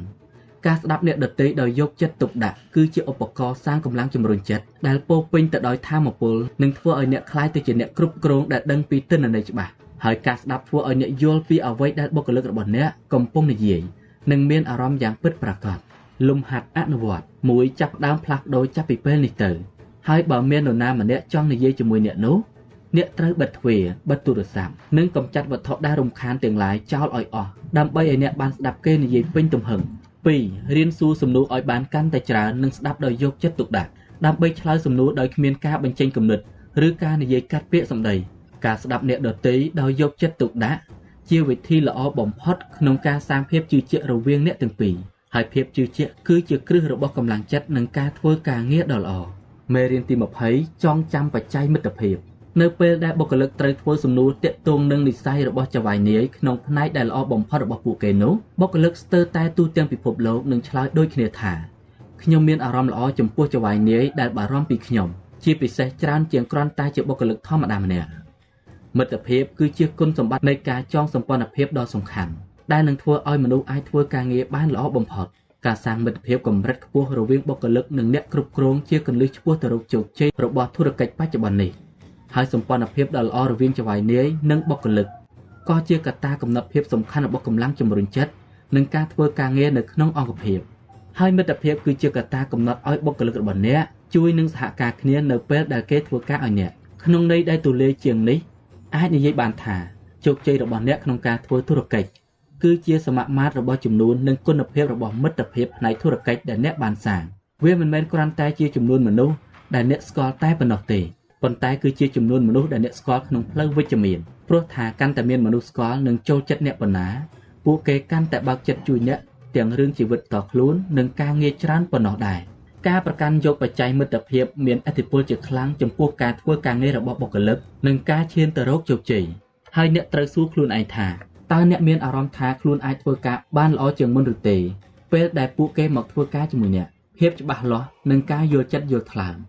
អ្នកគ្រប់គ្រងដ៏ល្អនឹងមានតុល្យភាពរវាងគុណសម្បត្តិសំខាន់ពីរប្រការគឺភាពច្បាស់លាស់និងការយល់ចិត្តយល់ថ្លើមដោយពួកគេនឹងសម្ដែងការយកចិត្តទុកដាក់ព្រួយបារម្ភនិងការយល់ចិត្តយល់ថ្លើមចំពោះបុគ្គលិកព្រមទាំងមើលថែពួកគេដូចជាសមាជិកគ្រួសារហើយធ្វើឲ្យពួកគេមានអារម្មណ៍ថា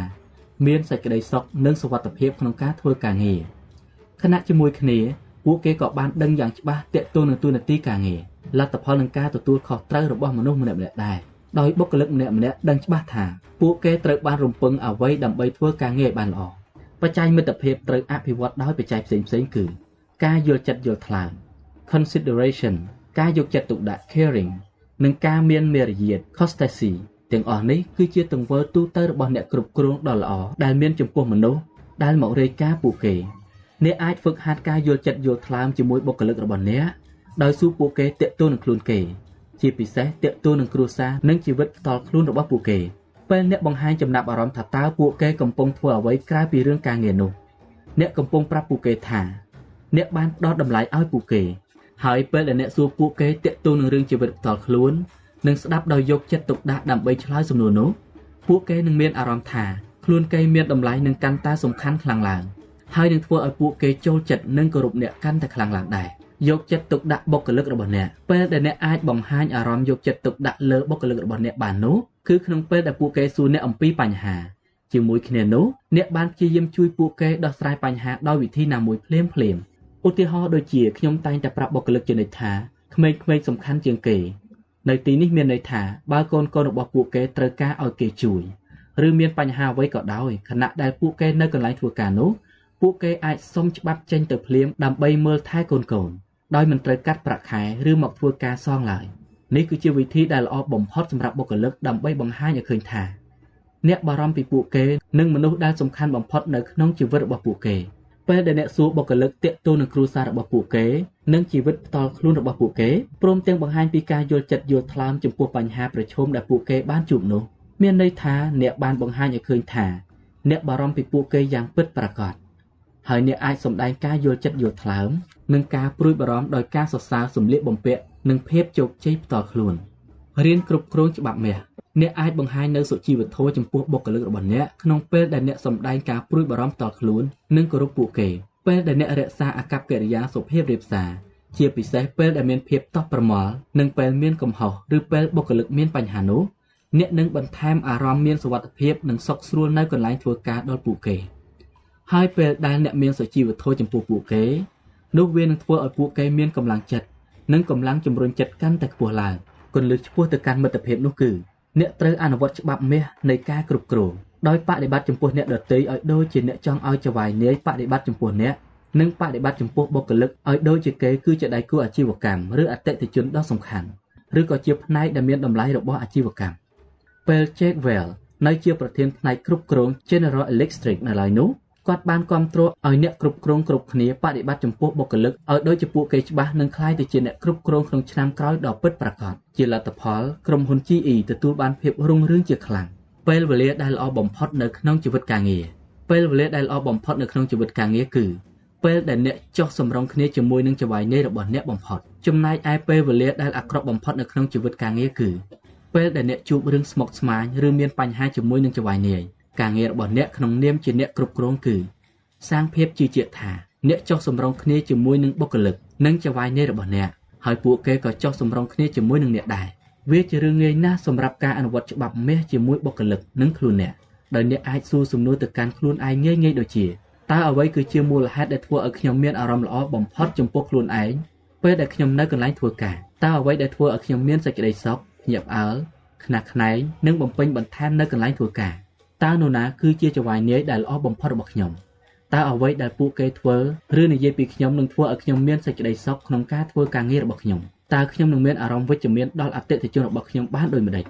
តើអ្វីគឺជាសម្ព័ន្ធភាពនៅក្នុងឧត្តមគតិដែលខ្ញុំចង់មានជាមួយនឹងមិត្តរួមការងារមិនថាចម្លើយរបស់អ្នកជាអ្វីក៏ដោយចូលប្រើចម្លើយនោះនាំផ្លូវឲ្យអ្នកបដិបត្តិចំពោះបុគ្គលិករបស់អ្នកដោយធ្វើនិងនិយាយនៅអ្វីដែលអ្នកចង់ឲ្យអ្នកដទៃធ្វើនិងនិយាយចំពោះអ្នក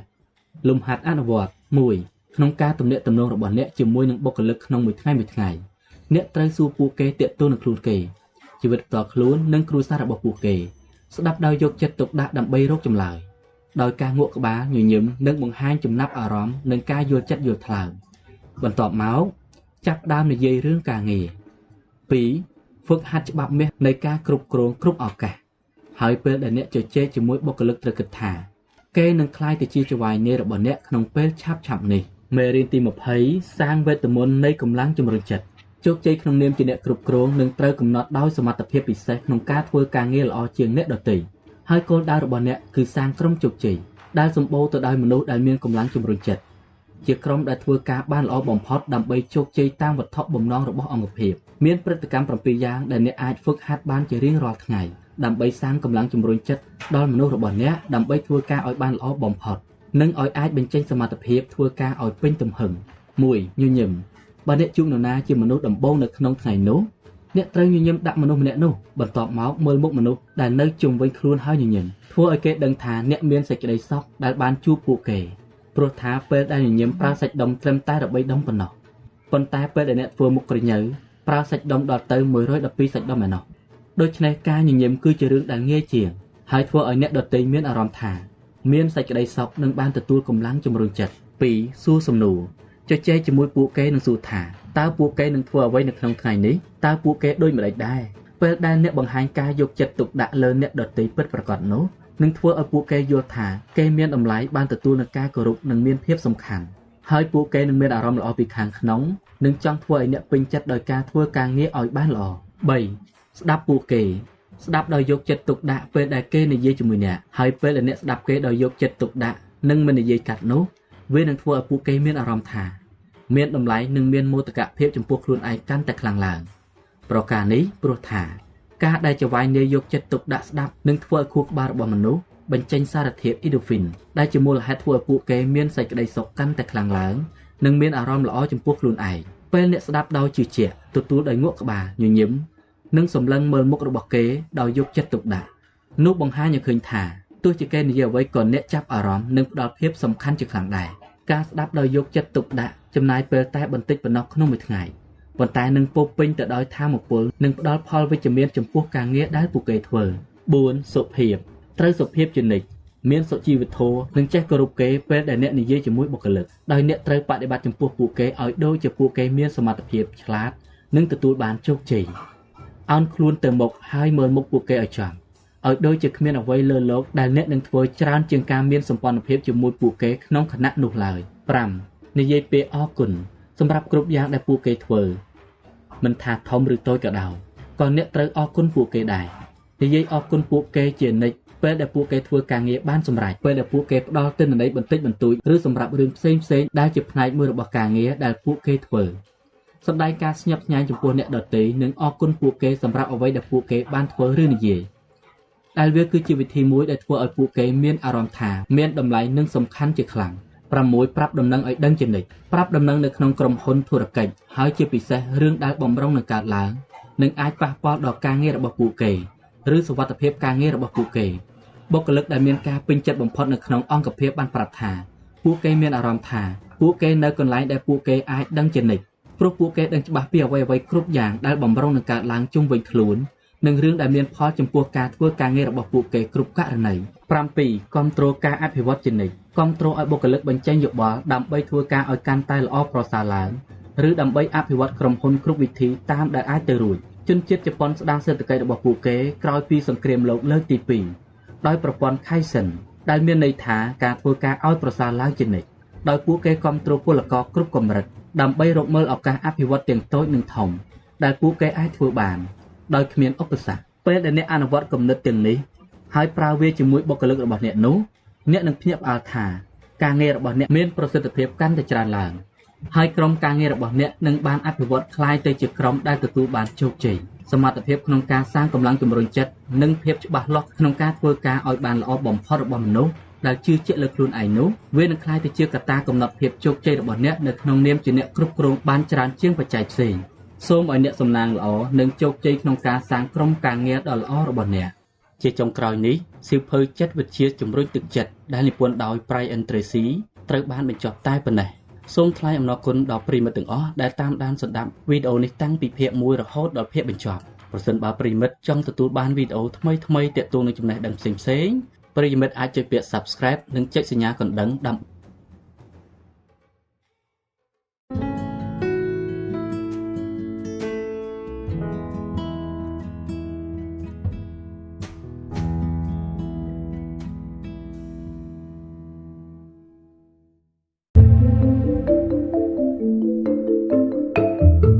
អរគុណសម្រាប់ការគាំទ្រនេះជាមួយនឹងការបរិច្ចាគប្រចាំខែបន្តិចបន្តួចដើម្បីជួយទ្រទ្រង់ព្រឹត្តិការណ៍នាពេលអនាគតសូមអរគុណ